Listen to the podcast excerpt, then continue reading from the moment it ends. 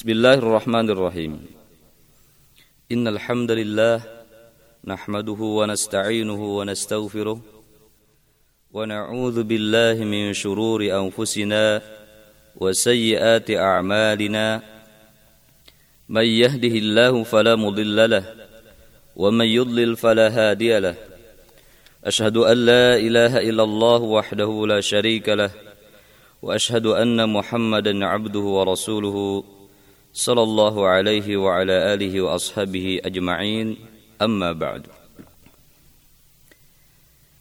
Segala puji bagi Allah Kita memujinya, memohon pertolongan kepadanya Memohon ampunannya Serta kita berlindung kepadanya dari keburukan diri kita Dan kejelekan amal perbuatan kita Bismillahirrahmanirrahim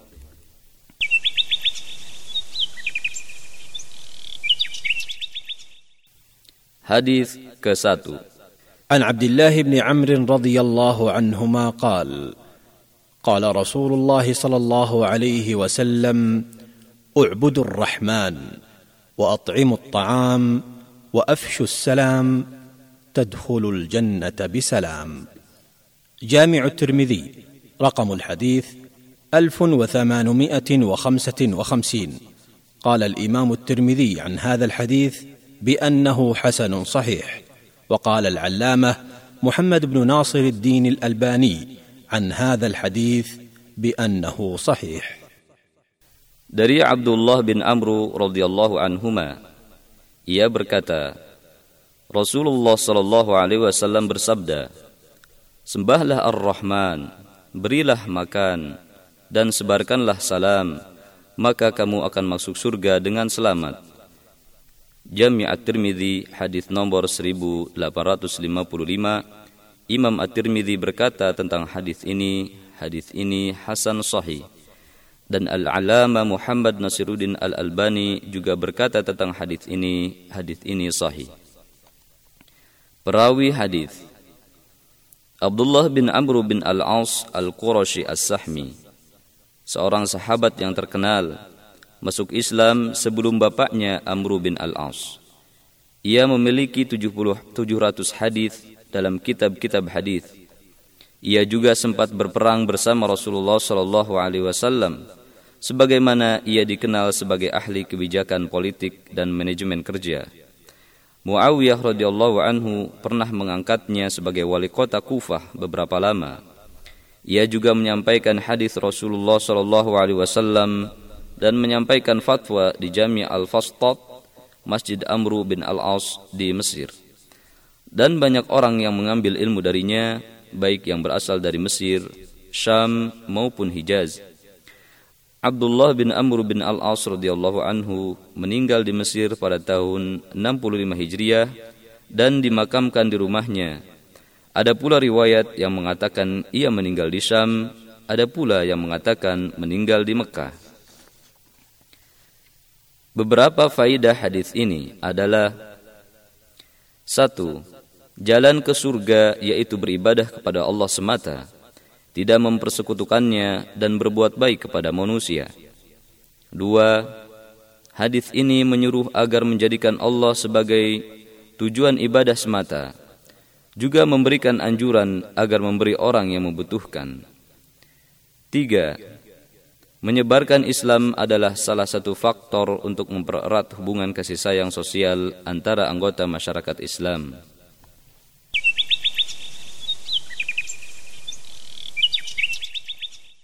Hadis kedua.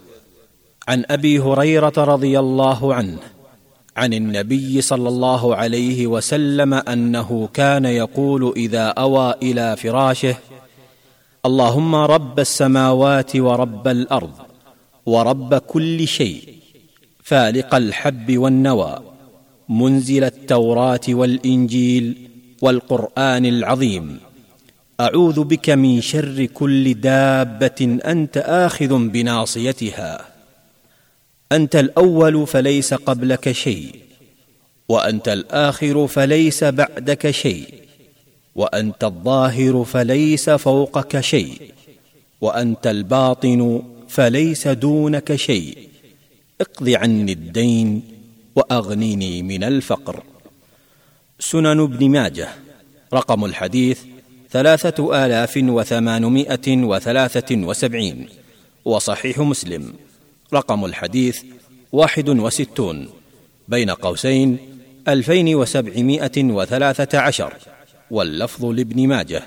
قال العلامة محمد بن ناصر الدين الالباني عن هذا الحديث بانه صحيح Dari Abu Hurairah dari Nabi Shallallahu Alaihi Wasallam bahwasanya ketika hendak beranjak ke kasurnya beliau mengucapkan Ya Allah Tuhan langit dan Tuhan bumi Tuhan segala sesuatu yang membelah biji dan atom yang menurunkan Taurat Injil dan Al-Quran Aku berlindung kepadamu dari segala kejahatan makhluk melata Aku berlindung kepadamu dari kejahatan segala makhluk melata yang memiliki kejahatan yang mana engkau mengendalikannya.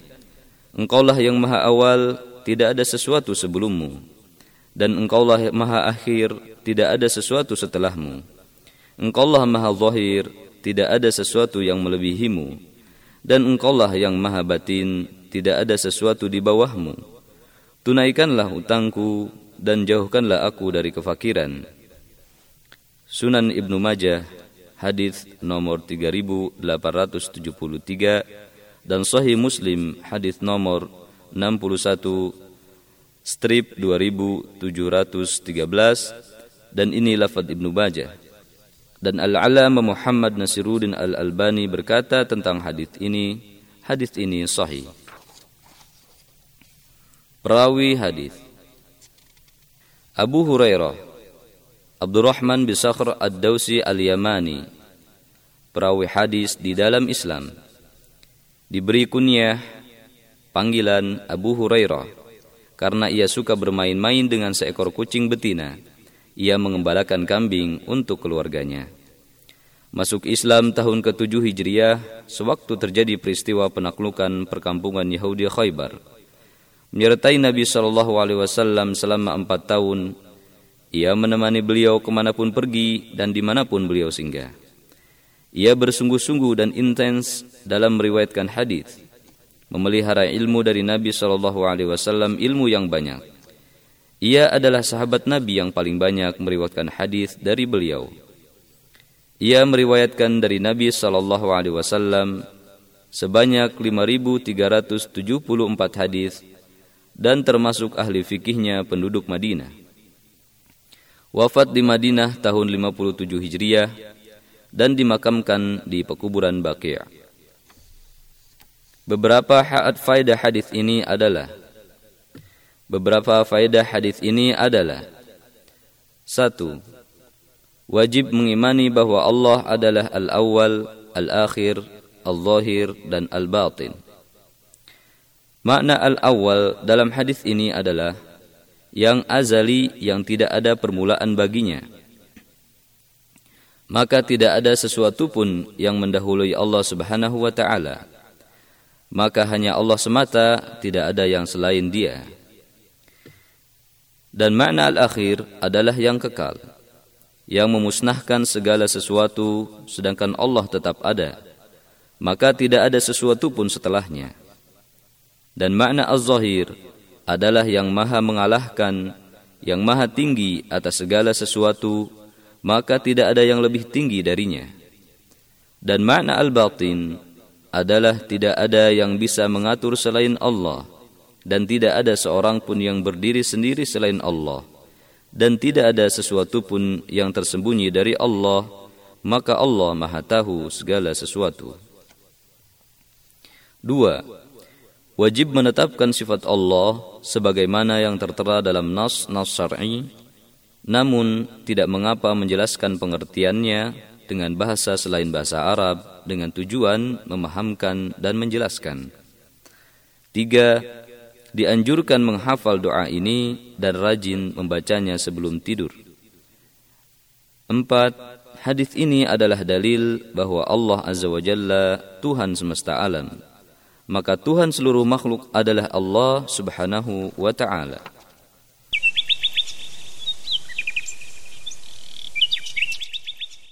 Hadis ketiga. ابي هريره رضي الله عنه ان رسول الله صلى الله عليه وسلم قال اقرب ما يكون العبد من ربه وهو ساجد فاكثروا الدعاء صحيح مسلم رقم الحديث مئتان وخمسه عشر بين قوسين اربعمائه واثنين وثمانين Dari Abu Hurairah radhiyallahu anhu bahwa Rasulullah Shallallahu alaihi wasallam bersabda, kondisi terdekat seorang hamba dari Tuhannya adalah ketika ia sedang sujud dalam solat. Maka hendaklah kalian memperbanyak doa. Hadis riwayat Muslim, hadis nomor 215, strip 482. Perawi hadis Abu Hurairah Abdurrahman bin Zakhr Ad-Dausi Al-Yamani perawi hadis di dalam Islam.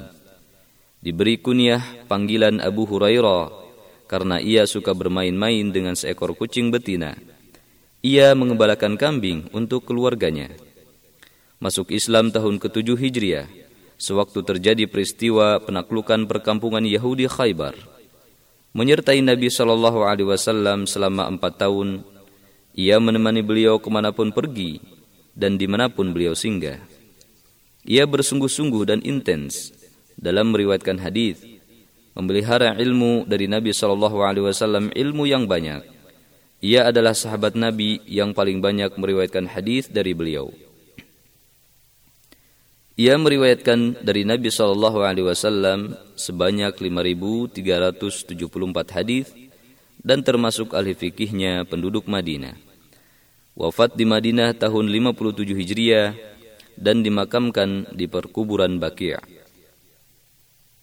Beberapa faidah hadis ini adalah satu, hadis ini menganjurkan untuk memperbanyak doa ketika sujud dalam salat. Dua, Salat adalah satu sarana mendekatkan diri kepada Allah Azza wa Jalla karena di dalamnya terdapat sujud. Tiga, hendaknya bersungguh-sungguh untuk berdoa dengan doa-doa yang bersumber dari Al-Quran dan As-Sunnah.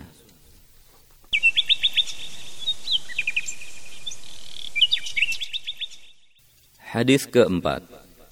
An Abi Hurairah radhiyallahu anhu qala قال رسول الله صلى الله عليه وسلم من لا يشكر الناس لا يشكر الله.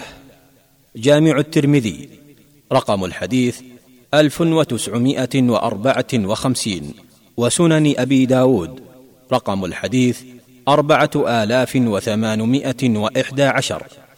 واللفظ للترمذي قال الإمام الترمذي عن هذا الحديث بأنه حسن صحيح.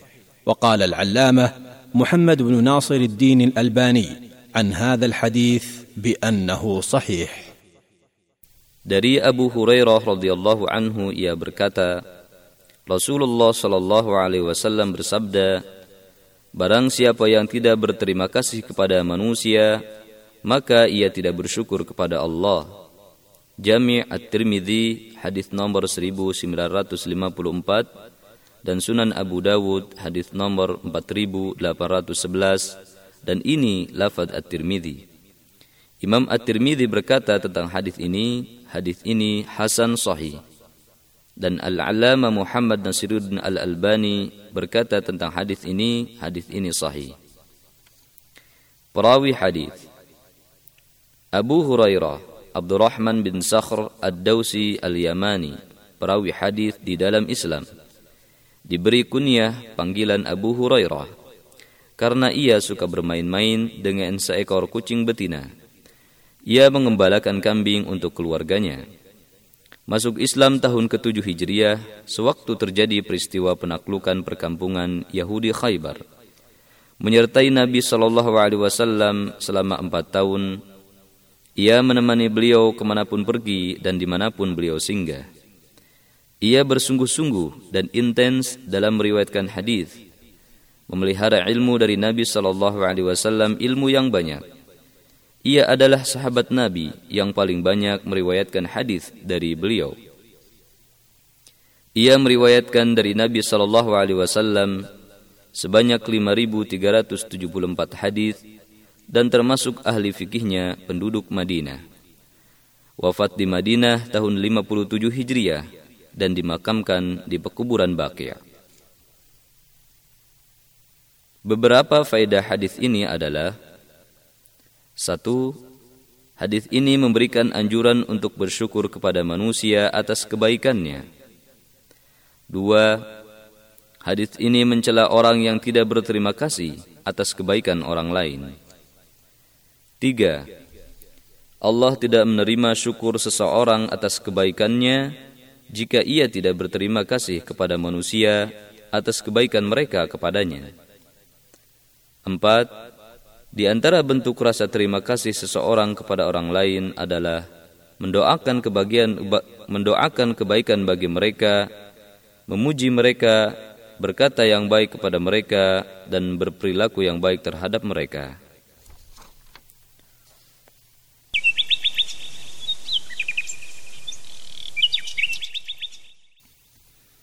Hadis kelima. عن أبي سعيد الخدري رضي الله عنه أن رسول الله صلى الله عليه وسلم قال من قال رضيت بالله ربا وبالإسلام دينا وبمحمد رسولا وجبت له الجنة سنن أبي داود رقم الحديث ألف وخمسمائة وتسعة وعشرين وقال العلامة محمد بن ناصر الدين الالباني عن هذا الحديث بانه صحيح Dari Abu Sa'id Al-Khudri radhiyallahu anhu bahwa Rasulullah sallallahu alaihi wasallam bersabda Barang siapa mengucapkan saya ridha Allah sebagai Tuhan dan Islam sebagai agama dan Muhammad sebagai utusan Allah maka wajib baginya mendapat surga. Sunan Abu Dawud hadis nomor 1529 Al-Alama Muhammad Nasiruddin Al-Albani berkata tentang hadis ini. Hadis ini sahih. Perawi hadis. Abu Sa'id Al-Khudri adalah Sa'ad bin Malik bin Sinan Al-Ansari Al-Khazraji. Salah seorang sahabat yang terkenal dan salah seorang alim di kalangan para sahabat dia adalah orang pertama yang syahid pada perang Khandaq. Telah berperang bersama Rasulullah wasallam sebanyak 12 kali peperangan. Ia memiliki riwayat dari Rasulullah wasallam dalam kitab-kitab hadis sebanyak 1170 hadis. Abu Sa'id Al-Khudri radhiyallahu anhu wafat pada tahun 74 Hijriah di Madinah pada usia 86 tahun. Ada pula riwayat yang mengatakan selain itu dan dimakamkan di pekuburan Baqi'. Beberapa faidah hadis ini adalah satu hadis ini memberikan anjuran untuk selalu mengucapkan raditu billahi rabba wa bil islami dina wa bi muhammadin rasula saya ridha Allah sebagai Tuhan dan Islam sebagai agama dan Muhammad sebagai utusan Allah Dua, bagi siapa saja yang ingin memperoleh kebahagiaan, wajib baginya untuk ridho dengan Allah sebagai Tuhannya dan Islam sebagai agamanya, serta Muhammad sebagai Rasulnya.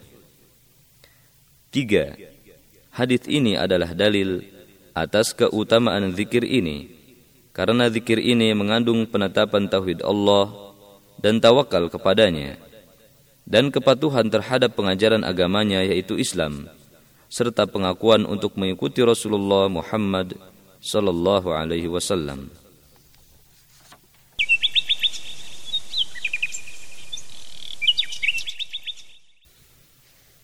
Hadis ke-6 عن انس بن مالك رضي الله عنه قال قال رسول الله صلى الله عليه وسلم إن الله ليرضى عن العبد أن يأكل الأكلة فيحمده عليها أو يشرب الشربه فيحمده عليها.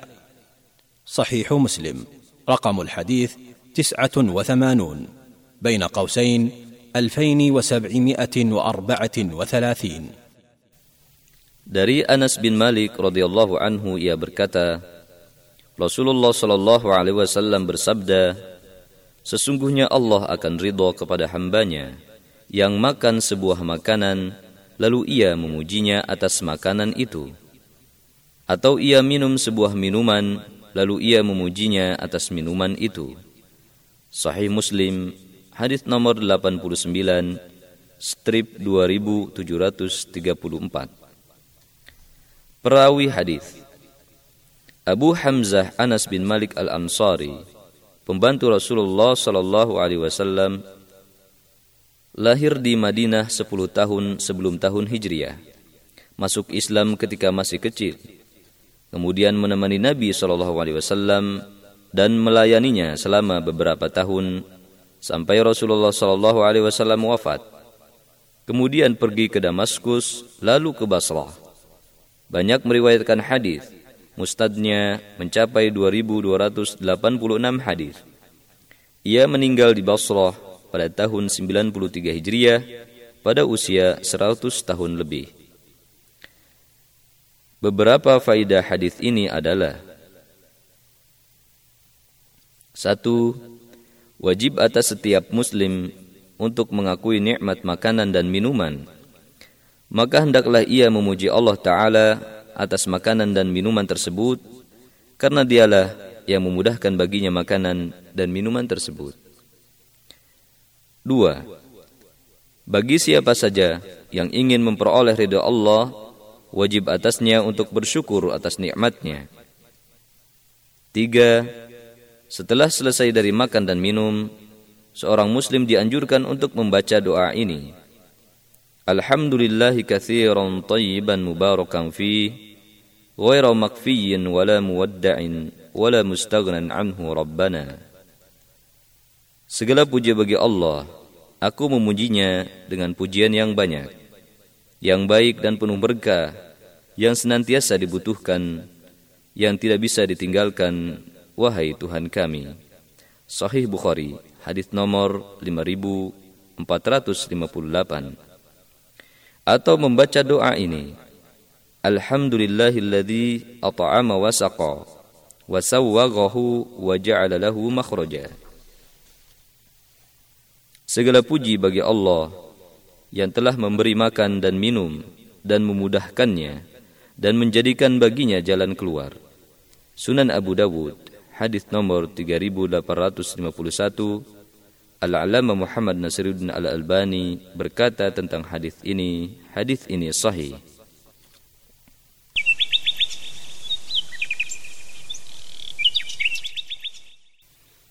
Hadis ke-7 عن أبي هريرة رضي الله عنه قال قال رسول الله صلى الله عليه وسلم لا تحلفوا بآبائكم ولا بأمهاتكم ولا بالأنداد ولا تحلفوا إلا بالله ولا تحلفوا بالله إلا وأنتم صادقون. سنن أبي داود رقم الحديث ثلاثة آلاف ومئتين وثمانية وأربعين.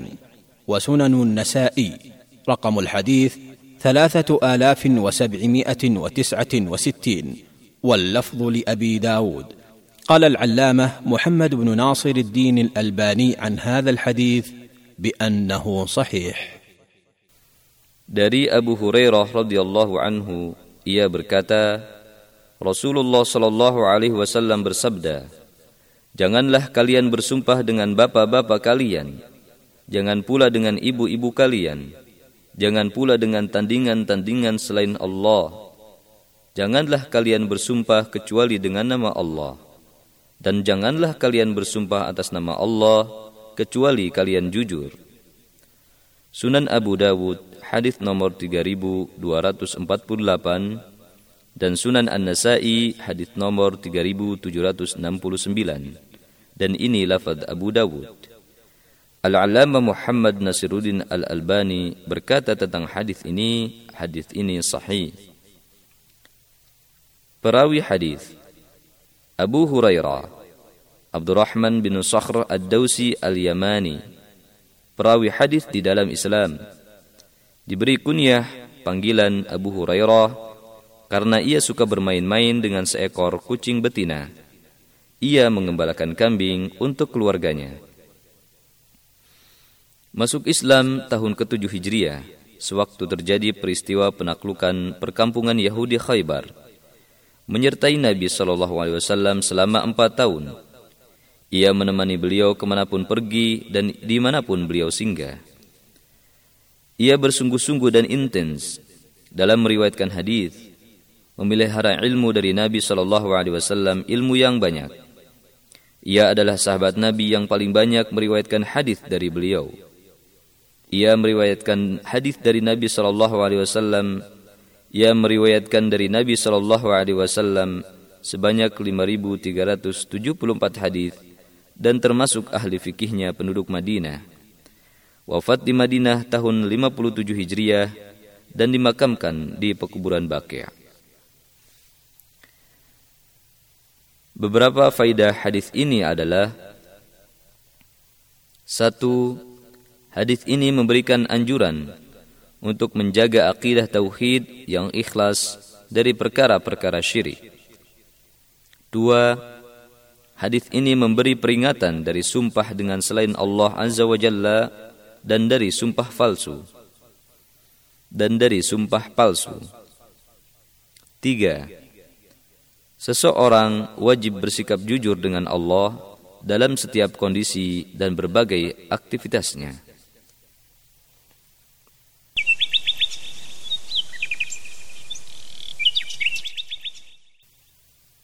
Hadis ke-8 An Anas bin Malik radhiyallahu anhu qala Qala Rasulullah sallallahu alaihi wasallam الدعاء لا يرد بين الأذان والإقامة. جامع الترمذي رقم الحديث مئتان واثنا عشر. سنن أبي داود رقم الحديث خمسمائة وواحد وعشرين. واللفظ للترمذي. قال الإمام الترمذي عن هذا الحديث بأنه حسن صحيح. وقال العلامة محمد بن ناصر الدين الألباني عن هذا الحديث بأنه صحيح.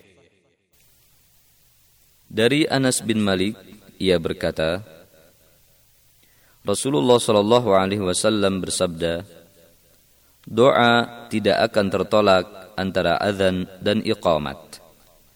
Jami' Tirmidzi hadis nomor 212 Sunan Abu Dawud hadis nomor 521 dan ini lafaz At-Tirmidzi Imam At-Tirmidzi berkata tentang hadis ini hadis ini hasan sahih dan Al-Allamah Muhammad Nasiruddin Al-Albani berkata tentang hadis ini hadis ini sahih.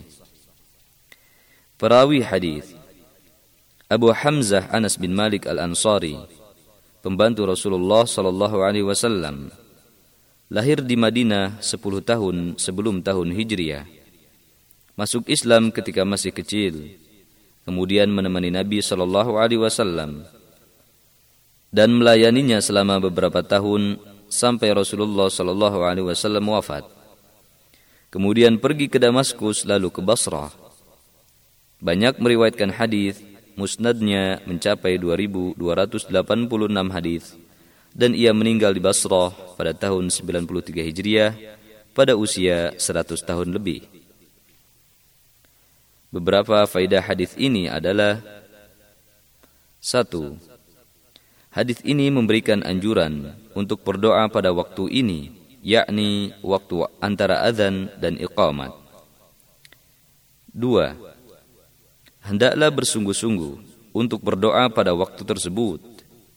Tiga, berdoa pada waktu tersebut mustajab jika sesuai dengan adab-adabnya, hukum-hukumnya, dan hal-hal yang harus terpenuhi dalam doa.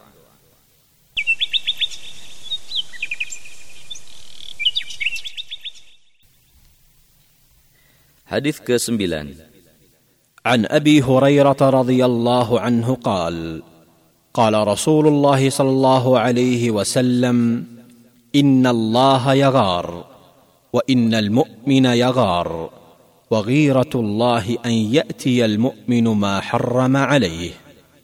صحيح مسلم رقم الحديث ستة وثلاثون بين قوسين ألفان وسبعمائة وواحد وستين. وصحيح البخاري. رقم الحديث خمسة آلاف ومئتين وثلاثة وعشرين. واللفظ لمسلم.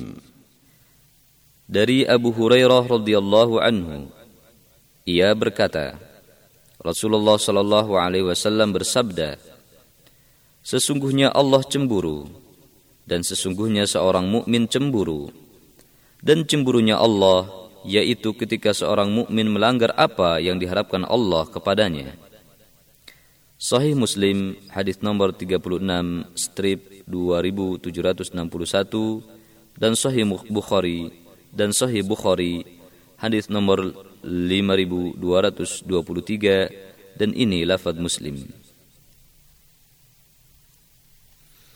Perawi hadis Abu Hurairah Abdurrahman bin Sakhr Ad-Dausi Al-Yamani perawi hadis di dalam Islam diberi kunyah panggilan Abu Hurairah karena ia suka bermain-main dengan seekor kucing betina ia mengembalakan kambing untuk keluarganya. Masuk Islam tahun ke-7 Hijriah, sewaktu terjadi peristiwa penaklukan perkampungan Yahudi Khaybar, menyertai Nabi Shallallahu Alaihi Wasallam selama empat tahun. Ia menemani beliau ke mana pun pergi dan di mana pun beliau singgah. Ia bersungguh-sungguh dan intens dalam meriwayatkan hadis, memelihara ilmu dari Nabi Shallallahu Alaihi Wasallam ilmu yang banyak ia adalah sahabat Nabi yang paling banyak meriwayatkan hadis dari beliau. Ia meriwayatkan dari Nabi Shallallahu Alaihi Wasallam sebanyak 5.374 hadis dan termasuk ahli fikihnya penduduk Madinah. Wafat di Madinah tahun 57 Hijriah dan dimakamkan di pekuburan Baqi'. Beberapa faidah hadis ini adalah satu, cemburu adalah salah satu sifat fi'liyah Allah Subhanahu wa taala. Sifat ini ada pada Allah sesuai dengan keagungannya. Oleh karena itu, Allah tidak menyukai kekufuran, kesyirikan, kefasikan dan kemaksiatan. Dua, makna cemburu Allah adalah kebencian dan kemarahan yang besar karena telah melanggar perkara yang diharamkan Allah. Tiga, makna cemburu manusia adalah meluapnya amarah, meluapnya amarah sebab persekutuan pihak lain dalam sesuatu hal yang hanya khusus bagi Allah. Empat, sesungguhnya Allah Subhanahu wa taala cemburu dan sesungguhnya seorang mukmin cemburu. Akan tetapi Cemburunya manusia tidak seperti cemburunya Allah Ta'ala. Cemburunya Allah lebih kuat dan lebih besar.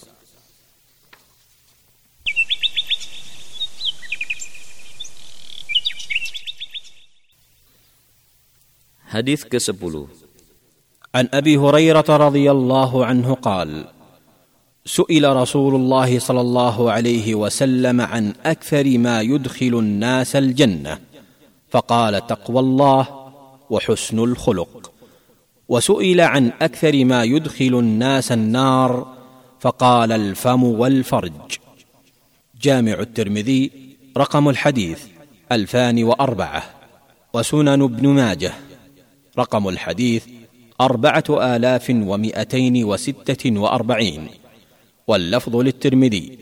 قال الإمام الترمذي عن هذا الحديث بأنه صحيح غريب وقال العلامة محمد بن ناصر الدين الألباني عن هذا الحديث بأنه حسن.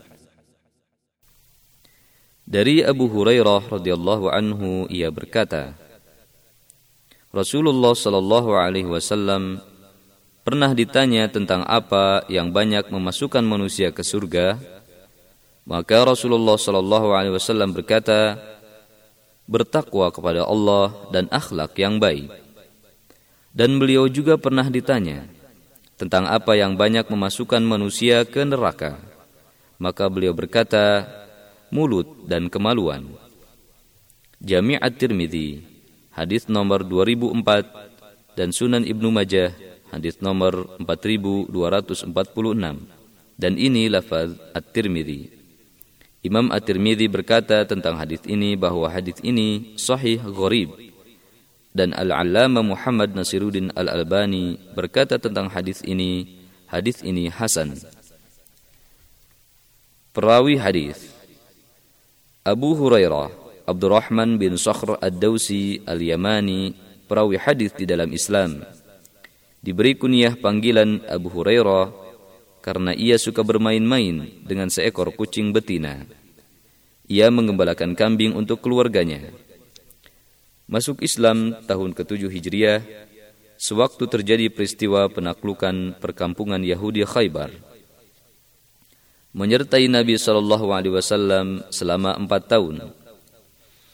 Ia menemani beliau ke mana pun pergi dan di mana pun beliau singgah.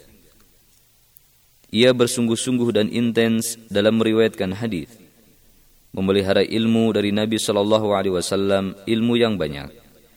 Ia adalah sahabat Nabi yang paling banyak meriwayatkan hadis dari beliau. Ia meriwayatkan hadis dari Nabi Shallallahu Alaihi Wasallam sebanyak 5.374 hadis dan termasuk ahli fikihnya penduduk Madinah. Wafat di Madinah tahun 57 Hijriah dan dimakamkan di pekuburan Baqi'.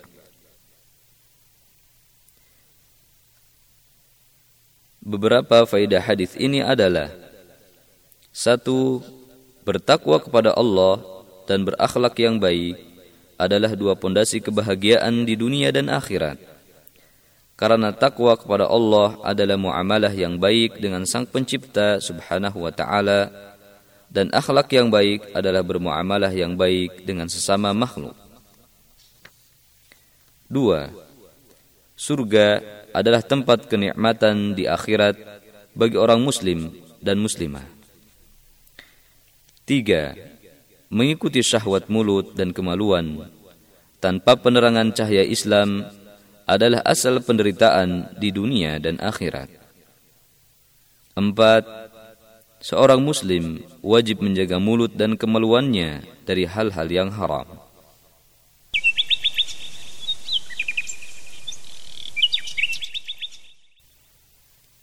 Hadis ke-11 عن انس رضي الله عنه قال قال رسول الله صلى الله عليه وسلم ان من اشراط الساعة ان يرفع العلم ويثبت الجهل ويشرب الخمر ويظهر الزنا صحيح البخاري رقم الحديث ثمانون وصحيح مسلم رقم الحديث ثمانيه بين قوسين الفان وستمائه وواحد وسبعين واللفظ للبخاري Dari Anas radhiyallahu anhu ia berkata,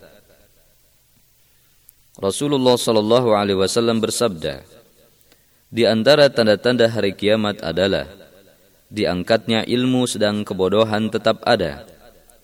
Diangkatnya ilmu sedangkan kebodohan tetap ada. Khomer diminum dan perzinahan nampak. Sahih Al-Bukhari, hadis nomor 80 dan Sahih Muslim hadis nomor 8 strip 2671 dan ini lafaz Al-Bukhari. Perawi hadis Abu Hamzah Anas bin Malik Al-Ansari, pembantu Rasulullah sallallahu alaihi wasallam, lahir di Madinah 10 tahun sebelum tahun Hijriah. Masuk Islam ketika masih kecil. Kemudian menemani Nabi sallallahu alaihi wasallam dan melayaninya selama beberapa tahun sampai Rasulullah Shallallahu Alaihi Wasallam wafat. Kemudian pergi ke Damaskus, lalu ke Basrah. Banyak meriwayatkan hadis. Musnadnya mencapai 2286 hadis. Ia meninggal di Basrah pada tahun 93 Hijriah pada usia 100 tahun lebih. Beberapa faidah hadis ini adalah satu, Islam menganjurkan untuk menyebarkan ilmu syar'i dan menghilangkan kebodohan dan sebab-sebabnya. Karena Islam tidak akan eksis tanpa menyebarkan ilmu-ilmunya dan berdakwah kepadanya. Di antara sebab kehancuran dunia adalah tersebarnya kerusakan yang besar dalam masalah agama, masalah sosial, dan akhlak. Tiga, wajibnya menghormati ilmu syar'i dan ahlinya. Karena keberadaan dunia dalam keadaan selamat bergantung kepada keberadaan ilmu syar'i dan ahlinya. Bergantung kepada keberadaan ilmu syar'i dan ahlinya.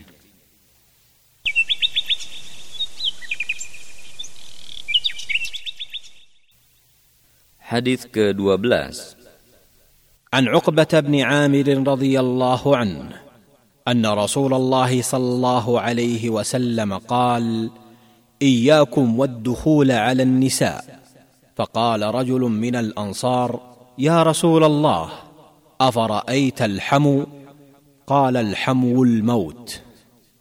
صحيح البخاري. رقم الحديث خمسة آلاف ومائتين واثنين وثلاثين. وأيضا صحيح مسلم. رقم الحديث عشرون. بين قوسين ألفان ومائه واثنين وسبعين. dari Uqbah bin Amir radhiyallahu anhu bahwa Rasulullah shallallahu alaihi wasallam bersabda Janganlah kalian masuk berkhalwat kepada wanita. Lalu ada seorang laki-laki dari Ansar bertanya Wahai Rasulullah apa pendapatmu dengan saudara ipar? Beliau menjawab Ipar adalah kematian. Sahih Al-Bukhari hadis nomor 5232 dan juga Sahih Muslim hadis nomor 2000 hadis nomor 20 strip 2172 Perawi hadis Uqbah bin Amir bin Abbas al-Juhani seorang sahabat yang mulia radhiyallahu anhu ia adalah seorang qari ahli fikih dan ahli faraid seorang penyair yang fasih bahasanya dan juga seorang pemimpin peperangan Islam. Uqbah termasuk sahabat yang paling bagus suaranya. Ketika membaca Al-Quran, hati para sahabat, semoga Allah meridhai mereka, merasa khusyuk ketika mendengar bacaan tertilnya. Dan air mata mereka mengalir karena takut kepada Allah. Uqbah telah berperang bersama Rasulullah SAW pada perang Uhud dan beberapa peperangan setelahnya. Uqbah adalah salah seorang pemimpin pasukan kaum muslimin yang menaklukkan Mesir.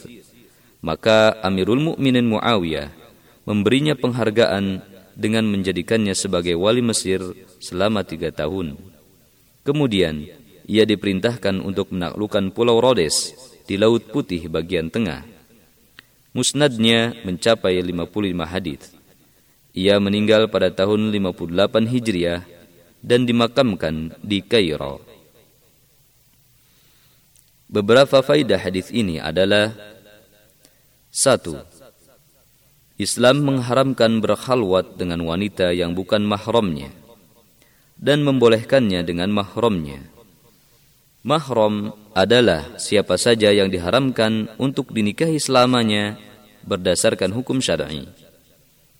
Dua, Islam memberikan pengarahan untuk menjaga kesucian keluarga sehingga keluarga itu dipandu dengan akhlak yang baik, rasa aman dan kebahagiaan dan tidak dirusak oleh buruknya hubungan yang diharamkan yang menyebabkan penyakit dan perselisihan, pembunuhan dan kematian.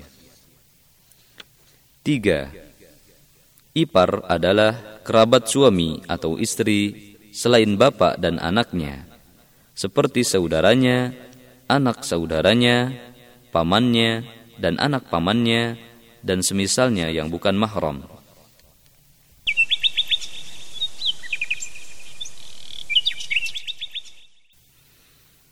Hadis ke-13 عن أنس بن مالك رضي الله عنه قال قال رسول الله صلى الله عليه وسلم من سأل الله الجنة ثلاث مرات قالت الجنة اللهم أدخله الجنة ومن استجار من النار ثلاث مرات قالت النار اللهم أجره من النار.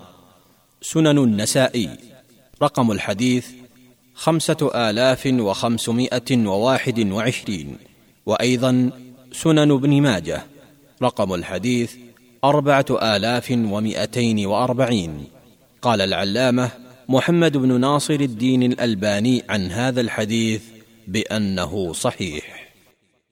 Dari Anas bin Malik radhiyallahu anhu ia berkata, Rasulullah sallallahu alaihi wasallam bersabda, Barang siapa meminta kepada Allah surga sebanyak tiga kali, maka surga berkata, Ya Allah, masukkan ia ke dalam surga. Dan barang siapa meminta perlindungan kepada Allah dari neraka sebanyak tiga kali, maka neraka berkata, Ya Allah, lindungilah ia dari neraka. Sunan An-Nasai hadis nomor 5521 dan juga Sunan Ibnu Majah hadis nomor 4340 dan Al-Alama Muhammad Nasiruddin Al-Albani berkata tentang hadis ini bahwa hadis ini sahih. Perawi hadis Abu Hamzah Anas bin Malik Al-Ansari, pembantu Rasulullah sallallahu alaihi wasallam, lahir di Madinah 10 tahun sebelum tahun Hijriah masuk Islam ketika masih kecil, kemudian menemani Nabi Shallallahu Alaihi Wasallam dan melayaninya selama beberapa tahun sampai Rasulullah Shallallahu Alaihi Wasallam wafat. Kemudian pergi ke Damaskus, lalu ke Basrah. Banyak meriwayatkan hadis, mustadnya mencapai 2286 hadis. Ia meninggal di Basrah pada tahun 93 Hijriah pada usia 100 tahun lebih.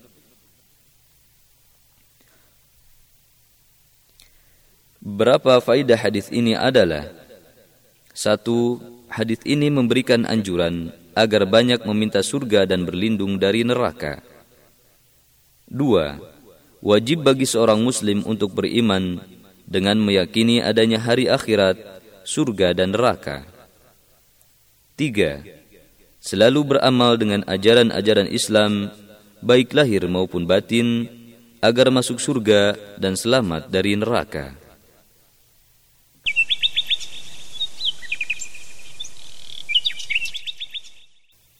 Hadis ke-14 عن انس بن مالك رضي الله عنه عن النبي صلى الله عليه وسلم قال ما من مسلم غرس غرسا فاكل منه انسان أو دابه الا كان له صدقه صحيح البخاري رقم الحديث سته الاف واثني عشر وصحيح مسلم رقم الحديث اثنا عشر بين قوسين ألف وخمسمائة وثلاثة وخمسين واللفظ للبخاري Dari Anas bin Malik radhiyallahu anhu dari Nabi sallallahu alaihi wasallam beliau bersabda Tidaklah ada seorang muslim yang menanam sebuah pohon lalu ada manusia atau makhluk melata yang memakan dari pohon tersebut melainkan menjadi sedekah baginya Sahih Al-Bukhari hadis nomor 6012 dan Sahih Muslim hadis nomor 12 strip 1553 dan ini lafad Al-Bukhari. Perawi hadis Abu Hamzah Anas bin Malik Al-Ansari, pembantu Rasulullah sallallahu alaihi wasallam, lahir di Madinah 10 tahun sebelum tahun hijrah. Masuk Islam ketika masih kecil, kemudian menemani Nabi sallallahu alaihi wasallam dan melayaninya selama beberapa tahun sampai Rasulullah Shallallahu Alaihi Wasallam wafat. Kemudian pergi ke Damaskus, lalu ke Basrah. Banyak meriwayatkan hadis. Musnadnya mencapai 2286 hadis. Ia meninggal di Basrah pada tahun 93 Hijriah pada usia 100 tahun lebih. Beberapa faidah hadis ini adalah satu, hadis ini menjelaskan keutamaan bercocok tanam dan bertani. Dua, manusia wajib memberikan perhatian yang besar terhadap tanaman dan bercocok tanam. Dan jangan membiarkan tanah yang subur tidak ditanami, di mana tanah tersebut adalah sumber rizki seperti buah-buahan, biji-bijian, kacang-kacangan, dan tanaman-tanaman herbal.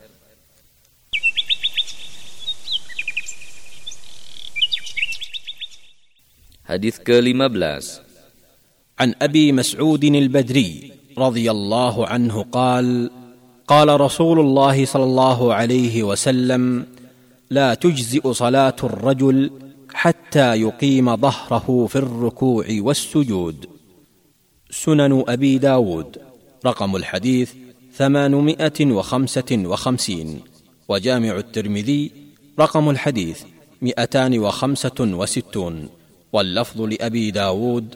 قال الإمام الترمذي عن هذا الحديث بأنه حسن صحيح.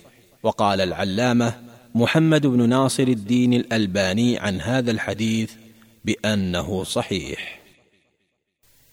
Dari Abu Mas'ud Al-Badri radhiyallahu anhu, ia berkata, Rasulullah shallallahu alaihi wasallam bersabda, Salat seseorang tidak akan dibalas pahala sehingga ia meluruskan punggungnya dalam ruku dan sujud. Sunan Abu Dawud hadis nomor 855 dan Jami' At-Tirmidzi dan Jami' At-Tirmidzi hadis nomor 265 dan ini lafaz Abu Dawud. Imam At-Tirmidzi berkata tentang hadis ini bahwa hadis ini hasan sahih. Dan Al-Allamah Muhammad Nasiruddin Al-Albani juga berkata tentang hadis ini bahwa hadis ini sahih. Perawi hadis Abu Mas'ud Uqbah bin Amru Abu Mas'ud Al-Ansari radhiyallahu anhu adalah sahabat yang mulia. Ia termasuk yang ikut dalam bayat Aqabah kedua dan saat itu ia paling kecil. Ia juga ikut berperang pada perang Uhud dan peperangan lain setelahnya. Semuanya bersama Rasulullah Shallallahu Alaihi Wasallam. Kemudian ia tinggal di Kufah dan membangun rumah di sana.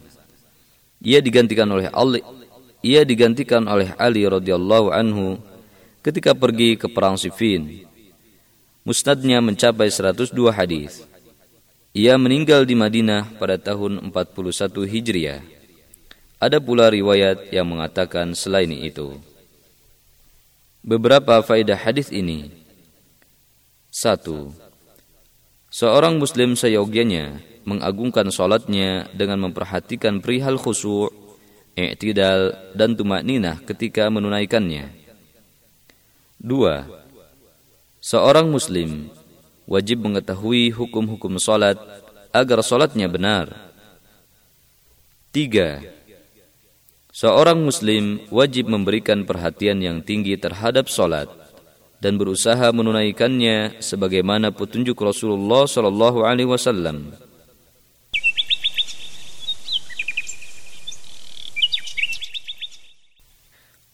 Hadis ke-16 عن ابي هريره رضي الله عنه عن النبي صلى الله عليه وسلم قال إن الله تجاوز عن أمتي ما حدثت به أنفسها ما لم تعمل أو تتكلم.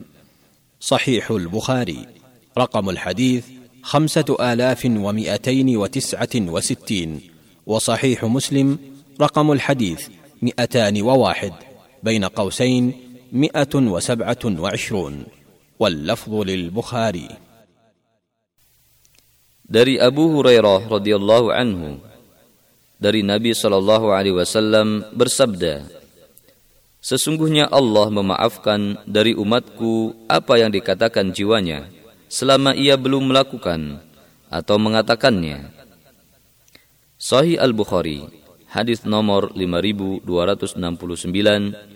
dan Sahih Muslim hadis nomor 201 strip 127 dan ini lafaz Al-Bukhari. Perawi hadis Abu Hurairah Abdurrahman bin Sakhr Ad-Dausi Al-Yamani perawi hadis di dalam Islam diberi kunyah panggilan Abu Hurairah karena ia suka bermain-main dengan seekor kucing betina. Ia mengembalakan kambing untuk keluarganya. Masuk Islam tahun ke-7 Hijriah, sewaktu terjadi peristiwa penaklukan perkampungan Yahudi Khaybar. Menyertai Nabi Shallallahu Alaihi Wasallam selama empat tahun. Ia menemani beliau ke mana pun pergi dan di mana pun beliau singgah.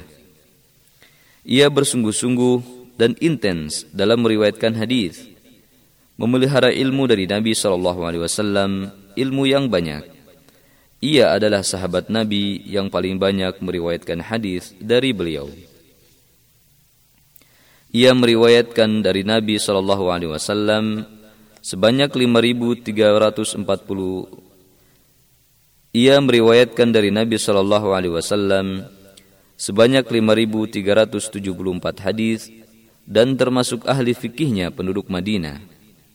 Wafat di Madinah tahun 57 Hijriah dan dimakamkan di pekuburan Baqiyah. Beberapa faidah hadis ini adalah satu, sesungguhnya Allah Taala sudah berlaku sangat baik kepada hambanya yang beriman. Dia mengampuni apa yang ada dalam hati mereka dari pikiran-pikiran yang jelek yang muncul tanpa maksud dan tanpa niat untuk melakukannya. Dua, Barang siapa yang bertekad untuk berbuat maksiat dan menyiapkan dirinya serta berniat melakukannya, maka ia berdosa meskipun belum melakukannya. Tiga, pikiran-pikiran yang jelek yang muncul dalam hati dan disertai tekad dan niat untuk melakukannya serta menyiapkan diri untuknya, maka dikategorikan sebagai maksiat meskipun belum terlihat dalam bentuk perbuatan anggota badan.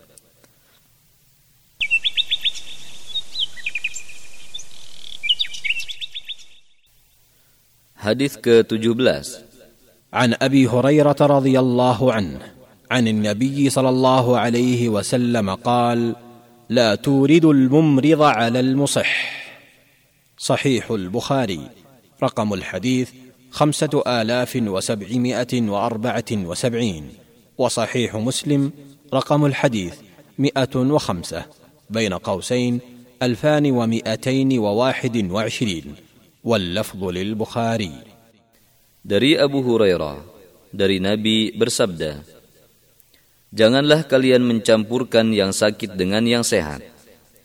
Sahih Al-Bukhari, hadis nomor 5774, dan Sahih Muslim hadis nomor 105 strip 2221 dan ini lafaz Al-Bukhari.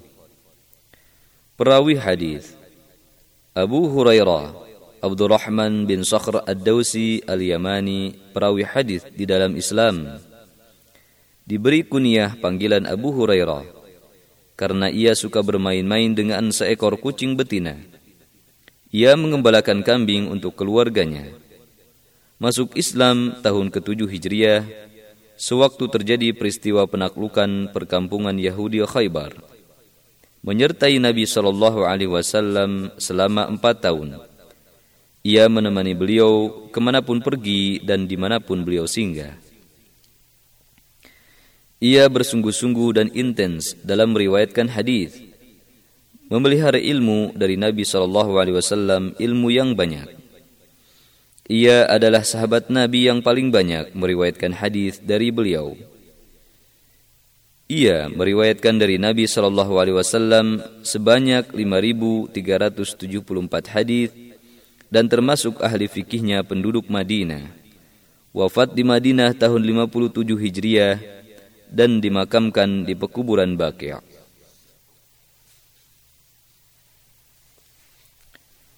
Beberapa faedah hadis ini adalah satu, hadis ini menganjurkan untuk mengambil sebab pencegahan, kesehatan dan keselamatan dari penyakit dengan menjauhi lokasi-lokasi penyakit dan tidak bergaul dengan orang yang sakit, juga menjauhi segala hal yang menyebabkan bahaya bagi manusia. Dua, mengambil sebab pencegahan penyakit baik penyakit jiwa, fisik, maupun penyakit apa pun, termasuk ke dalam perkara tawakal kepada Allah. Tiga, bercampur dengan orang yang sakit bisa menularkan penyakit kepada orang lain. Karenanya, lebih baik tidak mencampurkan orang sakit dengan orang yang sehat.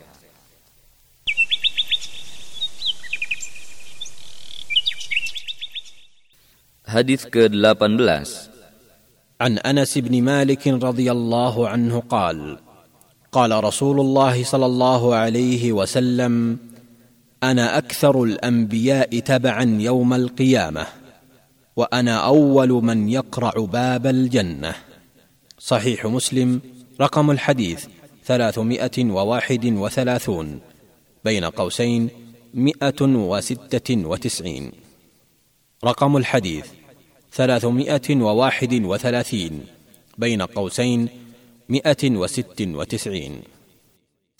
Dari Anas bin Malik radhiyallahu anhu berkata, Rasulullah shallallahu alaihi wasallam bersabda, Aku adalah nabi yang paling banyak pengikutnya pada hari kiamat, dan aku orang pertama yang mengetuk pintu surga.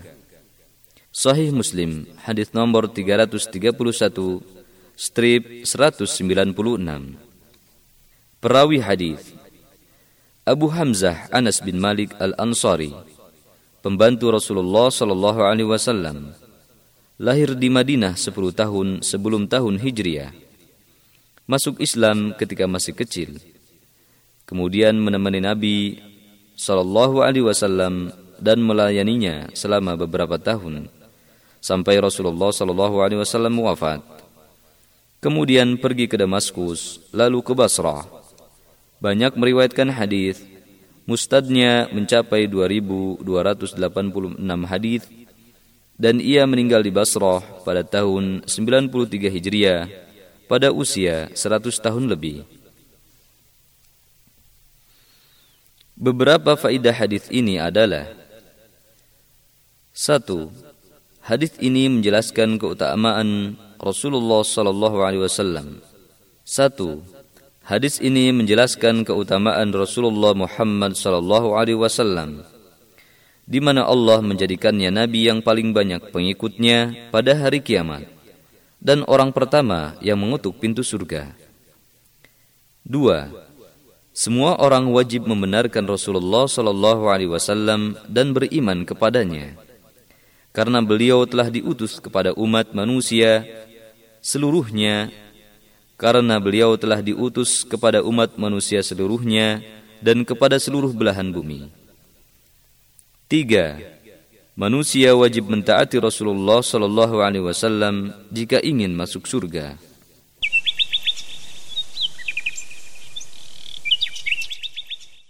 Hadis ke-19 An Abi Hurairah radhiyallahu an عن النبي صلى الله عليه وسلم قال: إن الرحم شجنة من الرحمن. فقال الله من وصلك وصلته ومن قطعك قطعته. صحيح البخاري.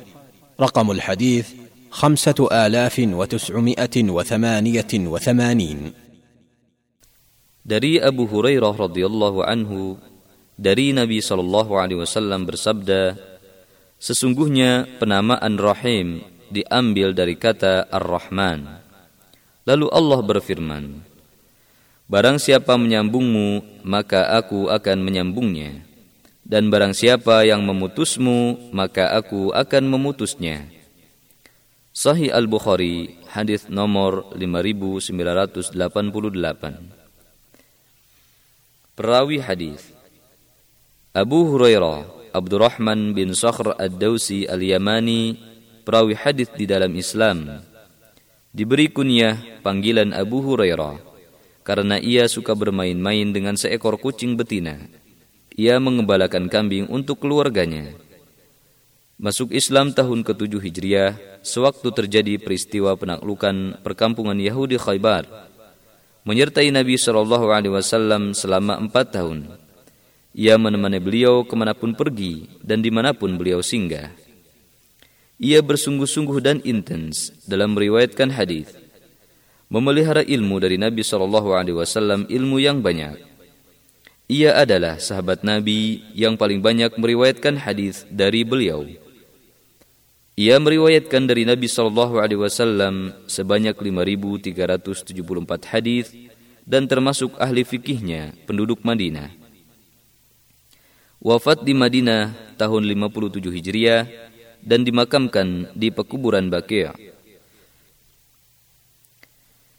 Beberapa faedah hadis ini adalah satu, memutuskan silaturahim adalah dosa besar.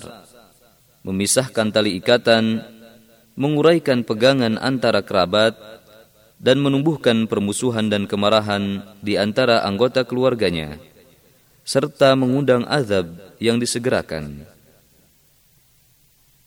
Dua, wajib atas seorang muslim menyambung silaturahim dengan menyampaikan kebaikan kepada kerabat dan menghadang keburukan dari mereka. Tiga, hadis ini menganjurkan untuk memperkuat hubungan kasih sayang antara anggota keluarga. Tiga, hadis ini menganjurkan untuk memperkuat hubungan kasih sayang antar anggota keluarga.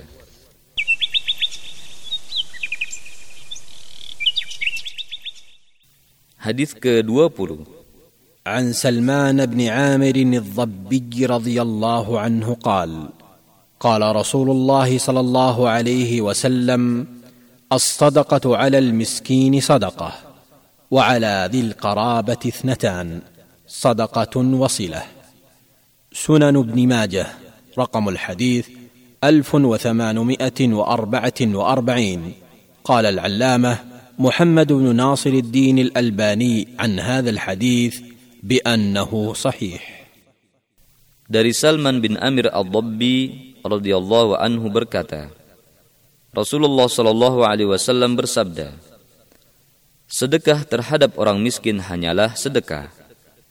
Dan sedekah kepada kerabat ada dua hal, sedekah, dan silaturahim. Sahih Ibnu Majah, hadis nomor 1844.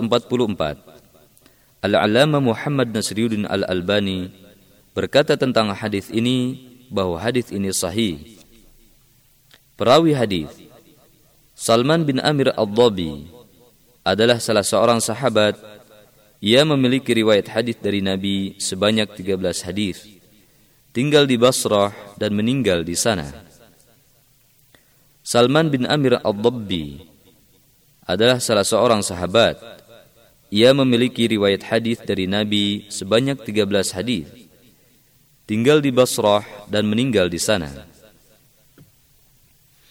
Beberapa faedah hadis ini adalah satu, hadis ini menganjurkan untuk bersedekah kepada kerabat.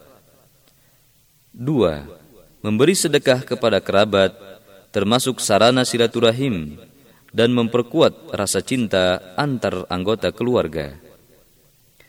Tiga, wajib untuk menjauhi sikap mengungkit-ungkit.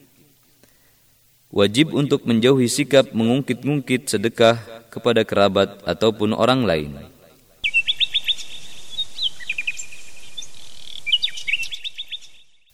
Hadis ke-21 عن انس رضي الله عنه قال كان النبي صلى الله عليه وسلم يقول اللهم اني اعوذ بك من الهم والحزن والعجز والكسل والجبن والبخل وضلع الدين وغلبه الرجال صحيح البخاري رقم الحديث سته الاف وثلاثمائه وتسعه وستين وصحيح مسلم رقم الحديث خمسون بين قوسين ألفان وسبعمائة وستة واللفظ للبخاري Dari Anas radhiyallahu anhu ia berkata, Rasulullah sallallahu alaihi wasallam pernah bersabda, "Ya Allah, aku berlindung kepadamu dari kesedihan dan kesulitan, dan dari kelemahan dan kemalasan, dan dari sifat pengecut dan pelit, dan dari lilitan hutang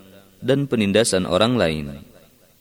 Sahih Al-Bukhari hadis nomor 6369 dan Sahih Muslim hadis nomor 50 strip 2706 dan ini lafaz Al-Bukhari.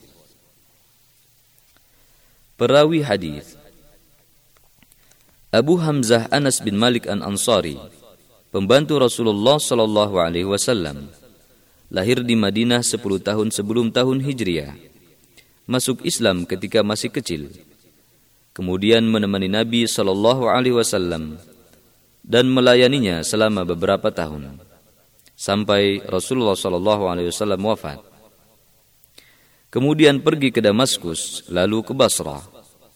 banyak meriwayatkan hadis. Mustadnya mencapai 2286 hadis.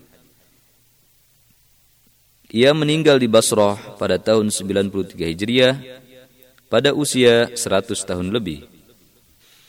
Beberapa faedah hadis ini adalah satu, dalam hadis ini terdapat petunjuk untuk berlindung dari delapan hal yang mana bisa merusak kebahagiaan hidup manusia.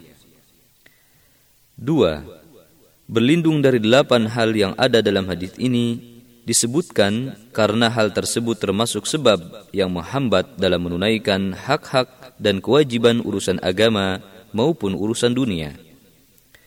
Tiga, manusia wajib menghindari sebab-sebab keburukan dan penderitaan.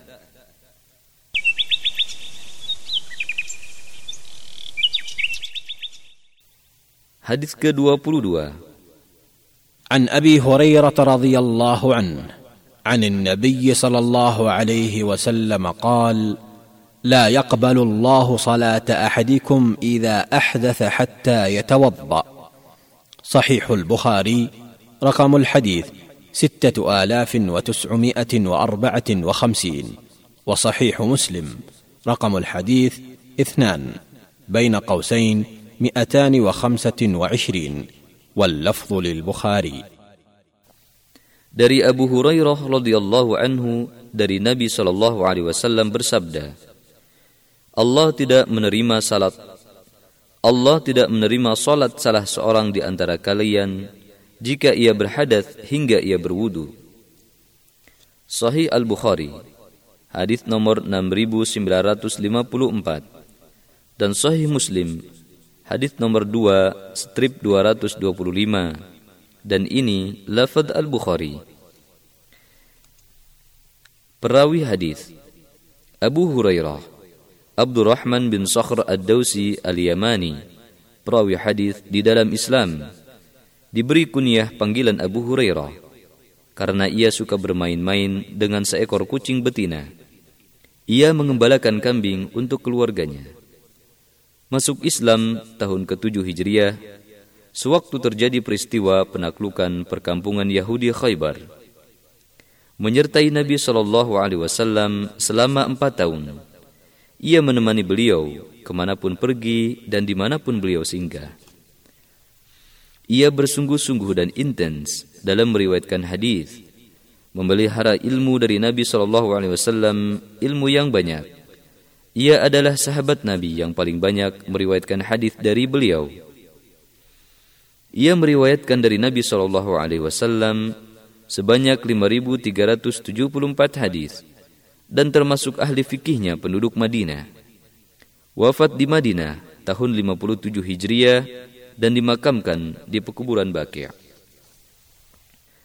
Beberapa faedah hadis ini adalah satu, Hadis ini adalah dalil bahwa salat tidak sah tanpa taharah atau bersuci. Dua, wajib bagi seorang muslim untuk memperhatikan toharoh yang sempurna dalam menunaikan salat. Tiga, toharoh yang sempurna bisa dengan air yang bersih atau tanah yang baik.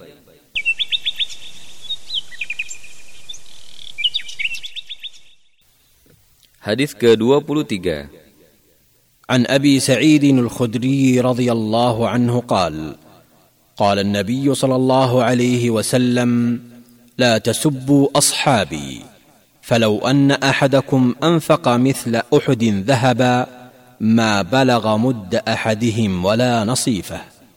صحيح البخاري. رقم الحديث ثلاثة آلاف وستمائة وثلاثة وسبعين. وصحيح مسلم. رقم الحديث مئتان واثنين وعشرين. بين قوسين ألفان وخمسمائة وواحد وأربعين واللفظ للبخاري Dari Abu Sa'id Al-Khudri radhiyallahu anhu, ia berkata, Nabi Shallallahu alaihi wasallam bersabda, Janganlah kalian mencela sahabatku. Seandainya salah seorang di antara kalian Janganlah kalian mencela sahabatku. Seandainya salah seorang di antara kalian meninfakkan emas sebesar gunung Uhud, niscaya tidak akan bisa menyamai satu mudnya mereka, tidak pula setengahnya. Niscaya tidak akan bisa menyamai satu mudnya mereka, tidak pula setengahnya. Sahih Al-Bukhari, hadis nomor 3637 dan Sahih Muslim, hadis nomor 222, strip 2541 dan ini lafaz Al-Bukhari. Perawi hadis Abu Sa'id Al-Khudri adalah Sa'ad bin Malik bin Sinan Al-Ansari Al-Khazraji. Salah seorang sahabat yang terkenal dan salah seorang alim di kalangan para sahabat. Dia adalah orang pertama yang syahid pada perang Khandaq. Telah berperang bersama Rasulullah sallallahu alaihi wasallam sebanyak 12 kali peperangan. Ia memiliki riwayat dalam kitab-kitab hadis dari Rasulullah sallallahu alaihi wasallam sebanyak 1170 hadis. Abu Sa'id Al-Khudri radhiyallahu anhu wafat pada tahun 74 Hijriah di Madinah pada usia 86 tahun. Ada yang mengatakan selain itu dan dimakamkan di Baqi'. Beberapa faedah hadis ini adalah satu, hadis ini adalah dalil wajibnya menghormati para sahabat. Dua, diharamkan bagi seseorang menjelekan atau mencela para sahabat Rasulullah SAW baik dengan perkataan maupun perbuatan. Tiga, hadis ini adalah dalil atas keutamaan para sahabat Rasulullah SAW daripada generasi setelah mereka.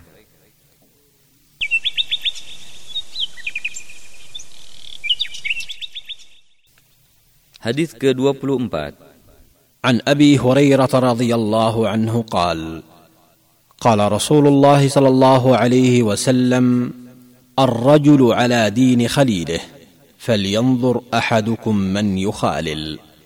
جامع الترمذي رقم الحديث ألفان وثلاثمائة وثمانية وسبعين وسنن أبي داود رقم الحديث أربعة آلاف وثمانمائة وثلاثة وثلاثين. واللفظ للترمذي قال الإمام الترمذي عن هذا الحديث بأنه حسن غريب. وقال العلامة محمد بن ناصر الدين الألباني عن هذا الحديث بأنه حسن Dari Abu Hurairah, ia berkata, Rasulullah Shallallahu Alaihi Wasallam bersabda, seseorang tergantung pada agama temannya. maka hendaklah kalian melihat siapa yang menjadi temannya. Jami' At-Tirmidzi, hadis nomor 2378 dan Sunan Abu Daud, hadis nomor 4833. Dan ini lafaz At-Tirmidzi. Imam At-Tirmidzi berkata tentang hadis ini bahwa hadis ini hasan gharib. Dan Al-Allama Muhammad Nasiruddin Al-Albani berkata tentang hadis ini bahwa hadis ini hasan. Perawi hadis. Abu Hurairah Abdurrahman bin Sakhr Ad-Dausi Al-Yamani. Perawi hadis di dalam Islam. Diberi kunyah panggilan Abu Hurairah karena ia suka bermain-main dengan seekor kucing betina. Ia mengembalakan kambing untuk keluarganya. Masuk Islam tahun ke-7 Hijriah, sewaktu terjadi peristiwa penaklukan perkampungan Yahudi Khaybar, menyertai Nabi Wasallam selama empat tahun. Ia menemani beliau ke mana pun pergi dan di mana pun beliau singgah. Ia bersungguh-sungguh dan intens dalam meriwayatkan hadis, memelihara ilmu dari Nabi Shallallahu Alaihi Wasallam ilmu yang banyak ia adalah sahabat Nabi yang paling banyak meriwayatkan hadis dari beliau. Ia meriwayatkan dari Nabi Shallallahu Alaihi Wasallam sebanyak 5.374 hadis dan termasuk ahli fikihnya penduduk Madinah.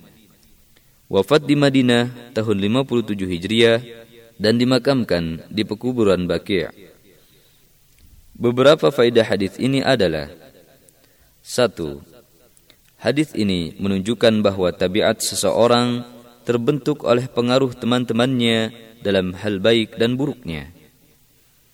Dua, hadis ini menganjurkan untuk berteman dengan orang-orang baik dan menjauhi pertemanan dengan orang yang tidak baik. Tiga, orang-orang baik adalah orang yang dapat memberikan manfaat baik dalam urusan agama maupun dunia. Dan orang-orang yang tidak baik adalah orang yang mendatangkan keburukan dalam urusan agama dan dunia.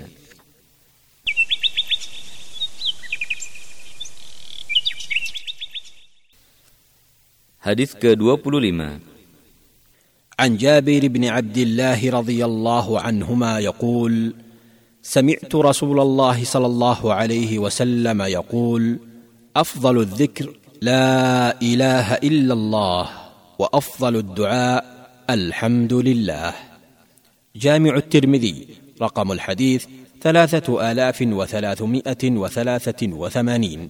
وأيضا سنن ابن ماجه رقم الحديث ثلاثة آلاف وثمانمائة.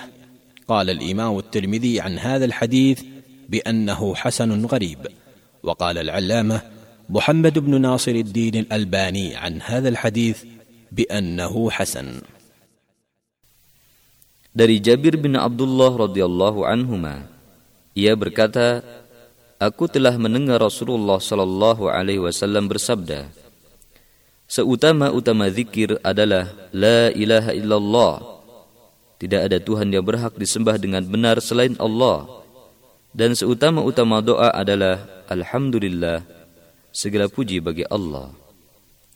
Jami' At-Tirmidhi hadis nomor 3383 dan Sunan Ibnu Majah hadis nomor 3800 Imam At-Tirmidhi berkata tentang hadis ini bahwa hadis ini hasan gharib. Dan Al-Allama Muhammad Nasiruddin Al-Albani berkata tentang hadis ini bahwa hadis ini hasan. Perawi hadis Jabir bin Abdullah Al-Ansari, sahabat mulia, berbaiat kepada Nabi sallallahu alaihi wasallam di malam Aqabah bersama ayahnya. Ia juga termasuk peserta baiat Ridwan, baiat yang dilaksanakan di bawah pohon Ridwan untuk membela Uthman. Bayat yang dilaksanakan di bawah pohon Ridwan untuk membela Uthman. Ia termasuk sahabat yang banyak meriwayatkan hadis. Hadis yang diriwayatkannya adalah 1540 hadis. Ia wafat pada tahun 73 Hijriah dan ada pendapat yang mengatakan bahwa ia meninggal dunia sebelum tahun itu. Beberapa faedah hadis ini adalah satu, setiap kali bertambah kecintaan seseorang kepada hamba. Satu, setiap kali bertambah kecintaan seorang hamba kepada Tuhannya, maka bertambah pula ia berzikir kepada Allah Tuhan semesta alam.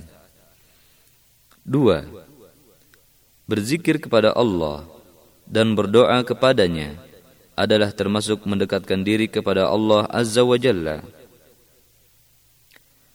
Tiga, kalimat tauhid la ilaha illallah tidak ada yang menandinginya. Oleh karenanya, kalimat tauhid adalah seutama-utama zikir kepada Allah. Empat, ucapan syukur yang agung dan pujian yang indah untuk Allah adalah kalimat Alhamdulillah. Oleh karenanya, ia adalah seutama-utama doa.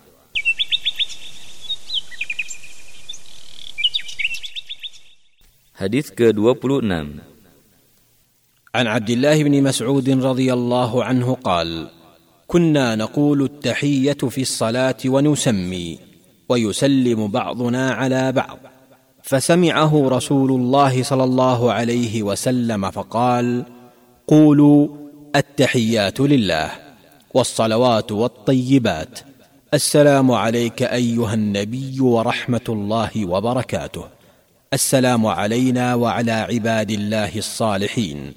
أشهد أن لا إله إلا الله وأشهد أن محمدا عبده ورسوله. فإنكم إذا فعلتم ذلك فقد سلمتم على كل عبد لله صالح في السماء والأرض. صحيح البخاري رقم الحديث ألف ومئتين واثنين وصحيح مسلم رقم الحديث خمسة وخمسون بين قوسين أربعمائة واثنين واللفظ للبخاري Dari Abdullah bin Mas'ud radhiyallahu anhu ia berkata, Kami pernah berkata At-tahiyyat. Kami pernah berkata At-tahiyyat. Ucapan salamat. Kami pernah berkata At-tahiyyat. Ucapan selamat dalam salat. Dan kami menyebut nama dan mengucapkan salam di antara kami. Lalu Rasulullah sallallahu alaihi wasallam Lalu Rasulullah sallallahu alaihi wasallam mendengar perkataan kami tersebut. Maka beliau berkata, "Ucapkanlah oleh kalian segala ucapan selamat, salawat dan kebaikan adalah bagi Allah. Mudah-mudahan kesejahteraan dilimpahkan kepadamu wahai Nabi beserta rahmat Allah dan berkahnya. Mudah-mudahan kesejahteraan dilimpahkan pula kepada kami dan kepada seluruh hamba Allah yang saleh. Aku bersaksi bahwa tidak ada Tuhan yang berhak disembah melainkan Allah. Aku bersaksi bahwa tidak ada Tuhan yang berhak disembah melainkan Allah. Dan aku bersaksi bahwa Muhammad adalah hambanya dan utusannya. Maka jika kalian melakukan hal itu, maka kalian telah mengucapkan salam kepada semua hamba Allah yang solih yang ada di langit dan di bumi. Sahih Al-Bukhari, hadis nomor 1202 dan Sahih Muslim dan Sahih Muslim, hadis nomor 55, strip 402 dan ini lafaz Al-Bukhari.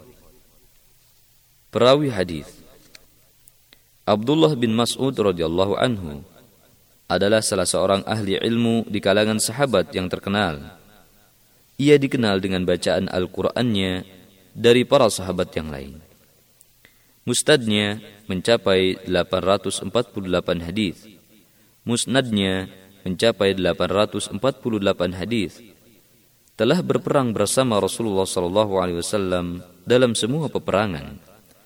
Kemudian ikut berperang dalam perang Yarmuk di Syam sepeninggal Rasulullah.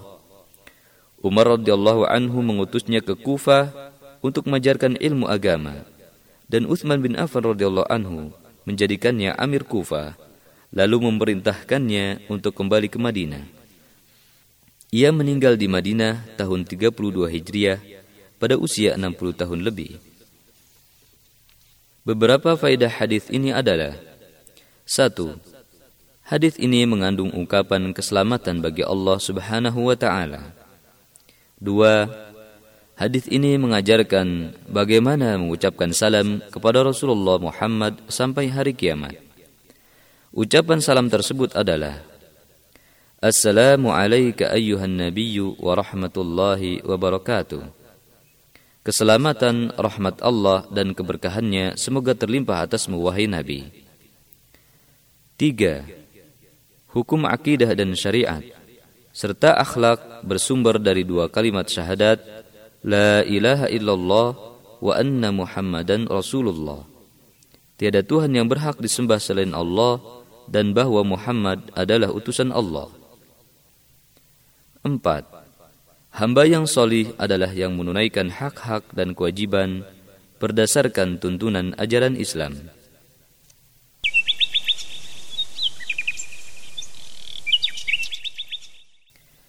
Hadis ke-27 عن مقدام بن معد يكرب رضي الله عنه قال سمعت رسول الله صلى الله عليه وسلم يقول ما ملا ادمي وعاء شرا من بطن بحسب ابن آدم اكلات يقمن صلبه فان كان لا محاله فثلث لطعامه وثلث لشرابه وثلث لنفسه جامع الترمذي.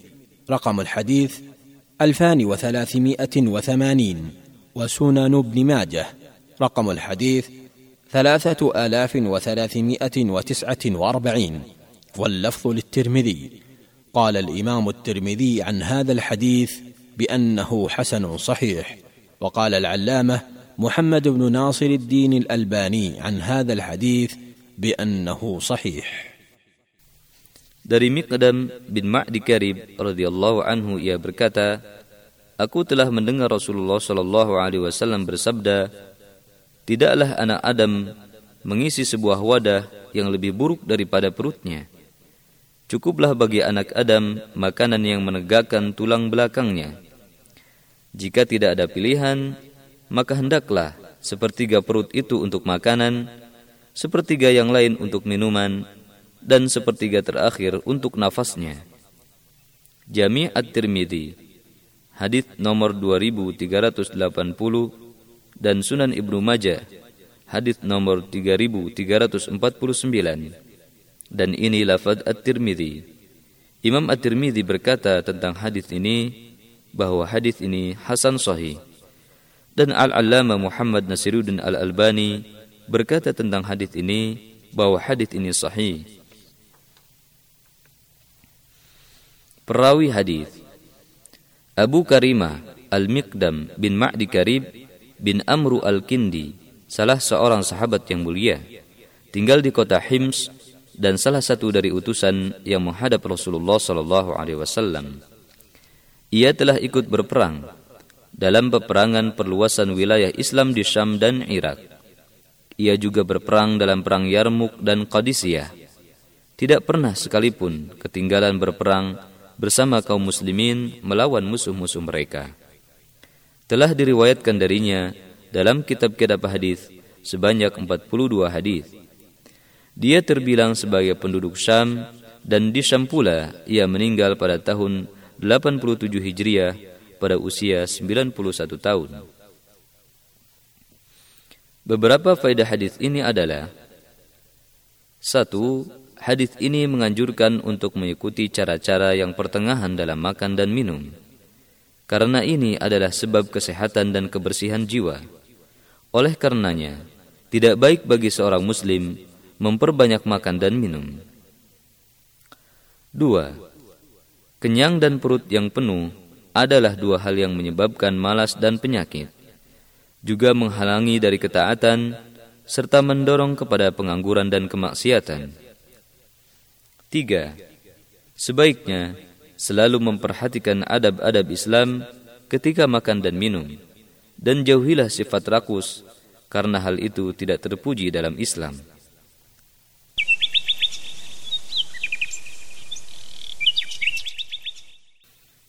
Hadis ke-28 عن عبد الله بن مسعود رضي الله عنه قال قال رسول الله صلى الله عليه وسلم أول ما يحاسب به العبد الصلاة وأول ما يقضى بين الناس في الدماء. سنن النسائي رقم الحديث ثلاثة آلاف وتسعمائة وواحد وتسعين. قال العلامة محمد بن ناصر الدين الألباني عن هذا الحديث بأنه صحيح. Dari Abdullah bin Mas'ud radhiyallahu anhu, ia berkata, Rasulullah shallallahu alaihi wasallam bersabda, Amal yang pertama kali dihisab dari seorang hamba adalah salat dan yang pertama kali diputuskan hukumnya antara manusia adalah masalah pembunuhan. Sunan An-Nasai, hadis nomor 3991, Al-Alama Muhammad Nasiruddin Al-Albani berkata tentang hadis ini bahwa hadis ini sahih. Perawi hadis Abdullah bin Mas'ud adalah salah seorang ahli ilmu di kalangan sahabat yang terkenal ia dikenal dengan bacaan Al-Qur'annya dari para sahabat yang lain. Mustadnya mencapai 848 hadis. Telah berperang bersama Rasulullah Shallallahu alaihi wasallam dalam semua peperangan. Kemudian ikut berperang dalam perang Yarmuk di Syam sepeninggal Rasulullah. Umar radhiyallahu anhu mengutusnya ke Kufah untuk mengajarkan ilmu agama. Dan Uthman bin Affan radhiyallahu anhu menjadikannya Amir Kufa, lalu memerintahkannya untuk kembali ke Madinah. Ia meninggal di Madinah tahun 32 Hijriah pada usia 60 tahun lebih. Beberapa faidah hadis ini adalah satu, Salat termasuk salah satu pondasi takwa yang paling penting. Dua, Salat merupakan ibadah yang paling agung dalam Islam. Maka seyogyanya seorang muslim memberikan perhatian yang besar terhadapnya. Tiga, Islam telah memuliakan manusia dan memberi tuntunan untuk menjaga keselamatan jiwanya. Maka tidak boleh membunuhnya tanpa hak atau sebab yang dibenarkan.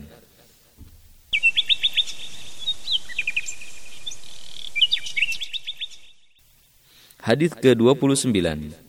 عن أنس رضي الله عنه قال رسول الله صلى الله عليه وسلم انصر أخاك ظالما أو مظلوما فقال رجل يا رسول الله أنصره إذا كان مظلوما افرايت اذا كان ظالما كيف انصره قال تحجزه أو تمنعه من الظلم فان ذلك نصره صحيح البخاري رقم الحديث سته الاف وتسعمائه واثنين وثمانين Dari Anas radhiyallahu anhu, ia berkata, Rasulullah shallallahu alaihi wasallam bersabda, Tolonglah saudaramu yang zalim dan yang terzalimi Lalu seseorang bertanya, Wahai Rasulullah, saya akan menolongnya jika ia terzolimi.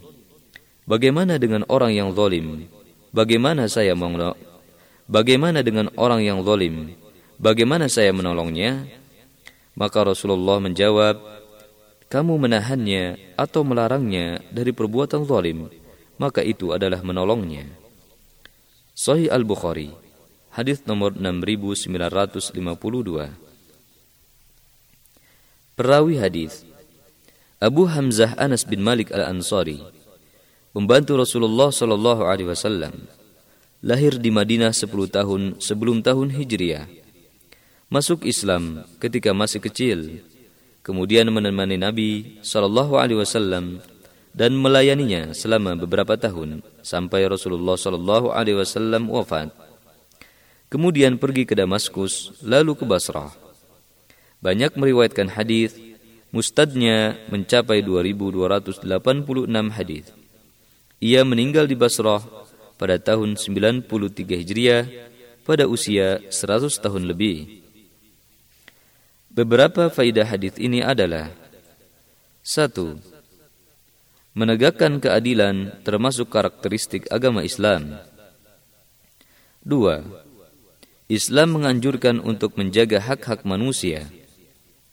Tiga, hadis ini menegaskan akan haramnya kezaliman dengan berbagai bentuknya.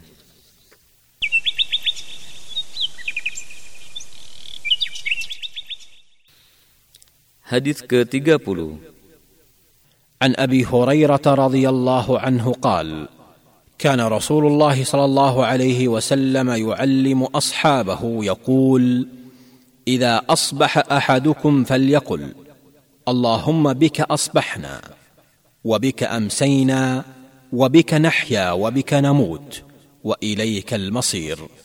وإذا أمسى فليقل اللهم بك أمسينا وبك أصبحنا وبك نحيا وبك نموت وإليك النشور. جامع الترمذي رقم الحديث ثلاثة آلاف وثلاثمائة وواحد وتسعين وسنن ابن ماجه رقم الحديث ثلاثة آلاف وثمانمائة وثمانية وستين واللفظ للترمذي. قال الإمام الترمذي عن هذا الحديث بأنه حسن صحيح. وقال العلامة محمد بن ناصر الدين الألباني عن هذا الحديث بأنه صحيح.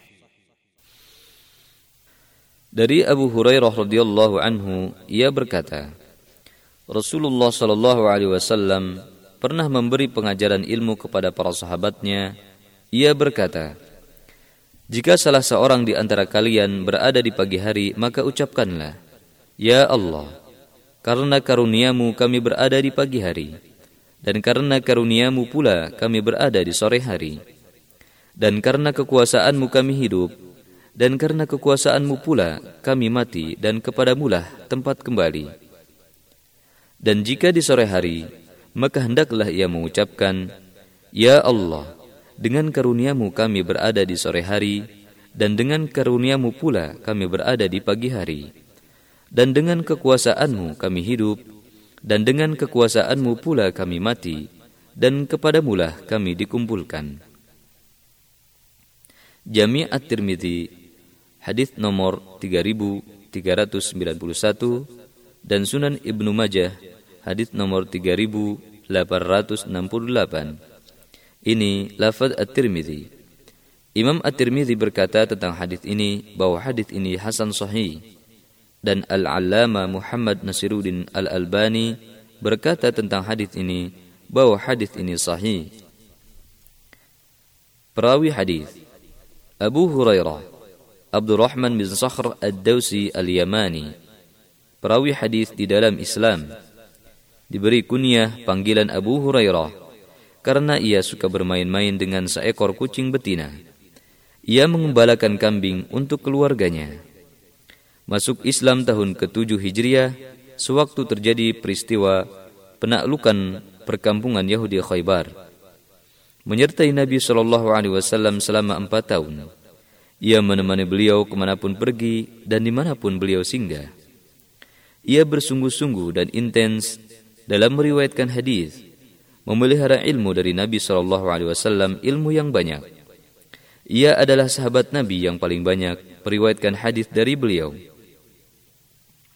Ia meriwayatkan dari Nabi Shallallahu Alaihi Wasallam sebanyak 5.374 hadis dan termasuk ahli fikihnya penduduk Madinah. Wafat di Madinah tahun 57 Hijriah dan dimakamkan di pekuburan Baqi'. Beberapa faedah hadis ini adalah satu, seyogyanya seorang muslim menyibukkan diri dengan berzikir kepada Allah dengan memohon bantuannya dan bertawakal kepadanya. Dua, Hadis ini memberikan anjuran untuk menghafal doa ini dengan cara membacanya setiap hari pada pagi dan petang. Tiga, wajib berkeyakinan bahwa tempat kembali manusia adalah kepada Allah. Maka janganlah seseorang lupa berzikir kepada Allah.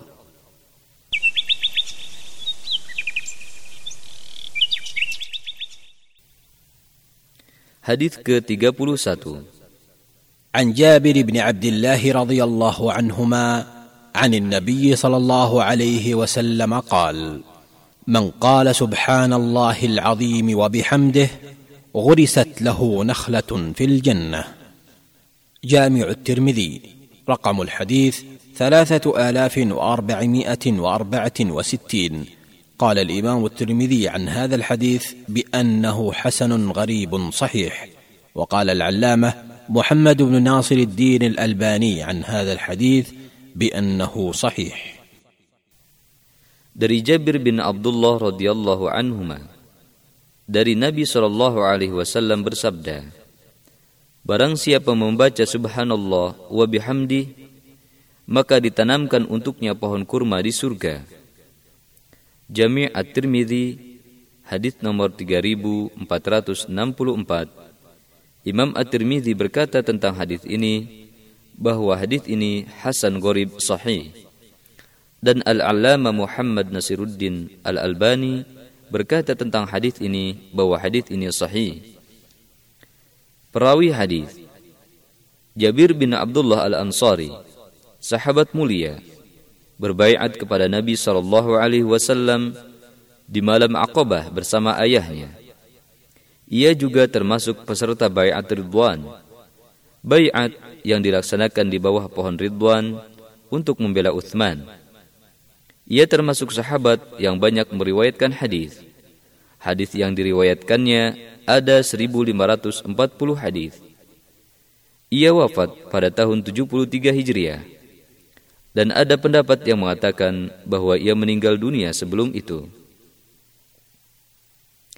Beberapa faidah hadis ini adalah satu, dianjurkan bagi seorang muslim untuk berzikir kepada Allah dengan kalimat tasbih yaitu subhanallah dan tahmid yaitu alhamdulillah kepada Allah.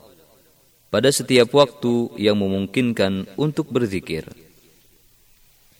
Dua, hadis ini menjelaskan keutamaan tasbih dan tahmid dengan redaksi ini.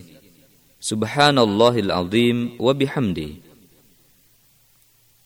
Tiga, disebutnya pohon kurma dalam hadis ini karena banyaknya manfaatnya dan buah yang baik.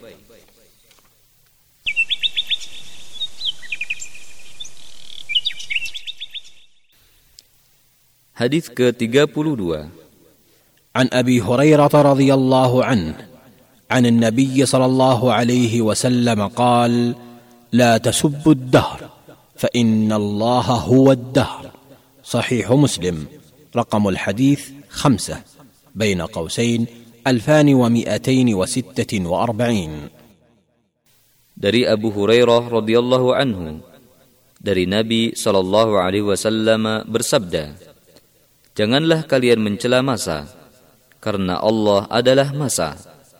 Sahih Muslim, hadis nomor 5, strip 2246.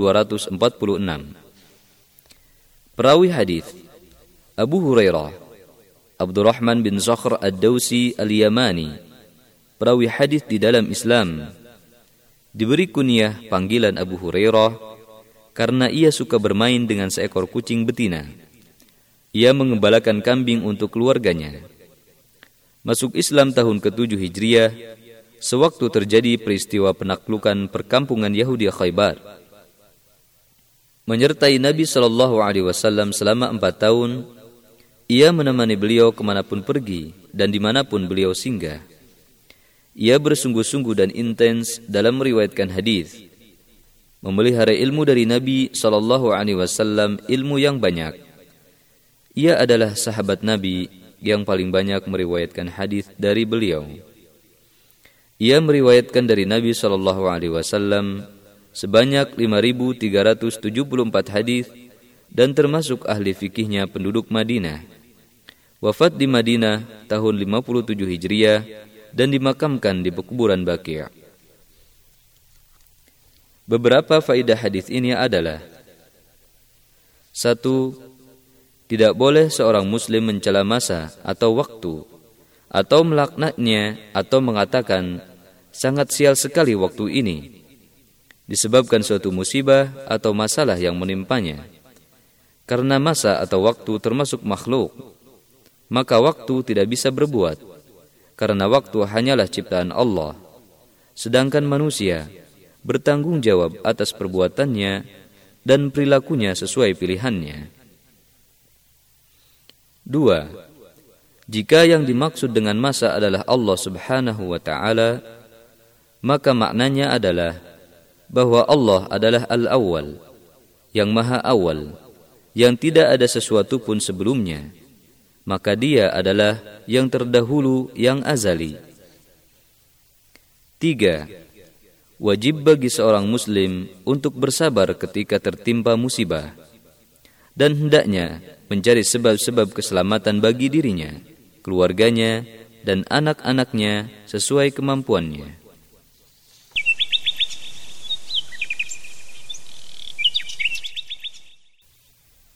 Hadis ke-33 عن أبي هريرة رضي الله عنه قال كان الرسول صلى الله عليه وسلم يسكت بين التكبير وبين القراءة إسكاته فقلت بأبي وأمي يا رسول الله إسكاتك بين التكبير والقراءة ما تقول؟ قال أقول اللهم باعد بيني وبين خطاياي كما باعدت بين المشرق والمغرب.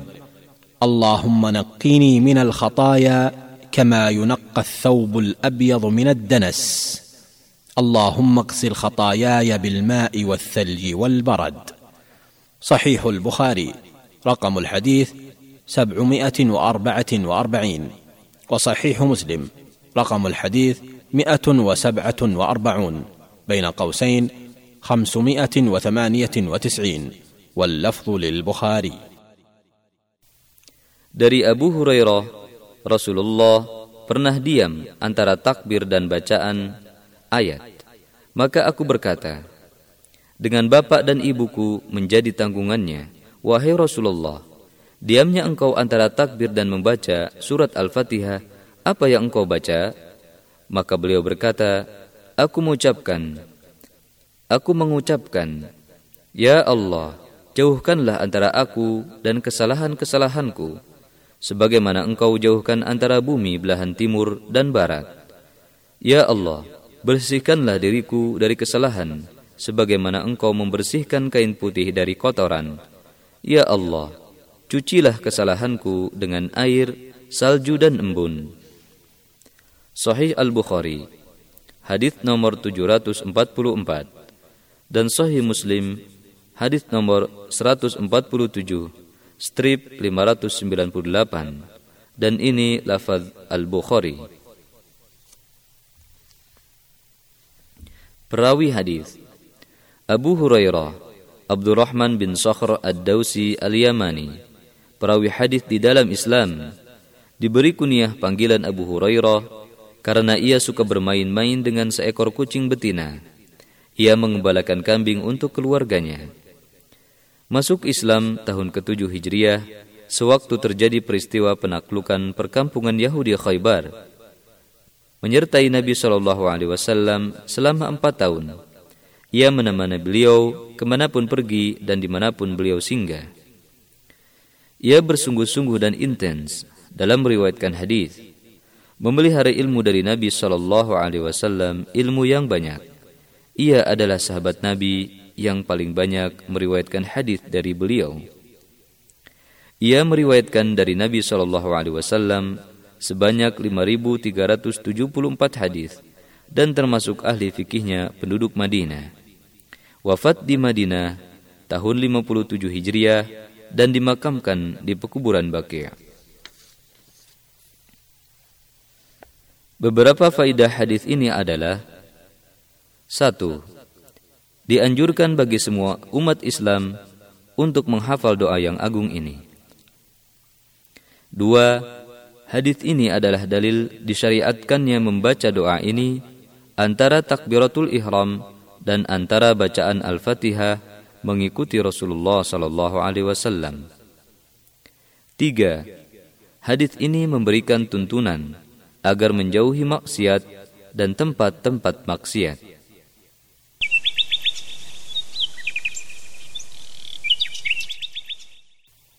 Hadis ke-34 An Abi Hurairah radhiyallahu anhu عن النبي صلى الله عليه وسلم قال ما يصيب المسلم من نصب ولا وصب ولا هم ولا حزن ولا اذى ولا غم حتى الشوكه يشاكها الا كفر الله بها من خطاياه صحيح البخاري رقم الحديث خمسة آلاف وستمائة وواحد وأربعين وصحيح مسلم رقم الحديث اثنان وخمسون بين قوسين ألفان وخمسمائة وثلاثة وسبعين واللفظ للبخاري. دري أبو هريرة رضي الله عنه دري dari Nabi Shallallahu Alaihi Wasallam bersabda, apapun yang menimpa seorang Muslim, baik berupa rasa letih, sakit, gelisah, sedih, gangguan dan gundah gulana maupun duri yang mengenainya melainkan Allah mengampuni dosa-dosanya oleh sebab semua itu. Sahih Al-Bukhari, hadis nomor 5641 dan Sahih Muslim, hadis nomor 52, strip 2573 dan ini lafad Al-Bukhari. Perawi hadis Abu Hurairah Abdurrahman bin Sakhr Ad-Dausi Al-Yamani perawi hadis di dalam Islam diberi kunyah panggilan Abu Hurairah karena ia suka bermain-main dengan seekor kucing betina. Ia mengembalakan kambing untuk keluarganya. Masuk Islam tahun ke-7 Hijriah, sewaktu terjadi peristiwa penaklukan perkampungan Yahudi Khaybar. Menyertai Nabi Wasallam selama empat tahun. Ia menemani beliau ke mana pun pergi dan di mana pun beliau singgah. Ia bersungguh-sungguh dan intens dalam meriwayatkan hadis, memelihara ilmu dari Nabi Shallallahu Alaihi Wasallam, ilmu yang banyak. Ia adalah sahabat Nabi yang paling banyak meriwayatkan hadis dari beliau. Ia meriwayatkan dari Nabi Shallallahu Alaihi Wasallam sebanyak 5.374 hadis dan termasuk ahli fikihnya penduduk Madinah. Wafat di Madinah tahun 57 Hijriah dan dimakamkan di pekuburan Baqi'.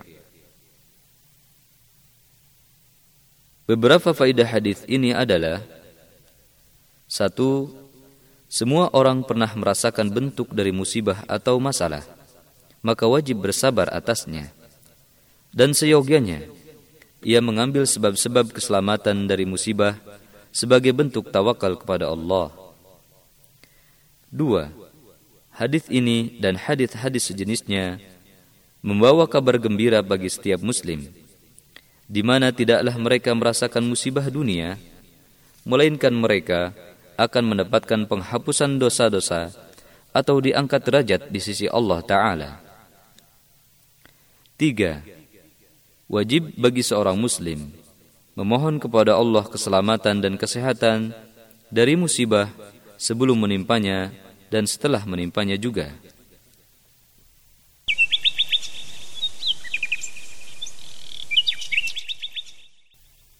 Hadis ke-35 عن علي بن أبي طالب رضي الله عنه يقول إن نبي الله صلى الله عليه وسلم أخذ حريرا فجعله في يمينه وأخذ ذهبا فجعله في شماله ثم قال إن هذين حرام على ذكور أمتي. سنن أبي داود رقم الحديث أربعة آلاف وسبع وخمسين. وجامع الترمذي رقم الحديث ألف وسبعمائة وعشرين. واللفظ لأبي داود وقال الترمذي عن هذا الحديث بأنه حسن صحيح. وقال العلامة محمد بن ناصر الدين الألباني عن هذا الحديث أيضا بأنه صحيح. Dari Ali bin Abi Talib radhiyallahu anhu ia berkata Sesungguhnya Nabi Allah sallallahu alaihi wasallam telah mengambil sutra lalu meletakkannya di sebelah kanannya, dan mengambil emas, lalu meletakkannya di sebelah kirinya. Kemudian bersabda, Sesungguhnya dua benda ini haram bagi kaum laki-laki dari umatku. Sunan Abu Dawud, hadis nomor 4057, dan Jami' At-Tirmidzi, hadis nomor 1720, dan ini lafaz Abu Dawud. Imam At-Tirmidzi berkata tentang hadis ini bahwa hadis ini hasan sahih dan Al-Allamah Muhammad Nasiruddin Al-Albani berkata tentang hadis ini bahwa hadis ini sahih. Perawi hadis Abu Hasan Ali bin Abi Talib bin Abdul Muttalib Al-Hashimi Al-Qurashi radhiyallahu lahir pada 13 Rajab tahun 23 Hijriah bertepatan dengan tanggal 17 Maret 599 Masehi. Ali adalah anak paman Rasulullah Wasallam dan menantunya. Ali adalah orang pertama yang masuk Islam dari kalangan anak-anak. Ketika Allah memerintahkan Rasulullah Shallallahu Alaihi Wasallam untuk berhijrah ke Madinah, ia mengorbankan jiwanya. Ia tidur ia tidur di ranjang Rasulullah mengorbankan jiwa dan raganya. Dan orang Quraisy mengiranya Rasulullah Shallallahu Alaihi Wasallam. Ketika orang Quraisy mengetahui bahwa mereka dijebak, maka mereka pun menyakitinya. Maka mereka pun menyakitinya. Namun Ali tidak peduli dengan mereka. Kemudian Ali menyampaikan amanat-amanat yang diwakilkan Rasulullah Shallallahu Alaihi Wasallam kepadanya sebelum berangkat hijrah untuk disampaikan kepada para sahabatnya. Telah diriwayatkan darinya dalam kitab-kitab hadis sebanyak 536 hadis. Ali radhiyallahu anhu memiliki wajah yang tampan seperti bulan purnama. Ia terkenal dengan keahliannya dalam bidang hukum, fatwa dan ahli Al-Quran, serta faham dengan makna dan maksudnya. Ia juga terkenal dengan keberaniannya, kecerdasannya, ahli pidato, dan berorasi. Ia mengikuti semua peperangan bersama Rasulullah Shallallahu Alaihi Wasallam, kecuali perang Tabuk, karena Rasulullah Shallallahu Alaihi Wasallam menyuruhnya untuk menjaga keluarganya. Ali adalah salah seorang dari sepuluh orang yang diberi kabar gembira masuk surga. Ia juga Amirul Mukminin dan Khalifah keempat. Ia dibayat pada tahun 35 Hijriah di Madinah Al-Munawwarah setelah kematian Uthman bin Affan radhiyallahu anhu dan menjadikan Kufah sebagai ibu kota. Ia menjabat selama lima tahun dan tiga bulan. Dan pada masa kepemimpinannya, dan masa kepemimpinannya dikenal dengan tidak adanya stabilitas politik. Kemudian ia ditusuk oleh orang Khawarij ketika sedang melaksanakan sholat subuh di Masjid Kufah. Maka ia pun syahid pada bulan Ramadan tahun 40 Hijriah bertepatan dengan tahun 661 Masehi radhiyallahu anhu. Beberapa faedah hadis ini adalah satu, hadis ini menjelaskan haramnya memakai sutra dan emas bagi laki-laki. Maka wajib bagi kaum laki-laki menjauhinya, karena memakai sutra dan emas sifat bangga dan ujub. Dan juga menampakkan dan juga menampakkan kemewahan dan berlebih-lebihan dari kaum wanita. Dua, Islam membolehkan wanita muslimah untuk memakai sutra dan berhias dengan emas. Karena keduanya adalah ciri khas perhiasan dan kecantikan mereka. Dengan tetap harus memperhatikan kesederhanaan, tidak berlebihan, dan tidak ada kemubaziran dalam menggunakannya. Tiga, setiap kamus Tiga, setiap kaum muslimin wajib berpegang dengan hukum Islam dan menghindari penampilan yang berlebihan dan sombong dalam berpakaian dan dalam semua urusan kehidupan.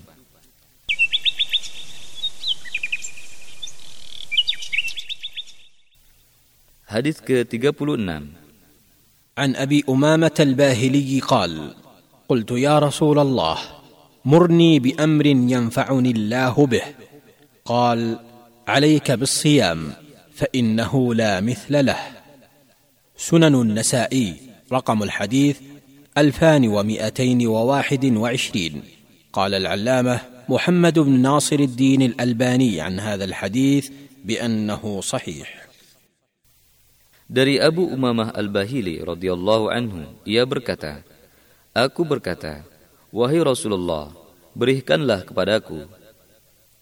Wahai Rasulullah, berikanlah perintah kepadaku ia akan diberikan manfaat oleh Allah. Maka Rasulullah berkata, berpuasalah, karena puasa tidak ada bandingannya. Sunan An-Nasai, hadis nomor 2221. Al-Allamah Muhammad Nasiruddin Al-Albani berkata tentang hadis ini bahwa hadis ini sahih.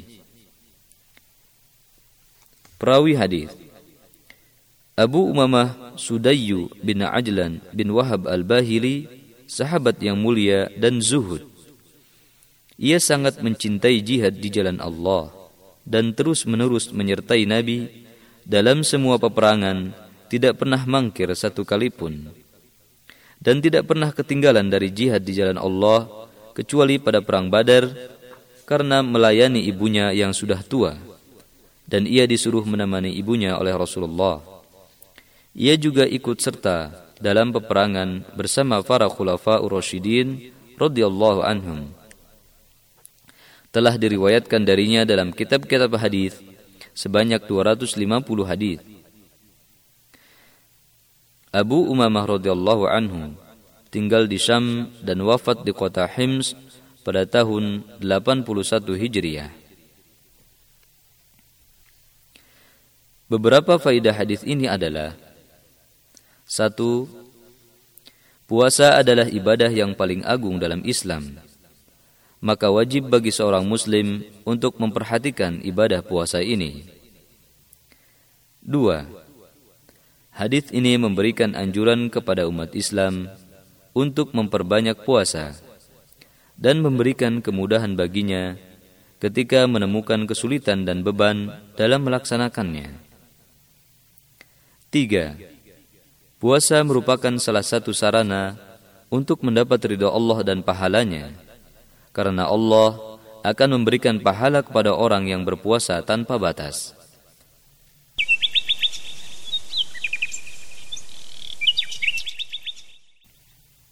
Hadis ke-37 عن ابي هريره رضي الله عنه عن النبي صلى الله عليه وسلم قال ان الدين يسر ولن يشاد الدين أحد إلا غلبه. فسددوا وقاربوا وأبشروا واستعينوا بالغدوة والروحة وشيء من الدلجة. صحيح البخاري رقم الحديث تسعة وثلاثون وصحيح مسلم رقم الحديث ستة وسبعون. بين قوسين ألفان وثمانمائة وستة عشر. واللفظ للبخاري. Dari Abu Hurairah radhiyallahu anhu dari Nabi Shallallahu alaihi wasallam bersabda Sesungguhnya agama itu mudah dan tidaklah seseorang mempersulit dalam agama kecuali ia akan dikalahkan semakin berat dan sulit. Maka berlaku luruslah kalian dan mendekatlah kepada kebenaran dan berilah kabar gembira dan minta tolonglah kepada Allah dengan al-ghadwah berangkat di pagi hari dan dengan ar-rauhah berangkat setelah zuhur dan dengan sebagian dari ad-duljah berangkat di malam hari Sahih Al-Bukhari hadis nomor 39 dan Sahih Muslim hadis nomor 76 strip 2816 dan ini lafaz Al-Bukhari. Perawi hadis Abu Hurairah Abdurrahman bin Sakhr Ad-Dausi Al-Yamani perawi hadis di dalam Islam diberi kunyah panggilan Abu Hurairah karena ia suka bermain-main dengan seekor kucing betina. Ia mengembalakan kambing untuk keluarganya. Masuk Islam tahun ke-7 Hijriah, sewaktu terjadi peristiwa penaklukan perkampungan Yahudi Khaybar menyertai Nabi Wasallam selama empat tahun. Ia menemani beliau ke mana pun pergi dan di mana pun beliau singgah.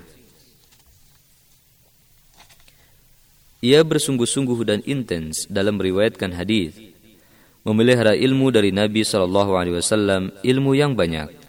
Ia adalah sahabat Nabi yang paling banyak meriwayatkan hadis dari beliau. Ia meriwayatkan dari Nabi Shallallahu Alaihi Wasallam sebanyak 5.374 hadis dan termasuk ahli fikihnya penduduk Madinah. Wafat di Madinah tahun 57 Hijriah dan dimakamkan di pekuburan Baqiyah. Beberapa faidah hadis ini adalah satu, Islam adalah agama pertengahan dalam segala sesuatu, tidak berlebih-lebihan dan tidak melampaui batas. Dua, jika seseorang mendalami masalah Islam dan ibadah dan meninggalkan kelembutan dan keseda dan meninggalkan kelembutan dan kesederhanaan di dalamnya, maka ia akan merasa lemah dan terhenti darinya. Tiga, metode Islam adalah pertengahan dalam ibadah dan dalam dakwah kepada Allah dan dalam pendidikan, pengajaran, dan pergaulan dan dalam semua urusan agama dan dunia.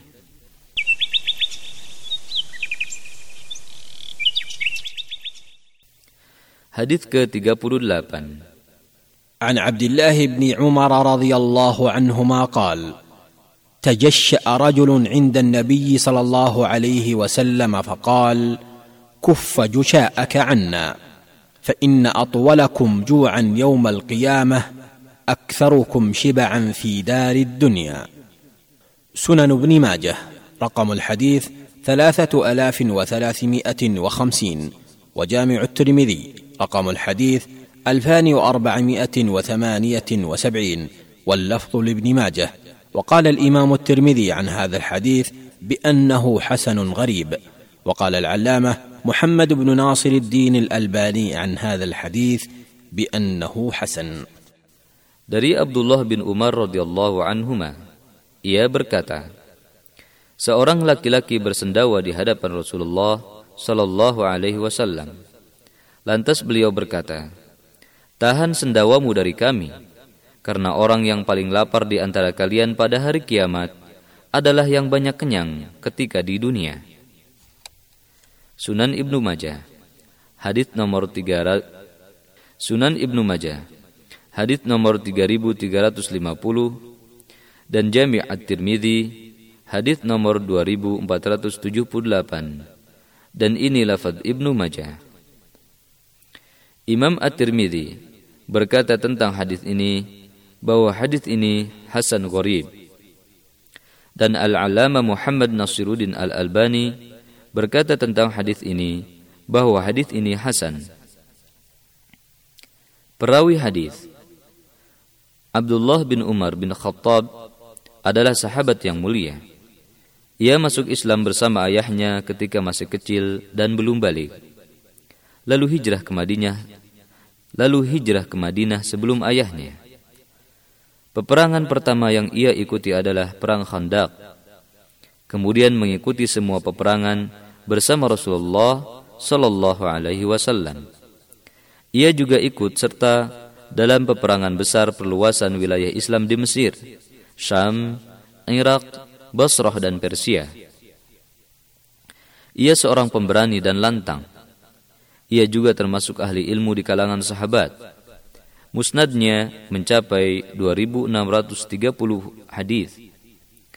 Musnadnya mencapai 2630 hadis.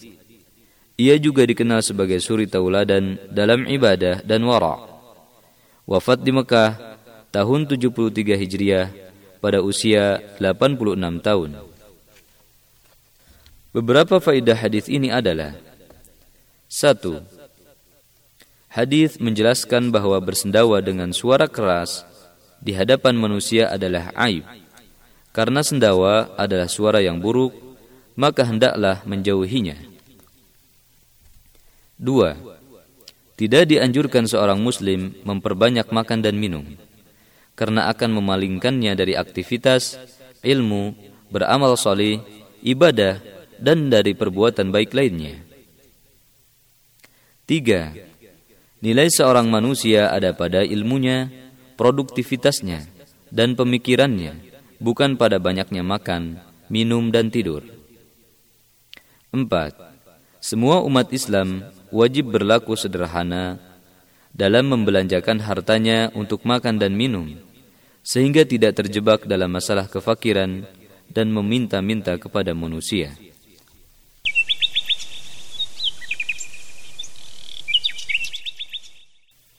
Hadis ke-39 عن أنس بن مالك رضي الله عنه عن النبي صلى الله عليه وسلم قال اعتدلوا في السجود ولا يبسط احدكم ذراعيهم بساط الكلب صحيح البخاري رقم الحديث ثمانمائه واثنين وعشرين وصحيح مسلم رقم الحديث مئتان وثلاثه وثلاثين بين قوسين اربعمائه وثلاثه وتسعين واللفظ للبخاري Dari Anas bin Malik radhiyallahu anhu dari Nabi sallallahu alaihi wasallam bersabda I'tidallah, luruskanlah tubuh kalian ketika sujud. Dan janganlah salah seorang di antara kalian meletakkan tangannya ketika sujud seperti anjing. Sahih Al-Bukhari Hadis nomor 822 dan Sahih Muslim hadis nomor 233 strip 493 dan ini lafaz Al-Bukhari. Perawi hadis Abu Hamzah Anas bin Malik Al-Ansari, pembantu Rasulullah Sallallahu Alaihi Wasallam, lahir di Madinah 10 tahun sebelum tahun Hijriah. Masuk Islam ketika masih kecil, kemudian menemani Nabi Sallallahu Alaihi Wasallam dan melayaninya selama beberapa tahun sampai Rasulullah Sallallahu Alaihi Wasallam wafat. Kemudian pergi ke Damaskus lalu ke Basrah. Banyak meriwayatkan hadis mustadnya mencapai 2286 hadis. Ia meninggal di Basrah pada tahun 93 Hijriah pada usia 100 tahun lebih. Beberapa faidah hadis ini adalah satu, hadis ini menjelaskan pentingnya i'tidal, posisi badan lurus ketika sujud. Maka janganlah tubuh orang salat itu bengkok, tidak miring ke kanan atau ke kiri ketika sujud, akan tetapi lurus. Dua, orang yang sujud harus meletakkan kedua tangannya di atas tempat sujud dan mengangkat kedua sikunya dari tempat sujud tanpa harus mengganggu orang yang di sebelah kanan dan kirinya. Tiga, seorang Muslim wajib bersungguh-sungguh dan meluangkan waktunya untuk mengetahui tata cara yang benar dalam menunaikan solat dengan khusyuk dan tenang.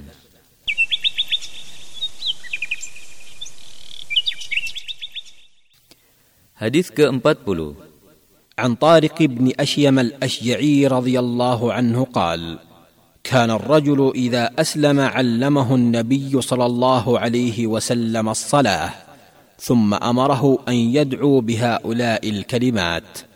اللهم اغفر لي وارحمني واهدني وعافني وارزقني. صحيح مسلم. رقم الحديث خمسة وثلاثون بين قوسين ألفان وستمائة وسبعة وتسعين. Dari Tariq bin Asham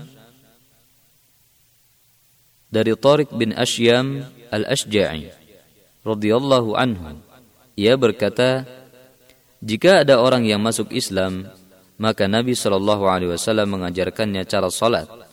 Lantas beliau menyuruhnya untuk mengucapkan kalimat ini, Ya Allah, ampunilah aku, kasihani dan sayangilah aku, berilah petunjuk kepadaku, berilah kesehatan kepadaku, dan berilah aku rizki. Sahih Muslim. Hadis nomor 35 strip 2697 Perawi hadis Tariq bin Ashyam bin Mas'ud al-Ashja'i al-Kufi radhiyallahu anhu salah seorang sahabat Rasulullah sallallahu alaihi wasallam. Ia adalah ayah Abu Malik Sa'ad bin Tariq al-Ashja'i dan nama Abu Malik adalah Sa'ad. Sahabat ini adalah orang Kufah dan anaknya Abu Malik meriwayatkan darinya. Telah telah diriwayatkan hadis dari Tariq al-Ashja'i radhiyallahu anhu dalam kitab-kitab hadis empat hadis saja. Beberapa faidah hadis ini adalah satu, doa ini mencakup semua unsur kebahagiaan, keselamatan, kesehatan bagi seorang muslim di dunia dan akhirat. Dua, Seorang muslim harus bersungguh-sungguh untuk berdoa dengan doa ini sebagaimana tuntunan Nabi sallallahu alaihi wasallam karena doa ini akan menegakkan dirinya kepada Allah. Tiga, sangat dianjurkan bagi seorang muslim untuk berdoa kepada Allah dengan ikhlas, penuh harap dan sekaligus merasa takut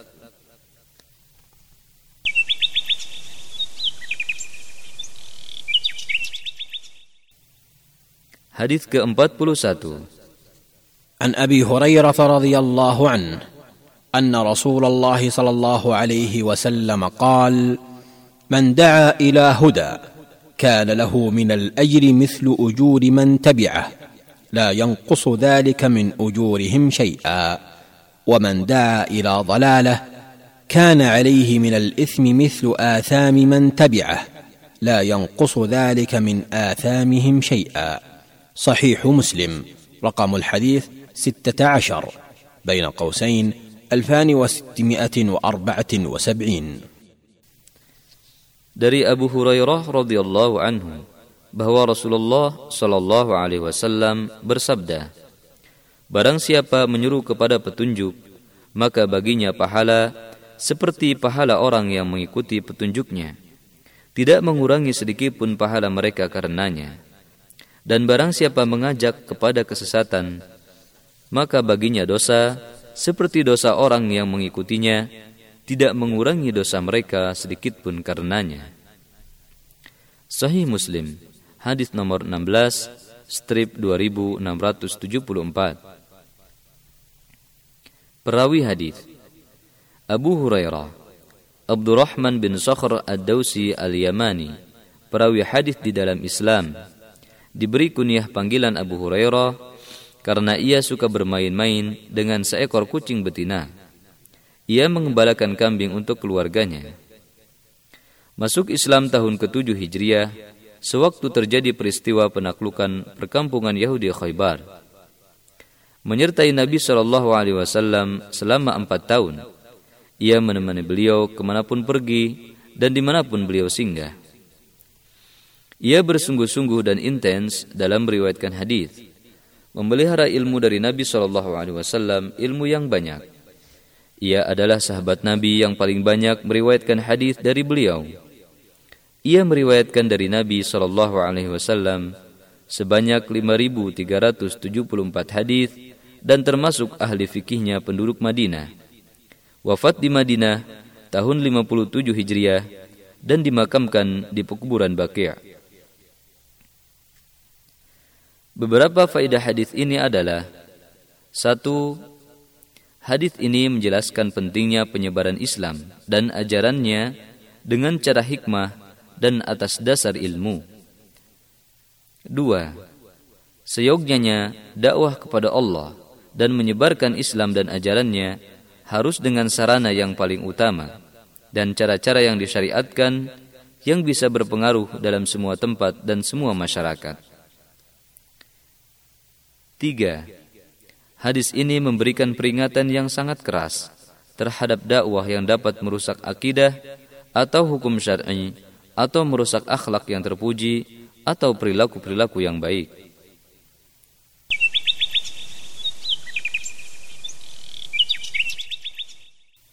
Hadis ke-42 An Abdullah bin Umar radhiyallahu anhuma.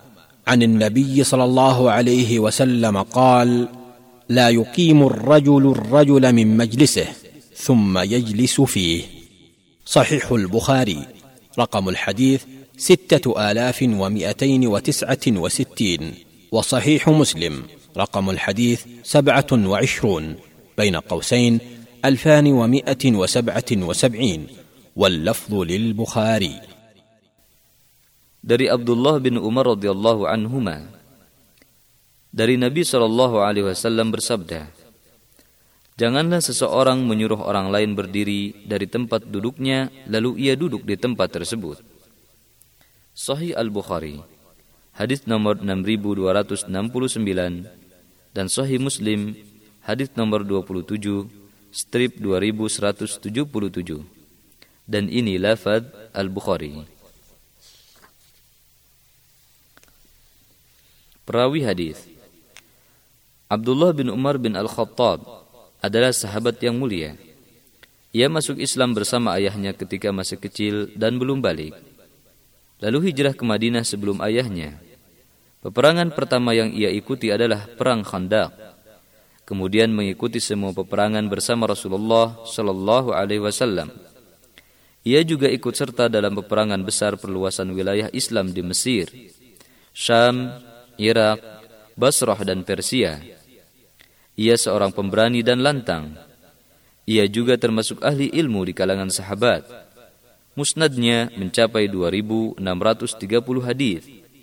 Ia juga dikenal sebagai suri taudalan ia juga dikenal sebagai suri tauladan dalam ibadah dan wara'. Wafat di Mekah tahun 73 Hijriah pada usia 86 tahun. Beberapa faedah hadis ini adalah satu, setiap muslim harus beradab dengan adab-adab Islam yang toleran khususnya dalam majlis. Janganlah seseorang itu menyakiti orang lain.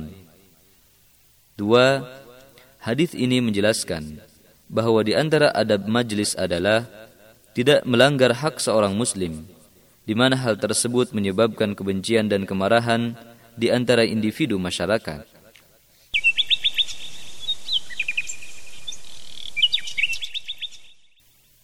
Hadis ke-43.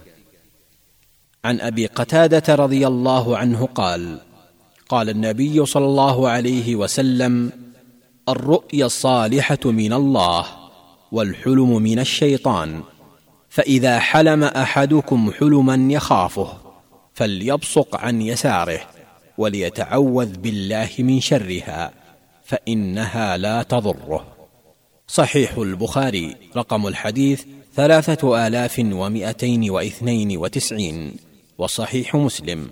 رقم الحديث اثنان بين قوسين ألفان ومئتين وواحد وستين واللفظ للبخاري.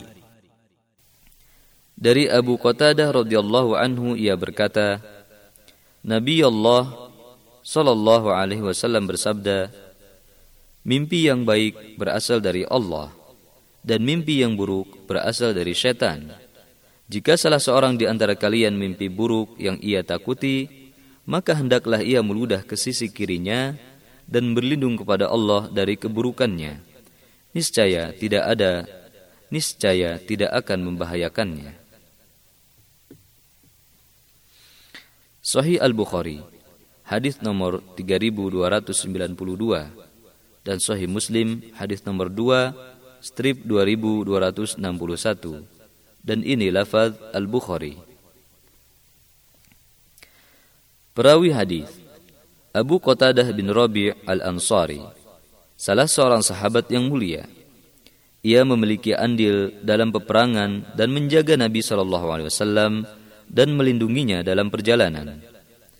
Umar bin Khattab radhiyallahu anhu telah mengutusnya dalam sebuah untuk memerangi Persia.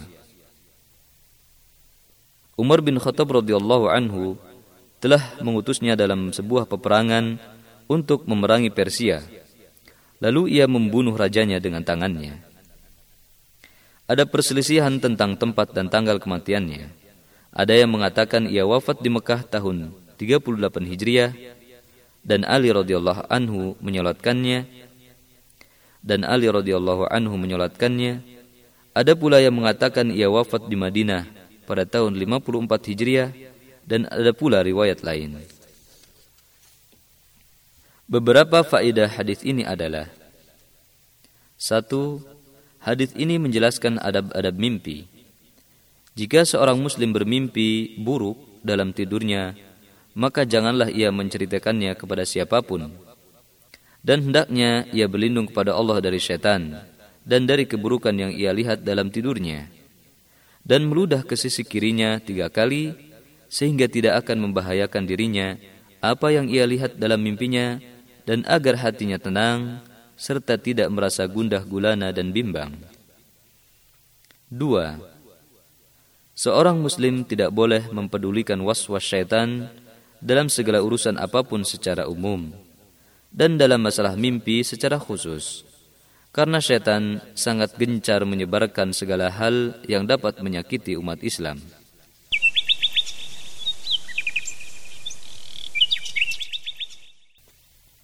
Hadis ke-44 An Abi Hurairah radhiyallahu anhu عن النبي صلى الله عليه وسلم قال من صام رمضان ايمانا واحتسابا غفر له ما تقدم من ذنبه ومن قام ليلة القدر إيمانا واحتسابا غفر له ما تقدم من ذنبه. صحيح البخاري. رقم الحديث ألفان وأربعة عشر. وصحيح مسلم. رقم الحديث مئة وخمسة وسبعون. بين قوسين سبعمائة وستين. واللفظ للبخاري. Dari Abu Hurairah radhiyallahu anhu. Dari Nabi Shallallahu alaihi wasallam bersabda Barang siapa berpuasa Ramadan atas dasar iman dan mengharap pahala maka diampuni dosanya yang telah lalu. Dan barang siapa salat malam pada malam Lailatul Qadar atas dasar iman dan mengharap pahala maka diampuni dosanya yang telah lalu. Sahih Al-Bukhari hadis nomor 2014 dan Sahih Muslim hadis nomor 175 strip 760 dan ini lafaz Al-Bukhari. Perawi hadis Abu Hurairah Abdurrahman bin Sakhr Ad-Dausi Al-Yamani perawi hadis di dalam Islam diberi kunyah panggilan Abu Hurairah karena ia suka bermain-main dengan seekor kucing betina. Ia mengembalakan kambing untuk keluarganya. Masuk Islam tahun ke-7 Hijriah sewaktu terjadi peristiwa penaklukan perkampungan Yahudi Khaybar. Menyertai Nabi Shallallahu Alaihi Wasallam selama empat tahun. Ia menemani beliau ke mana pun pergi dan di mana pun beliau singgah.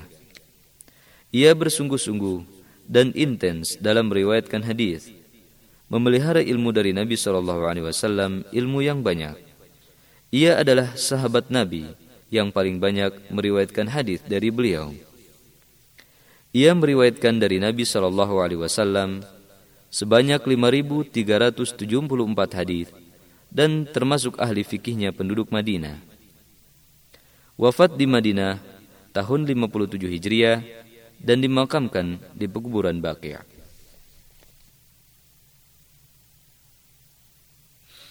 Beberapa faedah hadis ini adalah satu, Hadis ini menyebutkan pentingnya mengikhlaskan niat kepada Allah Ta'ala dalam melaksanakan puasa Ramadan dan solat malam atau tarawih pada malam Lailatul Qadar seperti ibadah lainnya. Dua, hadis ini menjelaskan sebagian keutamaan puasa Ramadan dan solat malam atau tarawih pada malam Lailatul Qadar. Tiga, Hadis ini khusus menjelaskan ampunan terhadap dosa-dosa yang kecil bukan dosa besar. Karena dosa-dosa besar akan diampuni dengan cara taubat nasuha, yaitu yang tidak akan kembali mengulangi perbuatan dosa.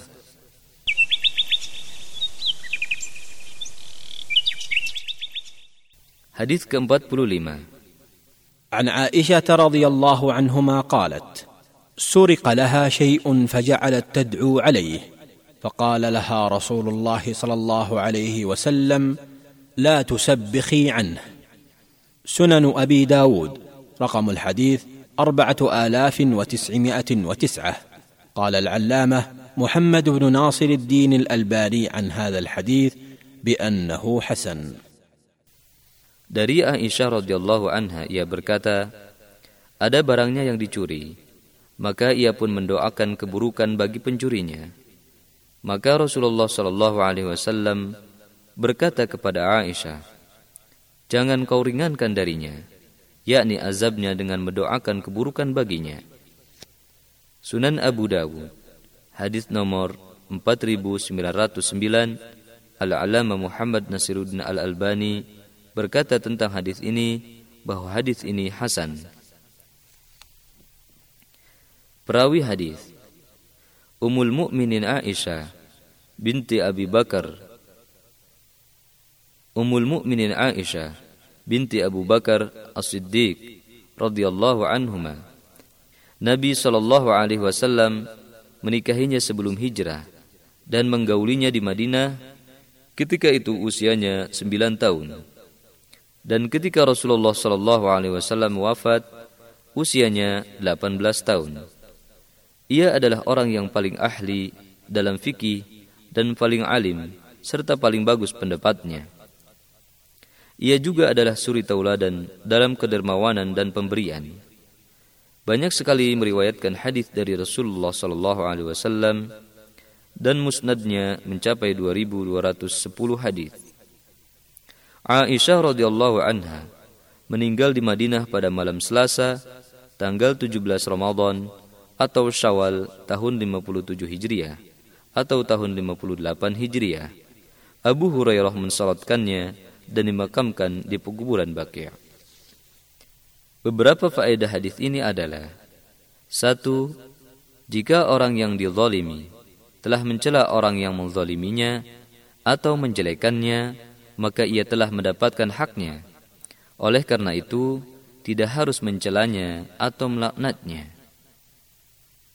Dua, bagi orang yang terzolimi, boleh mendoakan keburukan kepada orang zolim tanpa harus menyakitinya.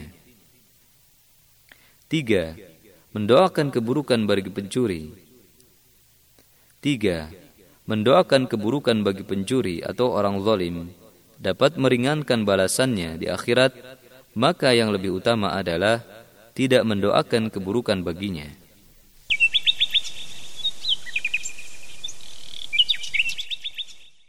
Hadis ke-46 عن عبد الله بن عمر رضي الله عنهما قال قال رسول الله صلى الله عليه وسلم انهكوا الشوارب وأعفوا اللحى. صحيح البخاري.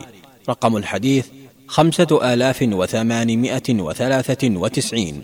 وصحيح مسلم رقم الحديث اثنان وخمسون بين قوسين مئتان وتسعة وخمسون. واللفظ للبخاري. Dari Abdullah bin Umar radhiyallahu anhuma berkata, Rasulullah shallallahu alaihi wasallam bersabda, Rapihkanlah kumis dan biarkanlah jenggot memanjang. Rapihkanlah kumis dan biarkanlah jenggot memanjang. Sahih Bukhari, hadis nomor 5893 dan Sahih Muslim, hadis nomor 52, strip 259 dan ini lafaz Al-Bukhari. Perawi hadis Abdullah bin Umar bin Khattab adalah sahabat yang mulia. Ia masuk Islam bersama ayahnya ketika masih kecil dan belum balik. Lalu hijrah ke Madinah sebelum ayahnya. Peperangan pertama yang ia ikuti adalah perang Khandaq. Kemudian mengikuti semua peperangan bersama Rasulullah sallallahu alaihi wasallam. Ia juga ikut serta dalam peperangan besar perluasan wilayah Islam di Mesir, Syam, Irak, Basrah, dan Persia. Ia seorang pemberani dan lantang. Ia juga termasuk ahli ilmu di kalangan sahabat. Musnadnya mencapai 2630 hadis. Ia juga dikenal sebagai suri tauladan dalam ibadah dan wara'. Wafat di Mekah tahun 73 Hijriah pada usia 86 tahun. Beberapa faedah hadis ini adalah satu, hadis ini menganjurkan agar mencukur kumis supaya tidak mengganggu makan dan tidak menjadi tempat berkumpulnya kotoran. Dua, harus membiarkan jenggot apa adanya. Tidak boleh merubahnya dengan memendekkannya atau yang lainnya kecuali jika terlalu panjang dan lebar, maka boleh merapihkannya untuk memperbaikinya. Tiga, di antara kebahagiaan seorang muslim adalah dengan mentaati Allah dan Rasulnya dengan sifat qana'ah dan ikhlas.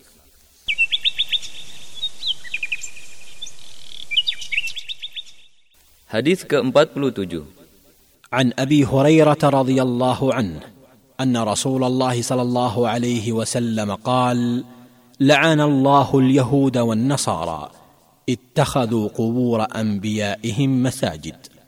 صحيح مسلم. رقم الحديث واحد وعشرون بين قوسين خمسمائة وثلاثين. وصحيح البخاري. رقم الحديث ثلاثة آلاف وأربعمائة وثلاث وخمسين. واللفظ لمسلم.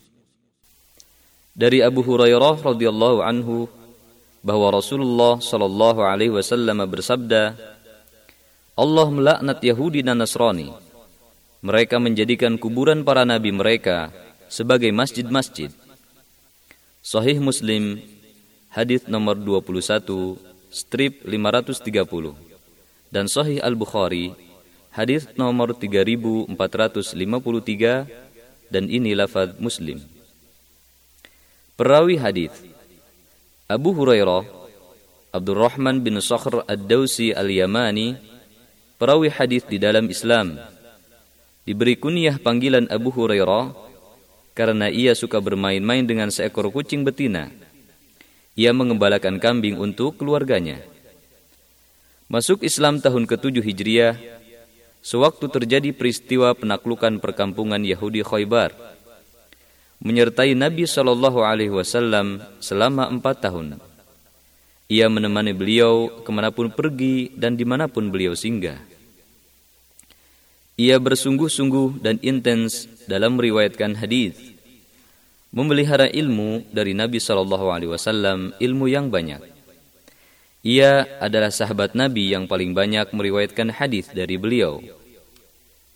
Ia meriwayatkan dari Nabi Shallallahu Alaihi Wasallam sebanyak 5.374 hadis dan termasuk ahli fikihnya penduduk Madinah.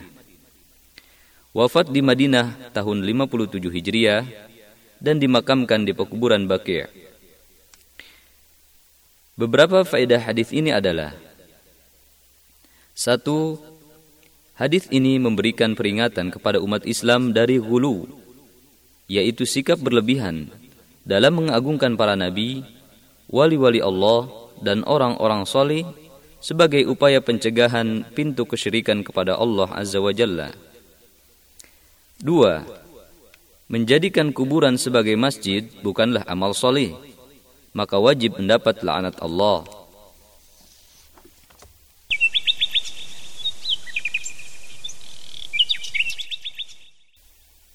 Hadis ke-48. عن زيد بن حارثة مولى رسول الله صلى الله عليه وسلم انه سمع رسول الله صلى الله عليه وسلم يقول من قال استغفر الله العظيم الذي لا اله الا هو الحي القيوم واتوب اليه غفر الله له وان كان قد فر من الزحف جامع الترمذي رقم الحديث ثلاثة آلاف وخمسمائة وسبعة وسبعين. سنن أبي داود. رقم الحديث ألف وخمسمائة وسبعة عشر. واللفظ للترمذي. قال الإمام الترمذي عن هذا الحديث بأنه حديث غريب. وقال العلامة محمد بن ناصر الدين الألباني عن هذا الحديث بأنه صحيح. Dari Zaid bin Harithah radhiyallahu anhu budak Rasulullah sallallahu alaihi wasallam. Bahwasanya ia telah mendengar Rasulullah sallallahu alaihi wasallam bersabda Barang siapa mengucapkan saya memohon ampun kepada Allah yang Maha Agung yang tidak ada Tuhan yang berhak disembah selain Dia yang Maha hidup dan Maha berdiri sendiri dan aku bertaubat kepadanya. Maka Allah mengampuninya meskipun ia telah lari dari medan perang Jami' At-Tirmidzi hadis nomor 3577 Sunan Abu Dawud hadis nomor 1517 dan ini lafaz At-Tirmidzi. Imam At-Tirmidzi berkata tentang hadis ini bahwa hadis ini gharib dan Al-Allama Muhammad Nasiruddin Al-Albani berkata tentang hadis ini bahwa hadis ini sahih. Perawi hadis Zaid bin Harithah Al-Kalbi radhiyallahu anhu adalah sahabat yang mulia dan budak Rasulullah sallallahu alaihi wasallam. Ia tumbuh dalam asuhan Nabi dan mencintainya. Ia telah mengikuti peperangan Badar, Uhud, Khandaq, Hudaybiyah dan Khaybar. Ia termasuk pemanah yang terkenal dan Rasulullah sallallahu alaihi wasallam telah mengutusnya dalam berbagai peperangan. Zaid bin Harithah menemani Nabi ketika pergi ke Taif. Dan di Taif, keluarganya mempersempit gerak Nabi dan melemparinya dengan batu dan membuat kakinya yang mulia berdarah. Dan Zaid pun melindungi Rasulullah Shallallahu Alaihi Wasallam dengan badannya sampai-sampai kepalanya terluka. Zaid bin Harithah meninggal syahid dalam perang Mu'tah pada tahun 8 Hijriah. Ketika berita kematian Zaid sampai kepada Rasulullah, maka beliau pun merasakan kesedihan yang sangat dan banyak mendoakan ampunan untuknya.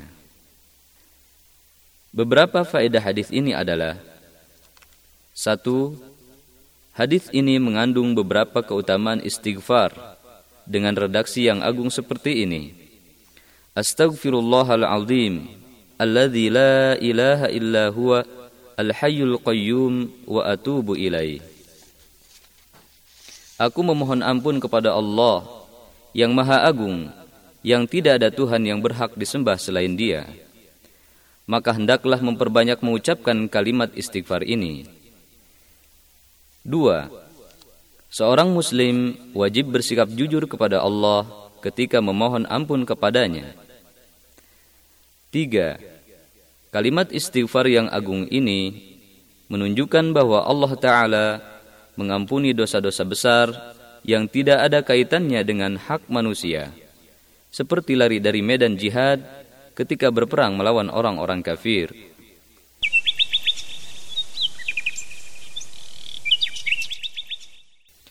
Hadis ke-49 An Anas radhiyallahu anhu عن النبي صلى الله عليه وسلم قال سووا صفوفكم فإن تسوية الصفوف من إقامة الصلاة.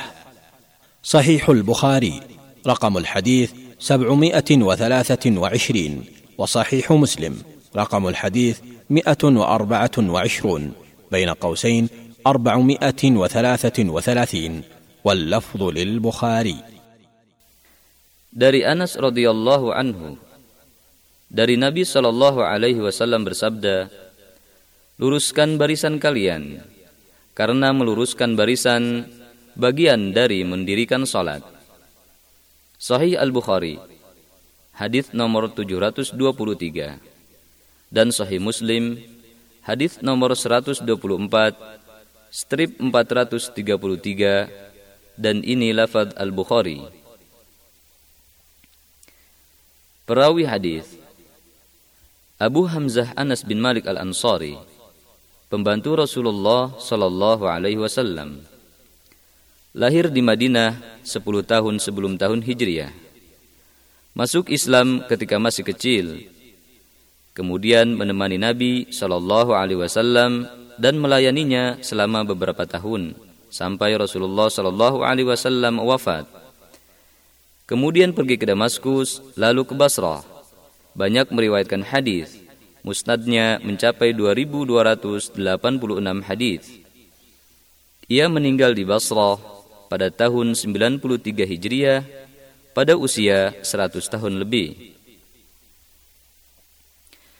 Beberapa faedah hadis ini adalah satu, hadis ini memberikan anjuran agar meluruskan barisan solat dan mendirikannya, karena meluruskan barisan merupakan bagian dari kesempurnaan solat.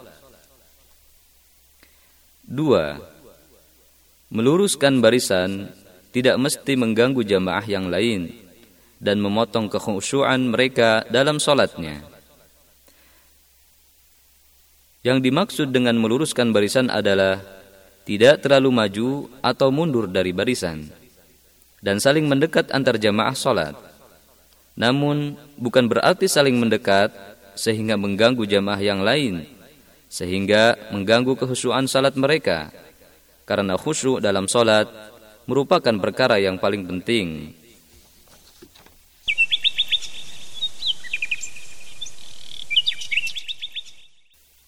Hadis ke-50 عن معاذة عن عائشة رضي الله عنها زوج النبي صلى الله عليه وسلم قالت مرن أزواجكن أن يستطيبوا بالماء فإني أستحييهم فإن رسول الله صلى الله عليه وسلم كان يفعله.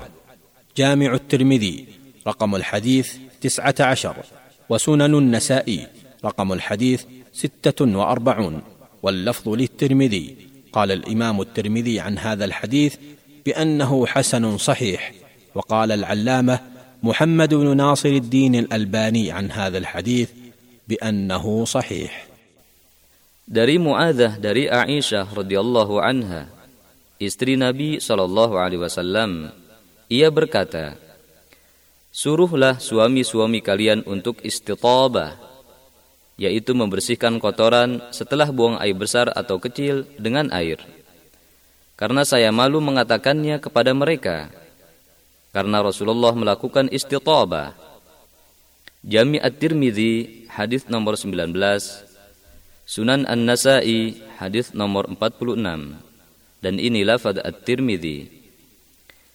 Imam At-Tirmidzi berkata tentang hadis ini bahwa hadis ini hasan sahih dan Al-Allamah Muhammad Nasiruddin Al-Albani berkata tentang hadis ini bahwa hadis ini sahih. Perawi hadis Ummul Mukminin Aisyah binti Abu Bakar As-Siddiq radhiyallahu anhuma Nabi sallallahu alaihi wasallam menikahinya sebelum hijrah dan menggaulinya di Madinah ketika itu usianya 9 tahun. Dan ketika Rasulullah wafat, usianya 18 tahun. Ia adalah orang yang paling ahli dalam fikih dan paling alim serta paling bagus pendapatnya. Ia juga adalah suri tauladan dalam kedermawanan dan pemberian. Banyak sekali meriwayatkan hadis dari Rasulullah sallallahu alaihi wasallam dan musnadnya mencapai 2210 hadis. Aisyah radhiyallahu anha meninggal di Madinah pada malam Selasa tanggal 17 Ramadan atau Syawal tahun 57 Hijriah atau tahun 58 Hijriah. Abu Hurairah mensalatkannya dan dimakamkan di pekuburan Baqi'. Adapun murid Aisyah radhiyallahu anha yaitu Ummu Sahba Muadzah binti Abdullah Al-Adawiyah Al-Basriyah. Ia adalah seorang ahli ilmu, ahli fikih, zuhud, ahli ibadah, terkenal dengan banyak berpuasa, solat malam, dan sifat sabar. Pada tahun 62 Hijriah, suaminya seorang tabi'in yang mulia yang bernama Silah bin Asyam dan anaknya mati syahid dalam peperangan. Ketika berita kematian mereka sampai kepadanya, maka ia pun bersabar dan mengembalikannya kepada Allah ia adalah suri tauladan yang baik bagi kaum wanita muslimah. Dia adalah murid Aisyah radhiyallahu anha dan Muadzah meriwayatkan hadis ini darinya. Muadzah bin Abdullah Al-Adawiyah radhiyallahu anha meninggal pada tahun 98 Hijriah dan ada yang mengatakan pada tahun 106 Hijriah. Beberapa faedah hadis ini adalah satu, hadis ini adalah dalil bolehnya beristinja, yaitu membersihkan kotoran setelah buang air besar atau kecil hanya dengan air saja, karena air menghilangkan najis dan bekasnya. Dua, Islam adalah agama kebersihan, kesucian, dan keindahan. Maka wajib bagi setiap muslim untuk menjauhi hal-hal yang dapat mengganggu orang lain berupa kotoran maupun bau tak sedap. Tiga, tidak boleh meletakkan batu atau lap, tisu yang kotor dan sejenisnya di saluran air dan kamar mandi, karena hal tersebut bisa mengotorinya dan menjijikan bagi orang lain.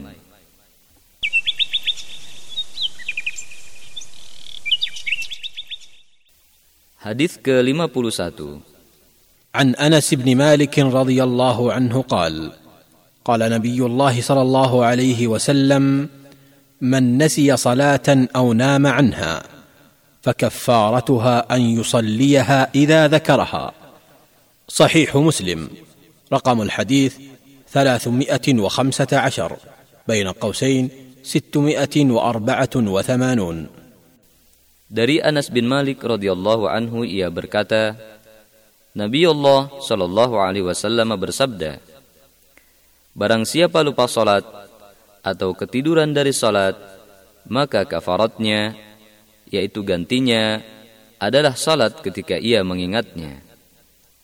Sahih Muslim, hadis nomor 315, strip 684.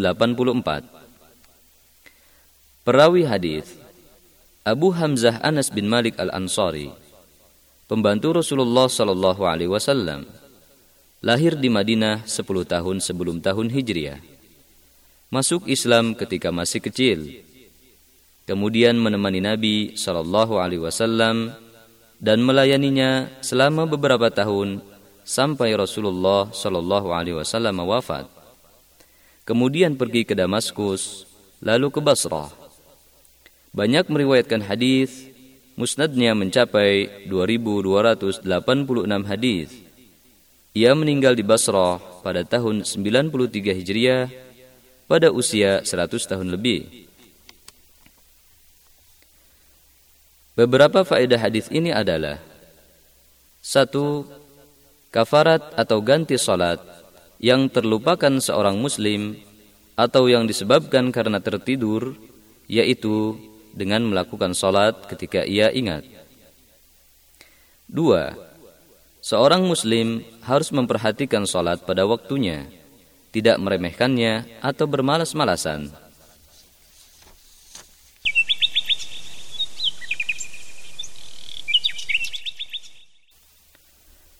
Hadis ke-52 عن عائشة رضي الله عنها قالت: امرنا رسول الله صلى الله عليه وسلم ان نعق عن الغلام شاتين وعن الجاريه شاه سنن ابن ماجه رقم الحديث ثلاثه الاف ومائه وثلاثه وستون قال العلامه محمد بن ناصر الدين الالباني عن هذا الحديث بانه صحيح dari Aisyah radhiyallahu anha ia berkata Rasulullah Shallallahu Alaihi Wasallam menyuruh kami agar berakikah, yakni memotong kambing sebagai bentuk syukur atas lahirnya anak.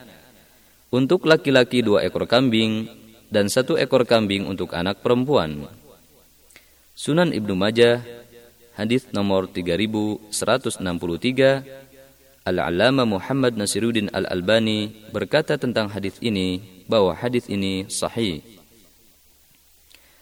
Perawi hadis Ummul Mukminin Aisyah bintu Abi Bakrin As-Siddiq radhiyallahu anhuma. Nabi sallallahu alaihi wasallam menikahinya sebelum hijrah dan menggaulinya di Madinah ketika itu usianya 9 tahun.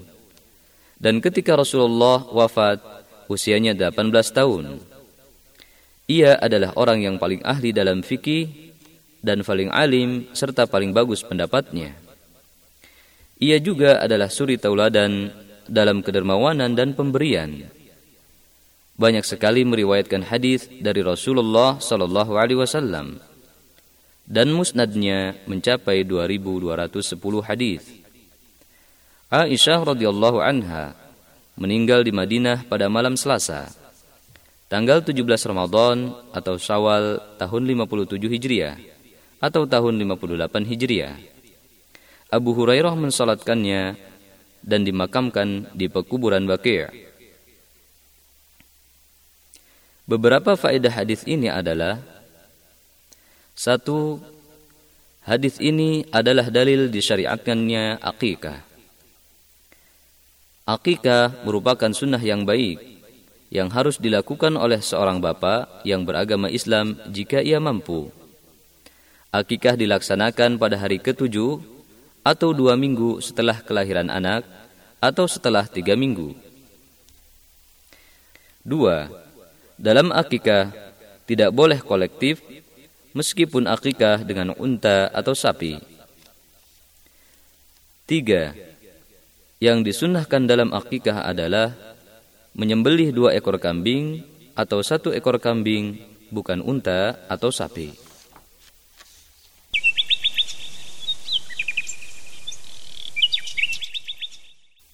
Hadis ke-53 عن أبي سعيد الخدري رضي الله عنه أن رسول الله صلى الله عليه وسلم قال لا ينظر الرجل إلى عورة الرجل ولا المرأة إلى عورة المرأة ولا يفضي الرجل إلى الرجل في ثوب واحد ولا تفضي المرأة إلى المرأة في الثوب الواحد صحيح مسلم. رقم الحديث أربعة وسبعون بين قوسين ثلاثمائة وثمانية وثلاثون Dari Sa'id Al-Khudri radhiyallahu anhu bahwa Rasulullah sallallahu alaihi wasallam bersabda Janganlah laki-laki melihat aurat laki-laki dan jangan pula perempuan melihat aurat perempuan dan janganlah laki-laki masuk dengan laki-laki lain dalam satu pakaian dan jangan pula perempuan masuk dengan perempuan lain dalam satu pakaian. Sahih Muslim, hadis nomor 74, strip 338. Perawi hadis Abu Sa'id Al-Khudri adalah Sa'ad bin Malik bin Sinan Al-Ansari Al-Khazraji. Salah seorang sahabat yang terkenal dan salah seorang alim di kalangan para sahabat. Dia adalah orang pertama yang syahid pada perang Khandaq. Telah berperang bersama Rasulullah Shallallahu alaihi wasallam sebanyak 12 kali peperangan. Ia memiliki riwayat dalam kitab-kitab hadis dari Rasulullah Shallallahu alaihi wasallam sebanyak 1170 hadis. Abu Sa'id Al-Khudri radhiyallahu anhu wafat pada tahun 74 Hijriah di Madinah pada usia 86 tahun. Ada yang mengatakan selain itu dan dimakamkan di pekuburan Baqi'. Beberapa faedah hadis ini adalah satu, Laki-laki dan perempuan wajib menutup aurat sebagai bentuk menjaga akhlak dan menjaga kehormatan serta sebagai sikap memuliakan wanita dan melindunginya. Dua, tidak boleh melihat aurat selain sesama suami istri. Tiga, tidak boleh menampakkan aurat meski dalam ruang tertutup, kecuali darurat seperti untuk pengobatan.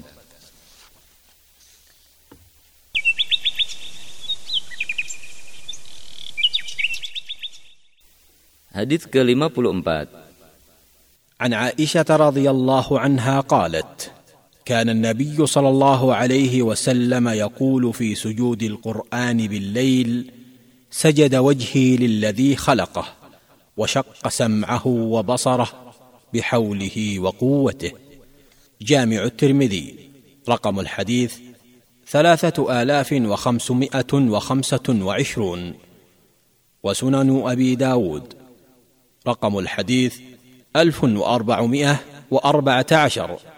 واللفظ للترمذي قال الإمام الترمذي عن هذا الحديث بأنه حسن صحيح. وقال العلامه محمد بن ناصر الدين الالباني عن هذا الحديث بانه صحيح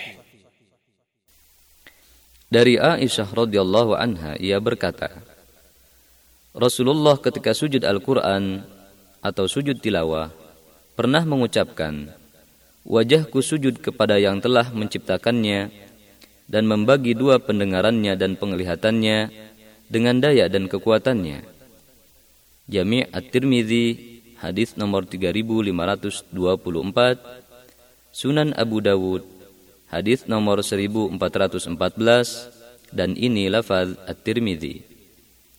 Imam At-Tirmidzi berkata tentang hadis ini bahwa hadis ini hasan sahih dan Al-Allamah Muhammad Nasiruddin Al-Albani berkata tentang hadis ini bahwa hadis ini sahih. Perawi hadis Ummul Mukminin Aisyah binti Abu Bakar As-Siddiq radhiyallahu anhuma. Nabi sallallahu alaihi wasallam menikahinya sebelum hijrah dan menggaulinya di Madinah ketika itu usianya 9 tahun. Dan ketika Rasulullah wafat usianya 18 tahun. Ia adalah orang yang paling ahli dalam fikih dan paling alim serta paling bagus pendapatnya. Ia juga adalah suri tauladan dalam kedermawanan dan pemberian. Banyak sekali meriwayatkan hadis dari Rasulullah sallallahu alaihi wasallam dan musnadnya mencapai 2210 hadis. Aisyah radhiyallahu anha meninggal di Madinah pada malam Selasa tanggal 17 Ramadan atau Syawal tahun 57 Hijriah atau tahun 58 Hijriah. Abu Hurairah mensalatkannya dan dimakamkan di pekuburan Baqi. Beberapa faedah hadis ini adalah satu disunahkan ketika seseorang membaca ayat sajdah atau mendengarnya dari orang yang membaca Al-Quran adalah bersujud satu kali dan dalam sujudnya ia mengucapkan doa ini. Sajada wajhi lilladzi khalaqahu wa syaqqa sam'ahu bihaulihi wa quwwatihi. Wajahku sujud kepada yang telah menciptakannya dan membagi dua pendengarannya dan penglihatannya dengan daya dan kekuatannya. Dua, dalam hadis ini terkandung pengakuan atas nikmat Allah kepada manusia, di mana Allah telah menciptakannya dalam rupa yang bagus dan bentuk yang indah.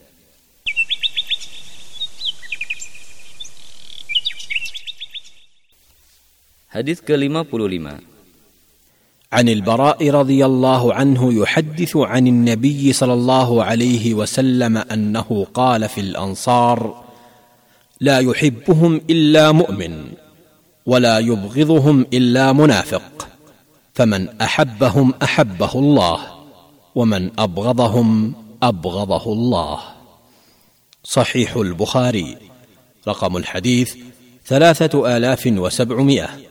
وثلاثه وثمانون وصحيح مسلم رقم الحديث مئة وتسعة وعشرون بين قوسين خمسة وسبعون واللفظ لمسلم Dari Barra radhiyallahu anhu, ia menceritakan dari Nabi Shallallahu alaihi wasallam bahwa Nabi berkata tentang kaum Ansar, "Tidaklah mencintai orang Ansar melainkan orang yang beriman, dan tidaklah membenci mereka melainkan orang munafik."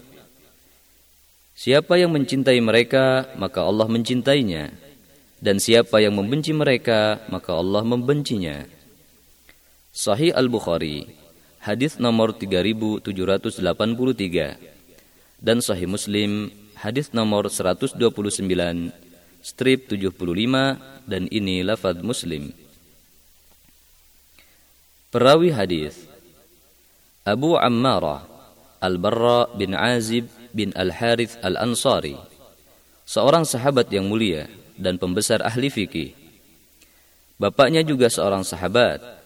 Ia memiliki 305 riwayat hadis Nabi dalam kitab Sahihain, yakni Sahih Al-Bukhari dan Sahih Muslim. Telah ikut dalam banyak peperangan bersama Nabi dan juga sepeninggal Nabi. Kemudian ke Kufah dan mukim di sana dan meninggal di sana pada tahun 72 Hijriah. Ada juga riwayat yang mengatakan selain itu. Beberapa faedah hadis ini adalah satu, hadis ini mengandung keutamaan orang-orang Ansar radhiyallahu anhum karena mereka mencintai Allah dan Rasulnya.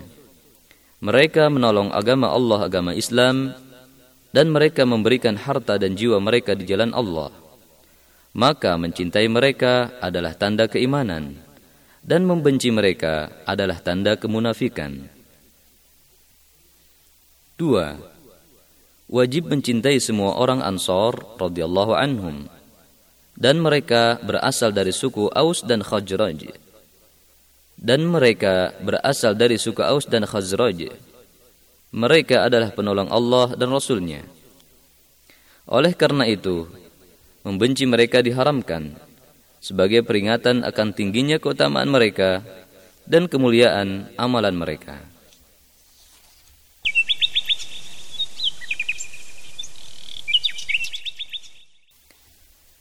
Hadis ke-56 عن ابي هريره رضي الله عنه عن النبي صلى الله عليه وسلم قال لو اخطاتم حتى تبلغ خطاياكم السماء ثم تبتم لتاب الله عليكم. سنن ابن ماجه رقم الحديث أربعة آلاف ومئتان وثمانية وأربعون. قال العلامة محمد بن ناصر الدين الألباني عن هذا الحديث بأنه حسن صحيح. dari Abu Hurairah radhiyallahu anhu dari Nabi sallallahu alaihi wasallam bersabda Jika kalian berbuat salah sehingga kesalahan kalian sampai ke langit, kemudian kalian bertaubat, niscaya Allah akan memberi taubat kepada kalian. Sunan Ibnu Majah, hadis nomor 4248, Al-Alama Muhammad Nasiruddin Al-Albani berkata tentang hadis ini bahwa hadis ini hasan sahih. Perawi hadis Abu Hurairah Abdurrahman bin Sakhr Ad-Dausi Al-Yamani, perawi hadis di dalam Islam. Diberi kunyah panggilan Abu Hurairah karena ia suka bermain-main dengan seekor kucing betina. Ia mengembalakan kambing untuk keluarganya.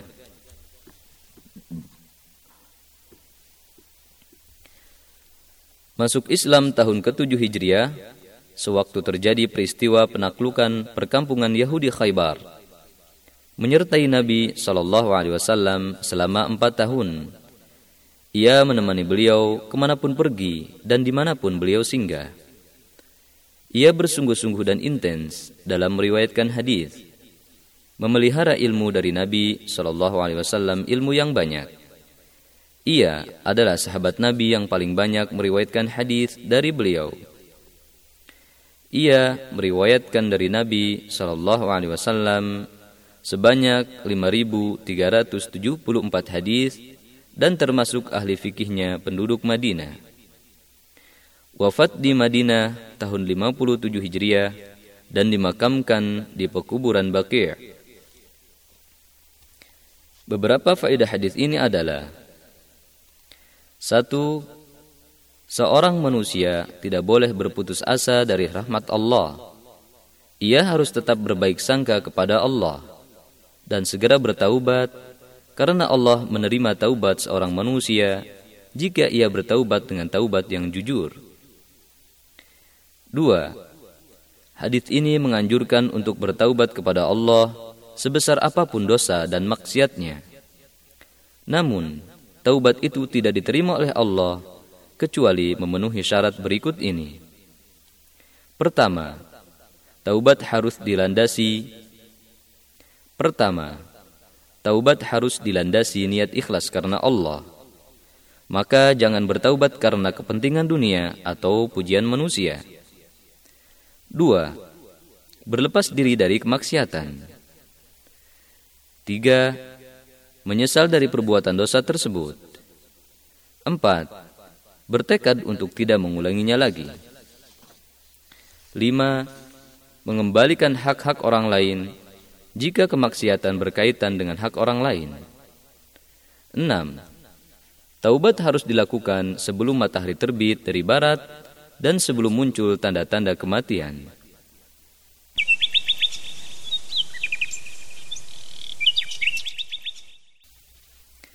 Hadis ke-57 عن ابي بكر الصديق رضي الله عنه انه قال لرسول الله صلى الله عليه وسلم علمني الدعاء أدعو به في صلاتي. قال قل اللهم إني ظلمت نفسي ظلما كثيرا ولا يغفر الذنوب إلا أنت فاغفر لي مغفرة من عندك وارحمني إنك أنت الغفور الرحيم. صحيح البخاري رقم الحديث ثمانمائة وأربعة وثلاثون. وصحيح مسلم رقم الحديث ثمانية وأربعون بين قوسين ألفان وسبعمائة وخمسة واللفظ للبخاري Dari Abu Bakar As-Siddiq radhiyallahu anhu bahwasanya ia telah, ber, telah bahwasanya ia telah berkata kepada Rasulullah sallallahu alaihi wasallam Ajarkan kepadaku doa yang akan aku baca dalam salatku maka Rasulullah berkata Bacalah, Ya Allah, aku telah banyak menzalimi diriku sendiri, dan tidak ada yang bisa mengampuni dosa selain engkau. Maka ampunilah aku dengan ampunan darimu, dan rahmatilah aku. Sesungguhnya engkau maha pengampun dan maha penyayang. Sahih Al-Bukhari, hadis nomor 8. Sahih Al-Bukhari, hadis nomor 834 dan Sahih Muslim hadis nomor 48 strip 2705 dan ini lafaz Al-Bukhari. Perawi hadis Abu Bakar As-Siddiq Abdullah bin Uthman At-Taimi Al-Qurashi radhiyallahu anhuma lahir pada tahun 50 sebelum hijrah bertepatan dengan tahun 573 Masehi. Khalifah pertama dan termasuk sepuluh orang yang dijamin masuk surga. Dia adalah sahabat Nabi dan orang yang menyertai Nabi ketika hijrah ke Madinah. Nabi memberinya lakob atau gelar As-Siddiq karena ia banyak membenarkan Nabi. Ia memiliki 142 hadis dalam kitab-kitab hadis. Abu Bakar As-Siddiq dilahirkan di Mekah. Ia salah satu orang Quraisy terkaya dan salah satu pemimpin Quraisy. Ia orang pertama yang masuk Islam dari kalangan dewasa dan merdeka. Kemudian, ia menemani Nabi berhijrah ke Madinah. Ia memiliki andil yang besar dalam menolong agama Islam. Kemudian Nabi wafat pada hari Senin, tanggal 12 Rabiul Awal pada tahun 11 Hijriah. Para ulama ikhtilaf dalam penentuan tanggal kelahiran Rasulullah. Dan Abu Bakar dibaiat sebagai khalifah pada hari itu. Lalu mulailah ia mengatur urusan pemerintah Islam. Seperti memilih para waliul amr, semacam wali kota, para hakim, dan mengutus pasukan hingga jazirah Arab untuk hingga jazirah Arab tunduk di bawah hukum Islam. Selanjutnya mengutus pasukan untuk melakukan Selanjutnya mengutus pasukan untuk menaklukkan Irak dan negeri-negeri Syam, maka Irak pun ditaklukkan dan sebagian besar negeri Syam. Abu Bakar meninggal pada hari Senin, tanggal 22 bulan Jumada al-Akhir tahun 13 Hijriah. Abu Bakar meninggal pada hari Senin, tanggal 22 bulan Jumada al-Akhir tahun 13 Hijriah. Bertepatan dengan tahun 634 Masehi pada usia 63 tahun. Ia dimakamkan di samping Nabi di kamar Aisyah radhiyallahu anha. Kemudian digantikan kekhalifahannya oleh Umar bin Khattab radhiyallahu anhu. Beberapa faedah hadis ini adalah satu, hadis ini mengandung pengakuan seorang muslim akan kekurangannya, dosa-dosanya, dan kelemahannya di hadapan Allah Azza wa Jalla, karena dia maha kuasa untuk mengampuninya. Karena dia maha kuasa untuk mengampuninya.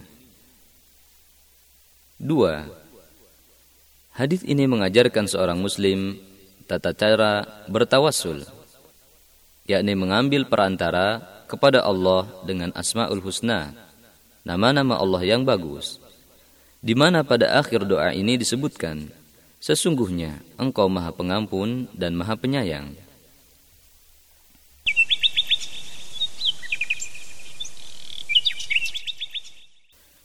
Hadis ke-58 عن عمران بن حسين الخزاعي رضي الله عنه أن رسول الله صلى الله عليه وسلم رأى رجلا معتزلا لم يصلي في القوم. فقال يا فلان ما منعك أن تصلي في القوم؟ فقال يا رسول الله أصابتني جنابة ولا ماء. قال عليك بالصعيد فإنه يكفيك. صحيح البخاري رقم الحديث ثلاثمائة وثمانية وأربعون وصحيح مسلم. رقم الحديث ثلاثمائة واثنا عشر بين قوسين ستمائة واثنان وثمانون واللفظ للبخاري Dari Imran bin Husain al-Khuzai radhiyallahu anhu bahwa Rasulullah shallallahu alaihi wasallam melihat seorang laki-laki yang memisahkan diri dari jamaah belum sholat bersama jamaah yang lain. Maka Rasulullah berkata kepadanya, Wahai fulan, sebutan untuk orang yang tidak diketahui namanya, apa yang menghalangimu untuk sholat bersama jamaah yang lain? Ia menjawab, Wahai Rasulullah, saya masih junub, yakni berhadas besar karena telah bersetubuh. Sedangkan air tidak ada. Maka Rasulullah berkata, Gunakanlah tanah, bersuci dengan tanah, karena tanah sudah cukup bagimu. Sahih Al-Bukhari hadis nomor 348 dan Sahih Muslim. Hadis nomor 312 strip 682 dan ini lafaz Al-Bukhari. Perawi hadis. Abu Najid Imran bin Husain Al-Khuzai radhiyallahu anhu sahabat yang mulia dan termasuk ahli ilmu umat Islam yang menonjol. Ia memiliki pengalaman yang luas sekali berkaitan dengan politik Islam. Umar telah menjadikannya wali untuk daerah Basrah sekaligus memberikan pengajaran fikih agama kepada penduduknya. Ia termasuk orang yang diijabah doanya, menjauhi fitnah, peperangan antara kaum muslimin, pertengkaran dan sebagainya dan tidak ikut campur dalam peperangan. Ia terus tinggal di Basrah hingga wafatnya pada tahun 52 Hijriah. Ada juga riwayat yang mengatakan selain itu.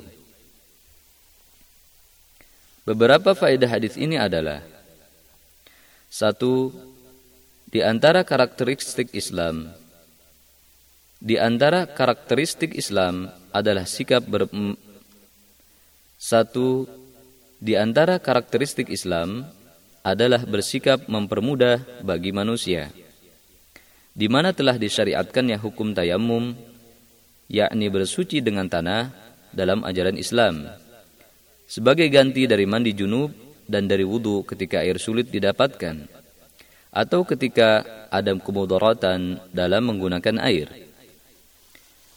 Dua, jika seorang muslim tidak mendapatkan air atau ia sedang ditimpa kesulitan dalam menggunakannya, seperti sedang sakit atau sedang kehausan dan semacamnya, maka bertayamum pada saat itu bisa menggantikan wudhu atau mandi junub maka ia boleh bertayamum meskipun ia berhadas besar, kemudian ia salat. Jika ia telah mendapatkan air atau telah hilang darinya uzur, halangan untuk menggunakan air, maka wajib baginya mandi dengan air. Tiga, Orang yang bertayamum dari junub, maka ia suci sampai ia junub kembali, atau sampai ia menemukan air maka ia tidak mesti bertayamum pada setiap waktu salat melainkan ia bertayamum dari hadas kecil saja seperti kencing, kentut kecuali jika ia junub untuk kedua kalinya. Empat, Yang dimaksud dengan tanah adalah tanah yang baik yang mengandung debu. Tata cara tayamum yaitu Tata cara tayamum yaitu Pertama, ia membaca basmalah. Bismillah. Dalam hati ia berniat tayamum. Kemudian ia menepukan, menempelkan telapak tangannya ke tanah sekali. Kemudian ia menepukan, menempelkan telapak tangannya ke tanah sekali. Lalu meniup telapak tangannya dari debu. Lalu mengusap bagian belakang telapak tangannya dengan telapak tangannya yang kiri. Dan mengusap bagian belakang telapak tangan kanannya dengan telapak tangan yang kiri, lalu mengusap wajah dan tangannya sekali. Karena Rasulullah Shallallahu Alaihi Wasallam pernah menepukkan tangannya ke tanah, lalu menggoyangkan tangannya, lalu mengusapkan tangan kirinya ke tangan kanannya, lalu tangan kanannya ke tangan kirinya dengan menggunakan kedua telapak tangannya, kemudian mengusap wajahnya. Sunan Abu Dawud hadis nomor 321 dan Sahih Al-Bukhari hadis nomor 347 dan Sahih Muslim hadis nomor 110 strip 368 dan Sunan An-Nasai hadis nomor 320 dan ini lafaz Abu Dawud. Al-Alama Muhammad Nasiruddin Al-Albani berkata tentang hadis ini bahwa hadis ini sahih. Lima, ada tata cara lain bertayamum, sengaja kami tidak menyebutkannya agar tidak terlalu melebar pembahasannya.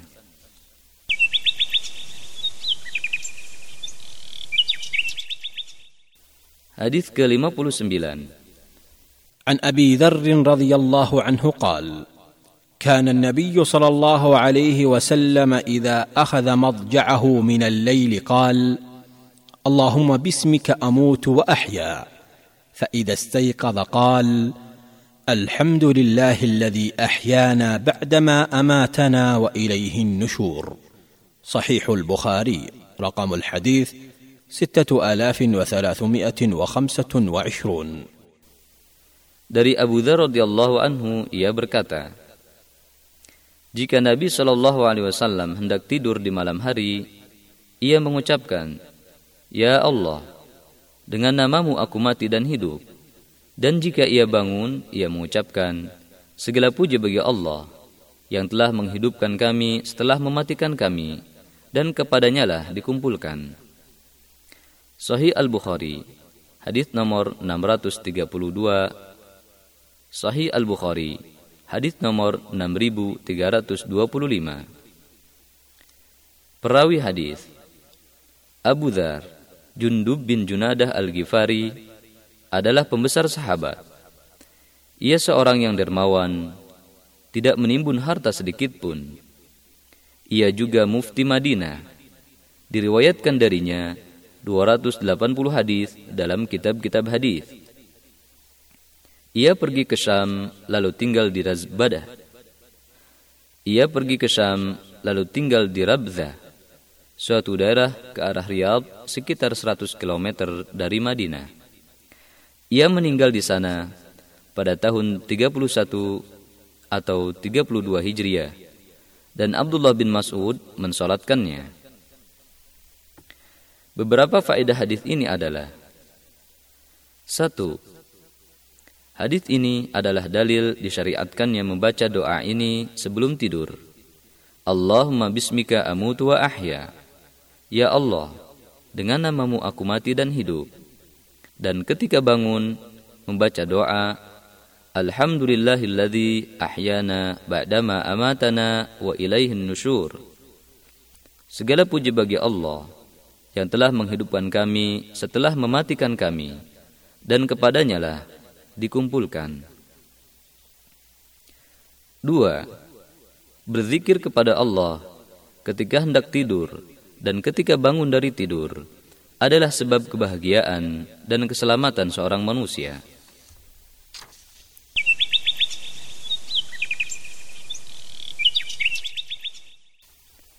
Hadis ke-60 An Aisyah radhiyallahu anha أن النبي صلى الله عليه وسلم كان إذا أوى إلى فراشه كل ليلة جمع كفيه ثم نفث فيهما فقرأ فيهما قل هو الله أحد وقل أعوذ برب الفلق وقل أعوذ برب الناس ثم يمسح بهما ما استطاع من جسده يبدأ بهما على رأسه ووجهه وما أقبل من جسده. يفعل ذلك ثلاث مرات صحيح البخاري رقم الحديث خمسه الاف وسبعه عشر dari Aisyah radhiyallahu anha bahwa ketika Nabi Shallallahu alaihi wasallam hendak tidur di ranjangnya setiap malam beliau menempelkan kedua telapak tangannya lalu meniupnya lalu membaca kul huwallahu ahad surat Al-Ikhlas, Qul a'udzu birabbil falaq, surat Al-Falaq, dan Qul a'udzu birabbin nas, surat An-Nas. Lalu ia mengusapkan kedua tangannya ke bagian tubuhnya yang terjangkau, dimulai dari kepalanya, kemudian mukanya, lalu bagian tubuh yang terjangkau. Beliau melakukannya sebanyak tiga kali. Sahih Al-Bukhari Hadis nomor 5017. Perawi hadis Ummul Mukminin Aisyah binti Abu Bakar As-Siddiq radhiyallahu anhuma. Nabi sallallahu alaihi wasallam menikahinya sebelum hijrah dan menggaulinya di Madinah ketika itu usianya 9 tahun. Ketika itu usianya 9 tahun dan ketika Rasulullah wafat, usianya 18 tahun. Ia adalah orang yang paling ahli dalam fikih dan paling alim serta paling bagus pendapatnya. Ia juga adalah suri tauladan dalam kedermawanan dan memberi. Banyak sekali meriwayatkan hadis dari Rasulullah Shallallahu Alaihi Wasallam dan musnadnya mencapai 2.210 hadis. Aisyah radhiyallahu anha meninggal di Madinah pada malam Selasa, tanggal 17 Ramadan atau Syawal tahun 57 Hijriah atau tahun 58 Hijriah. Abu Hurairah mensalatkannya dan dimakamkan di pekuburan Baqi'. Beberapa faedah hadis ini adalah satu, seorang muslim harus menghafal zikir-zikir ketika tidur. Di antaranya membaca surat Al-Ikhlas, surat Al-Falaq, dan surat An-Nas dan meniup kedua telapak tangan lalu mengusapkannya ke kepala kemudian ke wajah lalu ke semua bagian tubuhnya yang bisa terjangkau. Dua, disunahkan bagi seorang muslim membaca surat-surat tersebut, yakni Al-Ikhlas, Al-Falaq dan An-Nas ketika sakit dan meniupkan di kedua telapak tangannya dan mengusapkannya ke kepala, wajah, dan bagian tubuh yang bisa terjangkau.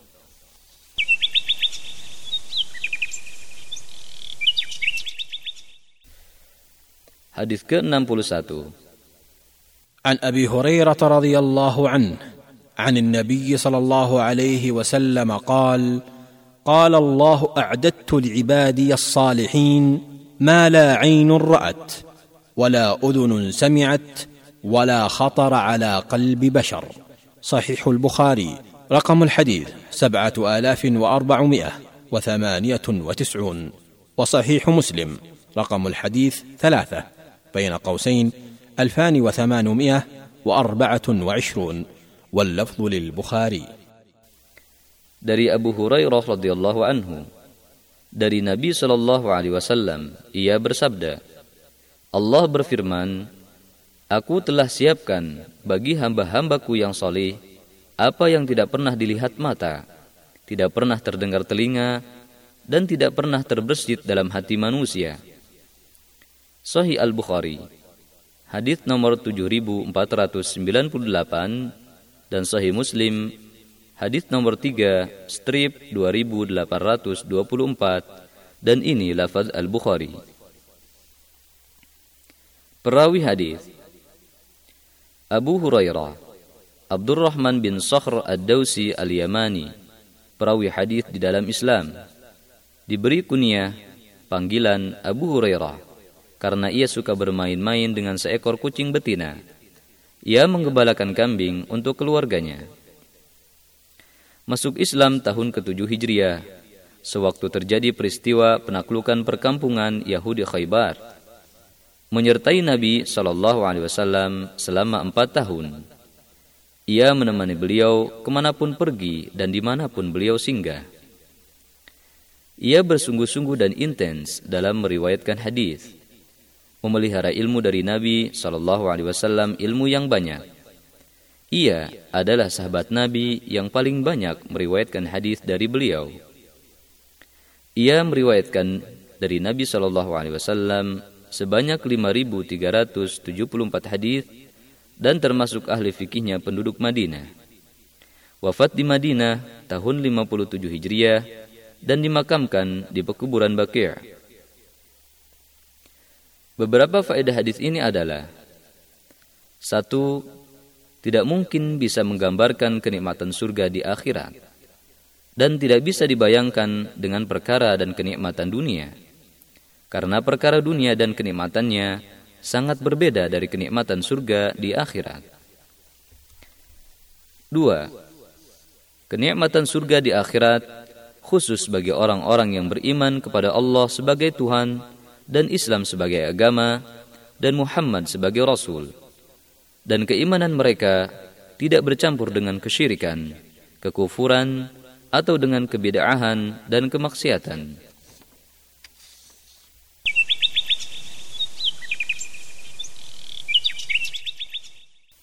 Hadis ke-62. An Abdullah bin Umar radhiyallahu anhuma. أن رسول الله صلى الله عليه وسلم قال إذا أكل أحدكم فليأكل بيمينه وإذا شرب فليشرب بيمينه فإن الشيطان يأكل بشماله ويشرب بشماله. صحيح مسلم. رقم الحديث مئة وخمسة بين قوسين ألفان وعشرون. Dari Abdullah bin Umar radhiyallahu anhuma. Bahwa Rasulullah shallallahu alaihi wasallam bersabda Jika salah seorang di antara kalian makan maka makanlah dengan tangan kanannya. Dan jika minum maka minumlah dengan tangan kanannya. Karena setan makan dengan tangan kirinya dan minum dengan tangan kirinya. Sahih Muslim Hadis nomor 105 strip 2020. Perawi hadis Abdullah bin Umar bin Khattab adalah sahabat yang mulia. Ia masuk Islam bersama ayahnya ketika masih kecil dan belum balik. Lalu hijrah ke Madinah sebelum ayahnya. Peperangan pertama yang ia ikuti adalah perang Khandaq Kemudian mengikuti semua peperangan bersama Rasulullah Sallallahu Alaihi Wasallam. Ia juga ikut serta dalam peperangan besar perluasan wilayah Islam di Mesir, Syam, Irak, Basrah dan Persia. Ia seorang pemberani dan lantang. Ia juga termasuk ahli ilmu di kalangan sahabat. Musnadnya mencapai 2630 hadis. Ia juga dikenal sebagai suri tauladan dalam ibadah dan wara. Wafat di Mekah tahun 73 Hijriah pada usia 86 tahun. Beberapa faedah hadis ini adalah satu, Hadis ini menjelaskan beberapa adab-adab makan dan minum menurut ajaran Islam. Dua, seorang muslim harus makan dan minum dengan tangan kanannya dan jangan makan dan minum dengan tangan kirinya. Tiga, seorang muslim wajib menyelisihi setan dan semua urusan hidup baik. Tiga, seorang muslim wajib menyelisihi setan dan semua urusan hidupnya.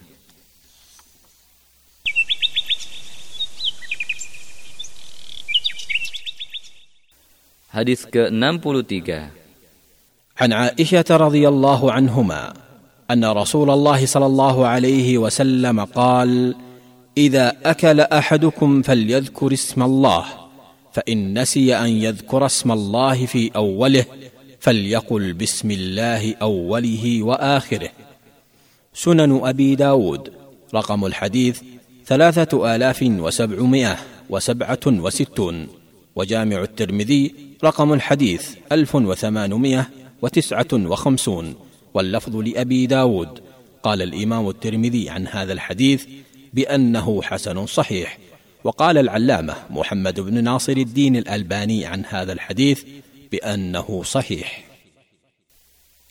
dari Aisyah radhiyallahu anhuma Hadis ke-63 dari Aisyah radhiyallahu anha bahwa Rasulullah sallallahu alaihi wasallam bersabda Jika salah seorang di antara kalian makan, maka hendaklah membaca basmalah, bismillah. Jika ia lupa membacanya di awal, maka ucapkanlah dengan nama Allah di awal dan di akhir.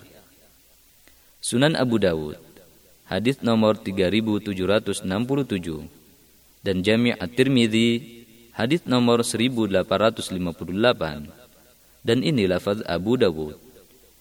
Imam At-Tirmidzi berkata tentang hadis ini bahwa hadis ini hasan sahih. Dan Al-Allamah Muhammad Nasiruddin Al-Albani berkata tentang hadis ini bahwa hadis ini sahih. Perawi hadis Ummul Mukminin Aisyah binti Abu Bakar As-Siddiq radhiyallahu anhuma. Nabi sallallahu alaihi wasallam menikahinya sebelum hijrah dan menggaulinya di Madinah Ketika itu usianya 9 tahun. Dan ketika Rasulullah wafat, usianya 18 tahun. Ia adalah orang yang paling ahli dalam fikih dan paling alim serta paling bagus pendapatnya. Ia juga adalah suri tauladan dalam kedermawanan dan pemberian. Banyak sekali meriwayatkan hadis dari Rasulullah sallallahu alaihi wasallam dan musnadnya mencapai 2210 hadis. Aisyah radhiyallahu anha meninggal di Madinah pada malam Selasa, tanggal 17 Ramadan atau Syawal tahun 57 Hijriah atau tahun 58 Hijriah. Abu Hurairah mensolatkannya dan dimakamkan di pekuburan Baqi'. Beberapa faedah hadis ini adalah satu, di antara adab makan dan minum dalam Islam adalah seorang muslim harus membaca basmalah, yakni bismillah, sebelum makan dan minum. Jika ia lupa membacanya di awal, maka ia harus mengucapkan dengan nama Allah pada awal dan akhirnya. Dua, Seorang muslim wajib menjadikan Rasulullah sebagai suri tauladan dalam segala urusan kehidupannya.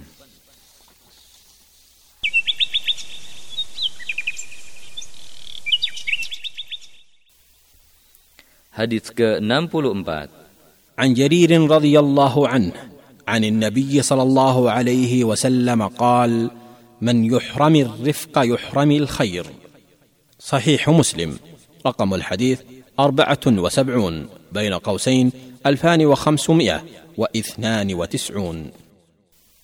دري جرير رضي الله عنه dari صلى الله عليه وسلم bersabda, "Barang siapa yang terhalang dari sikap lemah lembut, maka ia terhalang dari kebaikan." Sahih Muslim hadis nomor 74 strip 2592 Perawi hadis Jarir bin Abdullah bin Jabir al-Bajili adalah tokoh kaum pada masa jahiliyah Jarir bin Abdullah bin Jabir al-Bajiri adalah tokoh kaumnya pada masa jahiliyah dan masa keislaman. Ia masuk Islam sebelum tahun ke-10 Hijriah. Dan ada riwayat mengatakan selain itu, ia adalah orang yang cerdas dan ahli ilmu Islam. Penampilannya gagah dan tampan. Ia memiliki pengaruh yang besar dalam penaklukan Irak dan negeri-negeri di sekitar Irak. Ia telah meriwayatkan hadis Nabi sebanyak 100 hadis. Meninggal di Karkasia, daerah antara Hirah dan Syam pada tahun 51 Hijriah dan ada riwayat lain mengatakan selain itu. Beberapa faedah hadis ini adalah satu, Hadis ini menganjurkan untuk memakai cara lemah lembut dalam berdakwah kepada Allah. Dalam pendidikan, dan pengajaran serta dalam bermuamalah dengan istri dan anak-anak tanpa memakai cara keras dan kasar. 2. Kelembutan membuahkan manfaat, sedangkan sikap keras dan kasar hanya akan membuat orang lari dan secara umum tidak ada manfaatnya.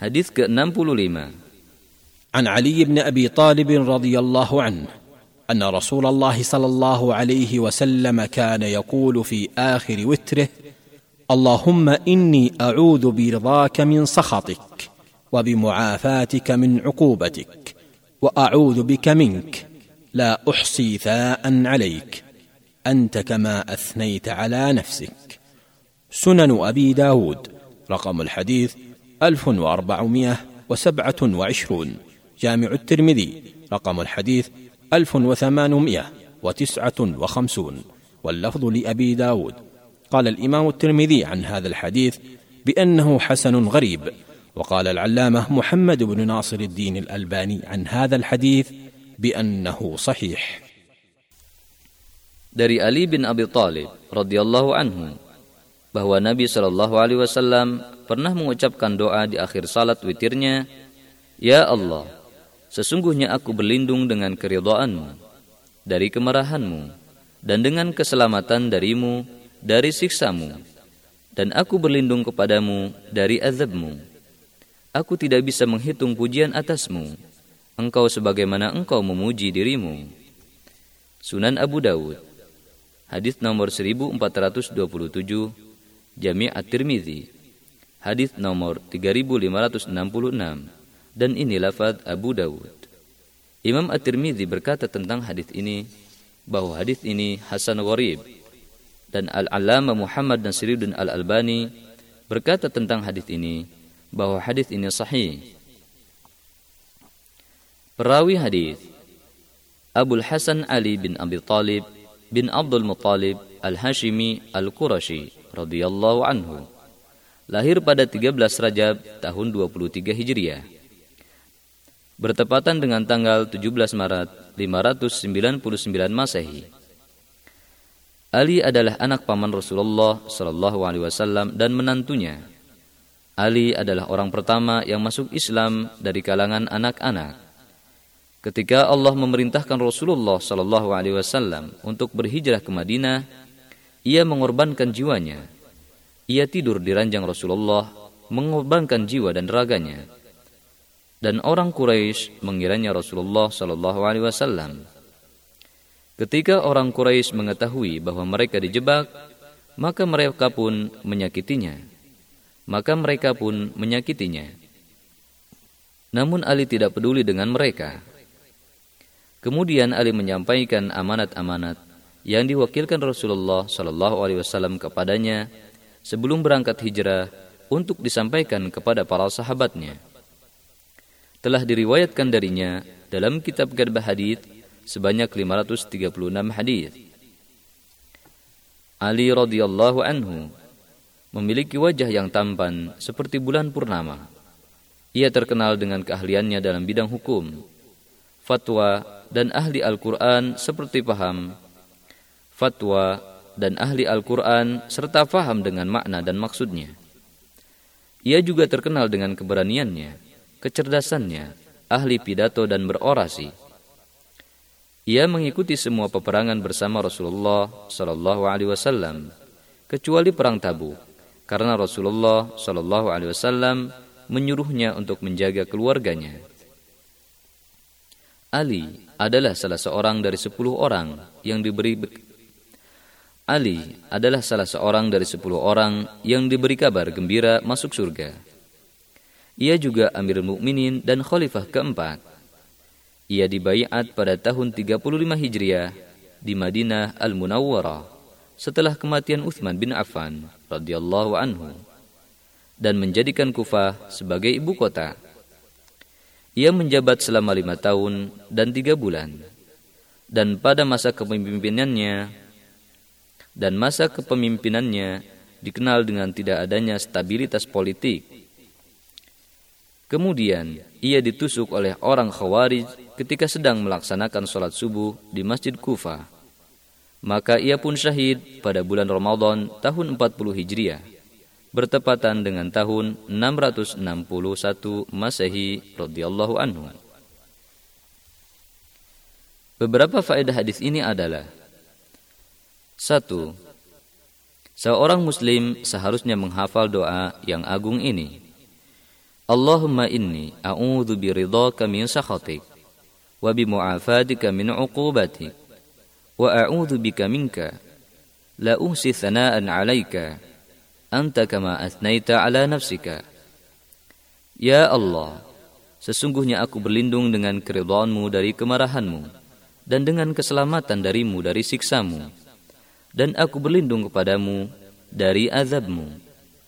Aku tidak bisa menghitung pujian atasmu. Engkau sebagaimana engkau memuji dirimu.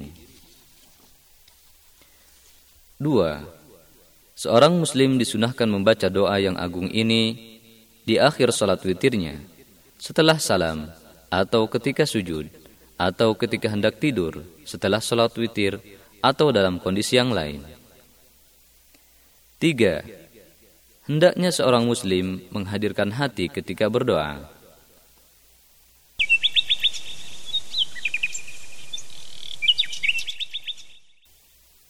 Hadis ke-66.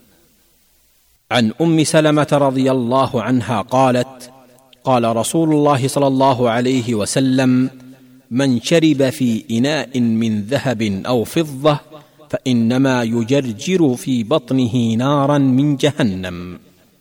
صحيح مسلم. رقم الحديث واحد بين قوسين ألفان وخمسة وستون. Dari Ummu Salamah radhiyallahu anha, ia berkata, Rasulullah shallallahu alaihi wasallam bersabda, Barang siapa minum dari wadah emas atau perak, maka sesungguhnya ia sedang menuangkan api neraka ke dalam perutnya. Sahih Muslim hadis nomor 2 strip 2065 Perawi hadis Ummul Mukminin Ummu Salamah radhiyallahu anha Hindun binti Abu Umayyah Al-Makhzumiyah anak paman Khalid bin Walid Ia lahir di Mekah 17 tahun sebelum diutusnya Rasulullah Ia hijrah ke Habasyah kemudian hijrah ke Madinah Ia termasuk wanita yang paling cantik dan paling terhormat nasabnya ia juga terbilang wanita yang paling cerdas dan berakhlak baik. Sebelum menikah dengan Nabi, ia bersama saudara sepersusuan Nabi, yaitu Abu Salamah Abdullah bin Abdul Asad Al-Makhzumi. Dan Abu Salamah telah ikut berperang di Badar dan perang Uhud, yang mana ia terluka pada waktu itu. Lalu meninggal di Madinah pada bulan Jumada Al-Akhir, tahun 3 Hijriah, karena pengaruh lukanya tersebut. Setelah itu, Nabi menikahi Ummu Salamah setelah ia halal pada bulan Syawal tahun 4 Hijriah. Ia terkenal sebagai ahli fikih dan cerdas. Kisahnya pada peristiwa Hudaybiyah sangat terkenal. Ia telah menemani Nabi dalam banyak peperangan. Musnadnya mencapai 380 hadis. Ia adalah ummul mukminin yang terakhir wafat. Umurnya mencapai 90 tahunan kemudian wafat pada tahun 59 Hijriah. Ada pula riwayat mengatakan ia meninggal pada tahun 61 Hijriah dan dimakamkan di pekuburan Baqi'. Semoga Allah meridainya. Beberapa faedah hadis ini adalah satu, Haram menggunakan wadah dari emas dan perak untuk makan, minum, dan bersuci berlaku bagi semua umat Islam, baik laki-laki maupun perempuan. Dua, seorang Muslim wajib mengikuti Rasulullah Sallallahu Alaihi Wasallam dalam hal makan dan minum dan dalam semua cara kehidupan. Barang siapa menyelisihi Nabi setelah ia mengetahui ilmunya, maka ia berhak mendapat ancaman dan siksa.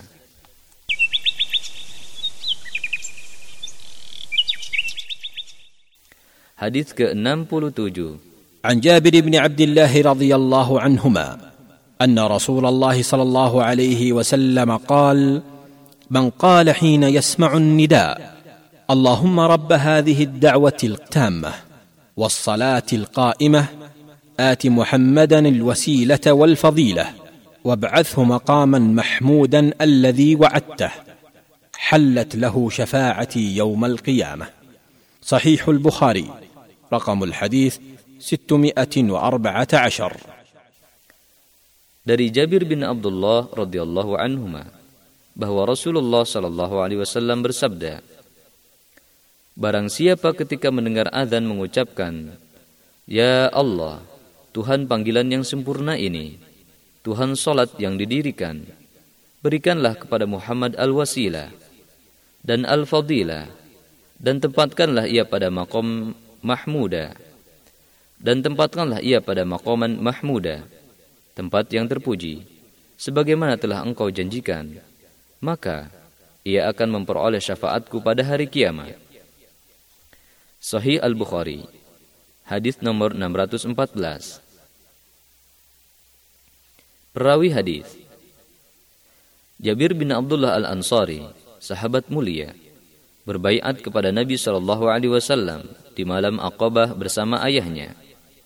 Ia juga termasuk peserta bayat Ridwan, yaitu bayat yang dilaksanakan di bawah pohon Ridwan untuk membela Uthman.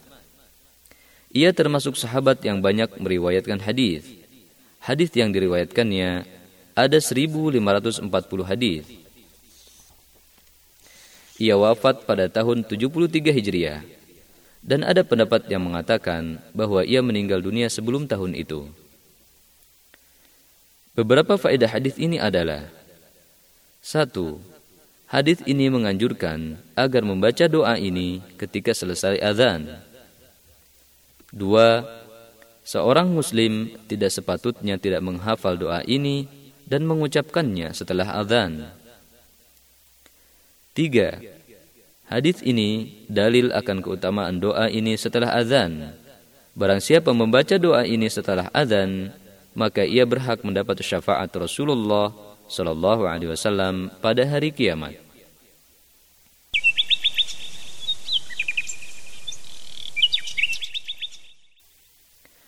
Hadis ke-68.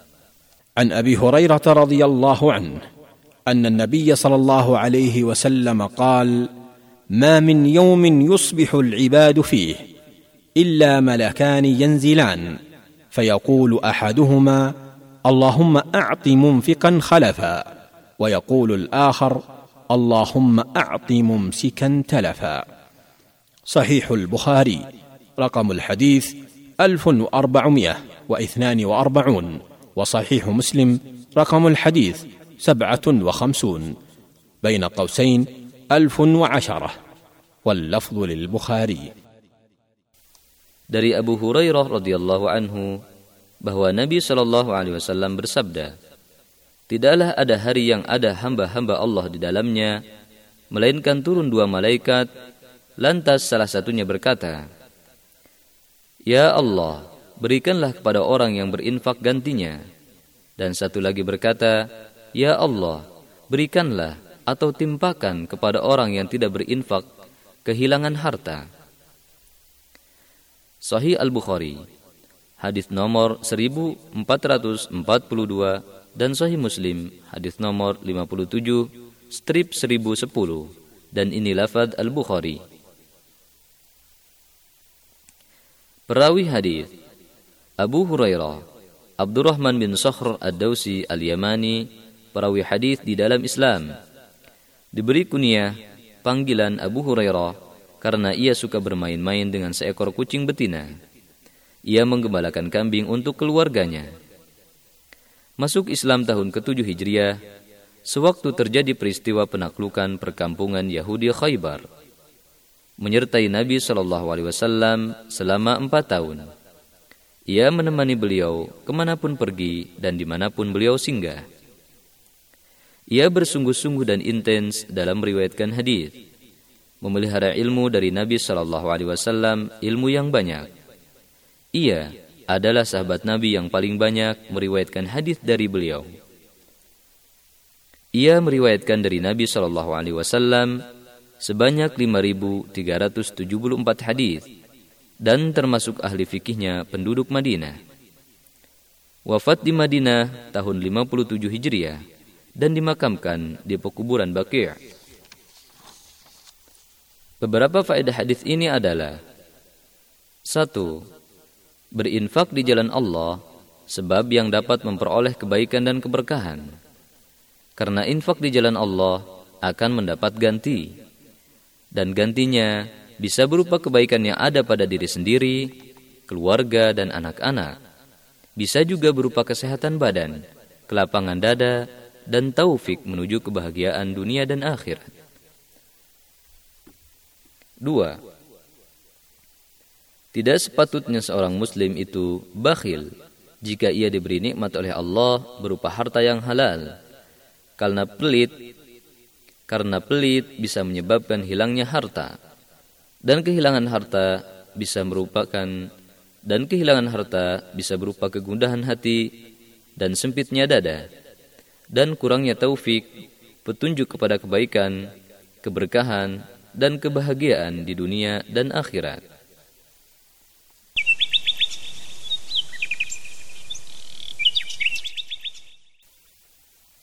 Hadis ke-69 عن أبي بكرة رضي الله عنه أن النبي صلى الله عليه وسلم كان إذا أتاه أمر يسره أو بشر به خر ساجدا. شكرا لله تبارك وتعالى. سنن ابن ماجه رقم الحديث 1394 وجامع الترمذي رقم الحديث 1500 وثمانية وسبعون. واللفظ لابن ماجه. وقال الإمام الترمذي عن هذا الحديث بأنه حسن غريب وقال العلامة محمد بن ناصر الدين الألباني عن هذا الحديث بأنه حسن Dari Abu Bakrah radhiyallahu anhu bahwa jika Nabi Shallallahu alaihi wasallam mendapat sesuatu yang menyenangkannya atau kabar gembira, ia bersujud sebagai tanda sebagai tanda syukur kepada Allah tabaraka wa taala yang maha suci dan maha tinggi. Sunan Ibnu Majah, hadis nomor 1394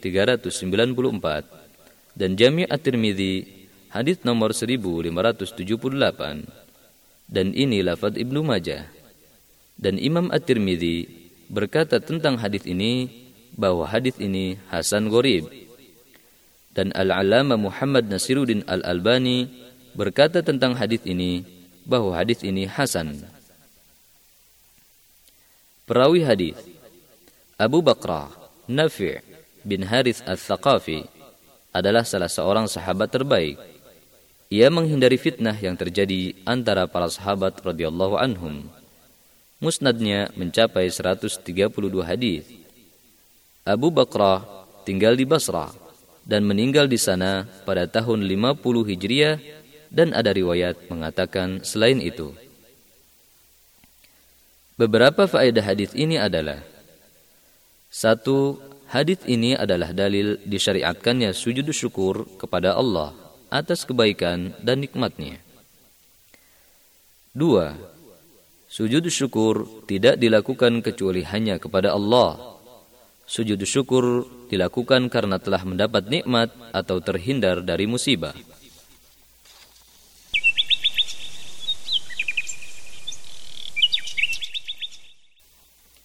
Hadis ke-70 عن ابي هريره رضي الله عنه قال سمعت رسول الله صلى الله عليه وسلم يقول والله اني لاستغفر الله واتوب اليه في اليوم أكثر من سبعين مره صحيح البخاري رقم الحديث سته الاف وثلاثمائه وسبعه Dari Abu Hurairah radhiyallahu anhu, ia berkata, Aku telah mendengar Rasulullah Shallallahu Alaihi Wasallam bersabda,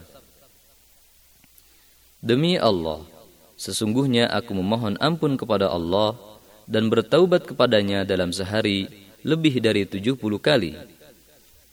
Sahih Muslim, hadis nomor 6307. Perawi hadis Abu Hurairah, Abdurrahman bin Sakhr Ad-Dausi, Al-Yamani, perawi hadis di dalam Islam. Diberi kunyah panggilan Abu Hurairah karena ia suka bermain-main dengan seekor kucing betina. Ia menggembalakan kambing untuk keluarganya. Masuk Islam tahun ke-7 Hijriah, sewaktu terjadi peristiwa penaklukan perkampungan Yahudi Khaybar. Menyertai Nabi Wasallam selama empat tahun ia menemani beliau ke mana pun pergi dan di mana pun beliau singgah. Ia bersungguh-sungguh dan intens dalam meriwayatkan hadis, memelihara ilmu dari Nabi Shallallahu Alaihi Wasallam, ilmu yang banyak. Ia adalah sahabat Nabi yang paling banyak meriwayatkan hadis dari beliau. Ia meriwayatkan dari Nabi Shallallahu Alaihi Wasallam sebanyak 5.374 hadis dan termasuk dan termasuk ahli pikihnya penduduk Madinah. Wafat di Madinah tahun 57 Hijriah dan dimakamkan di pekuburan Bakir. Beberapa faedah hadis ini adalah satu, Hadis ini menganjurkan agar memperbanyak taubat dan istighfar. Dua, seorang muslim wajib menjadikan Rasulullah sallallahu alaihi wasallam sebagai suri tauladan yang baik, maka hendaklah ia bersungguh-sungguh mengikutinya dalam semua urusan hidupnya. Tiga, istighfar memiliki buah manfaat yang baik, di antaranya menghapus dosa-dosa, menutup aib, hal atau sifat yang jelek, dan mendatangkan berkah, juga mendapat ridha Allah dan menjadi dekat dengannya serta masuk surga. Segala puji bagi Allah dengan nikmatnya amal-amal soleh dapat terselesaikan.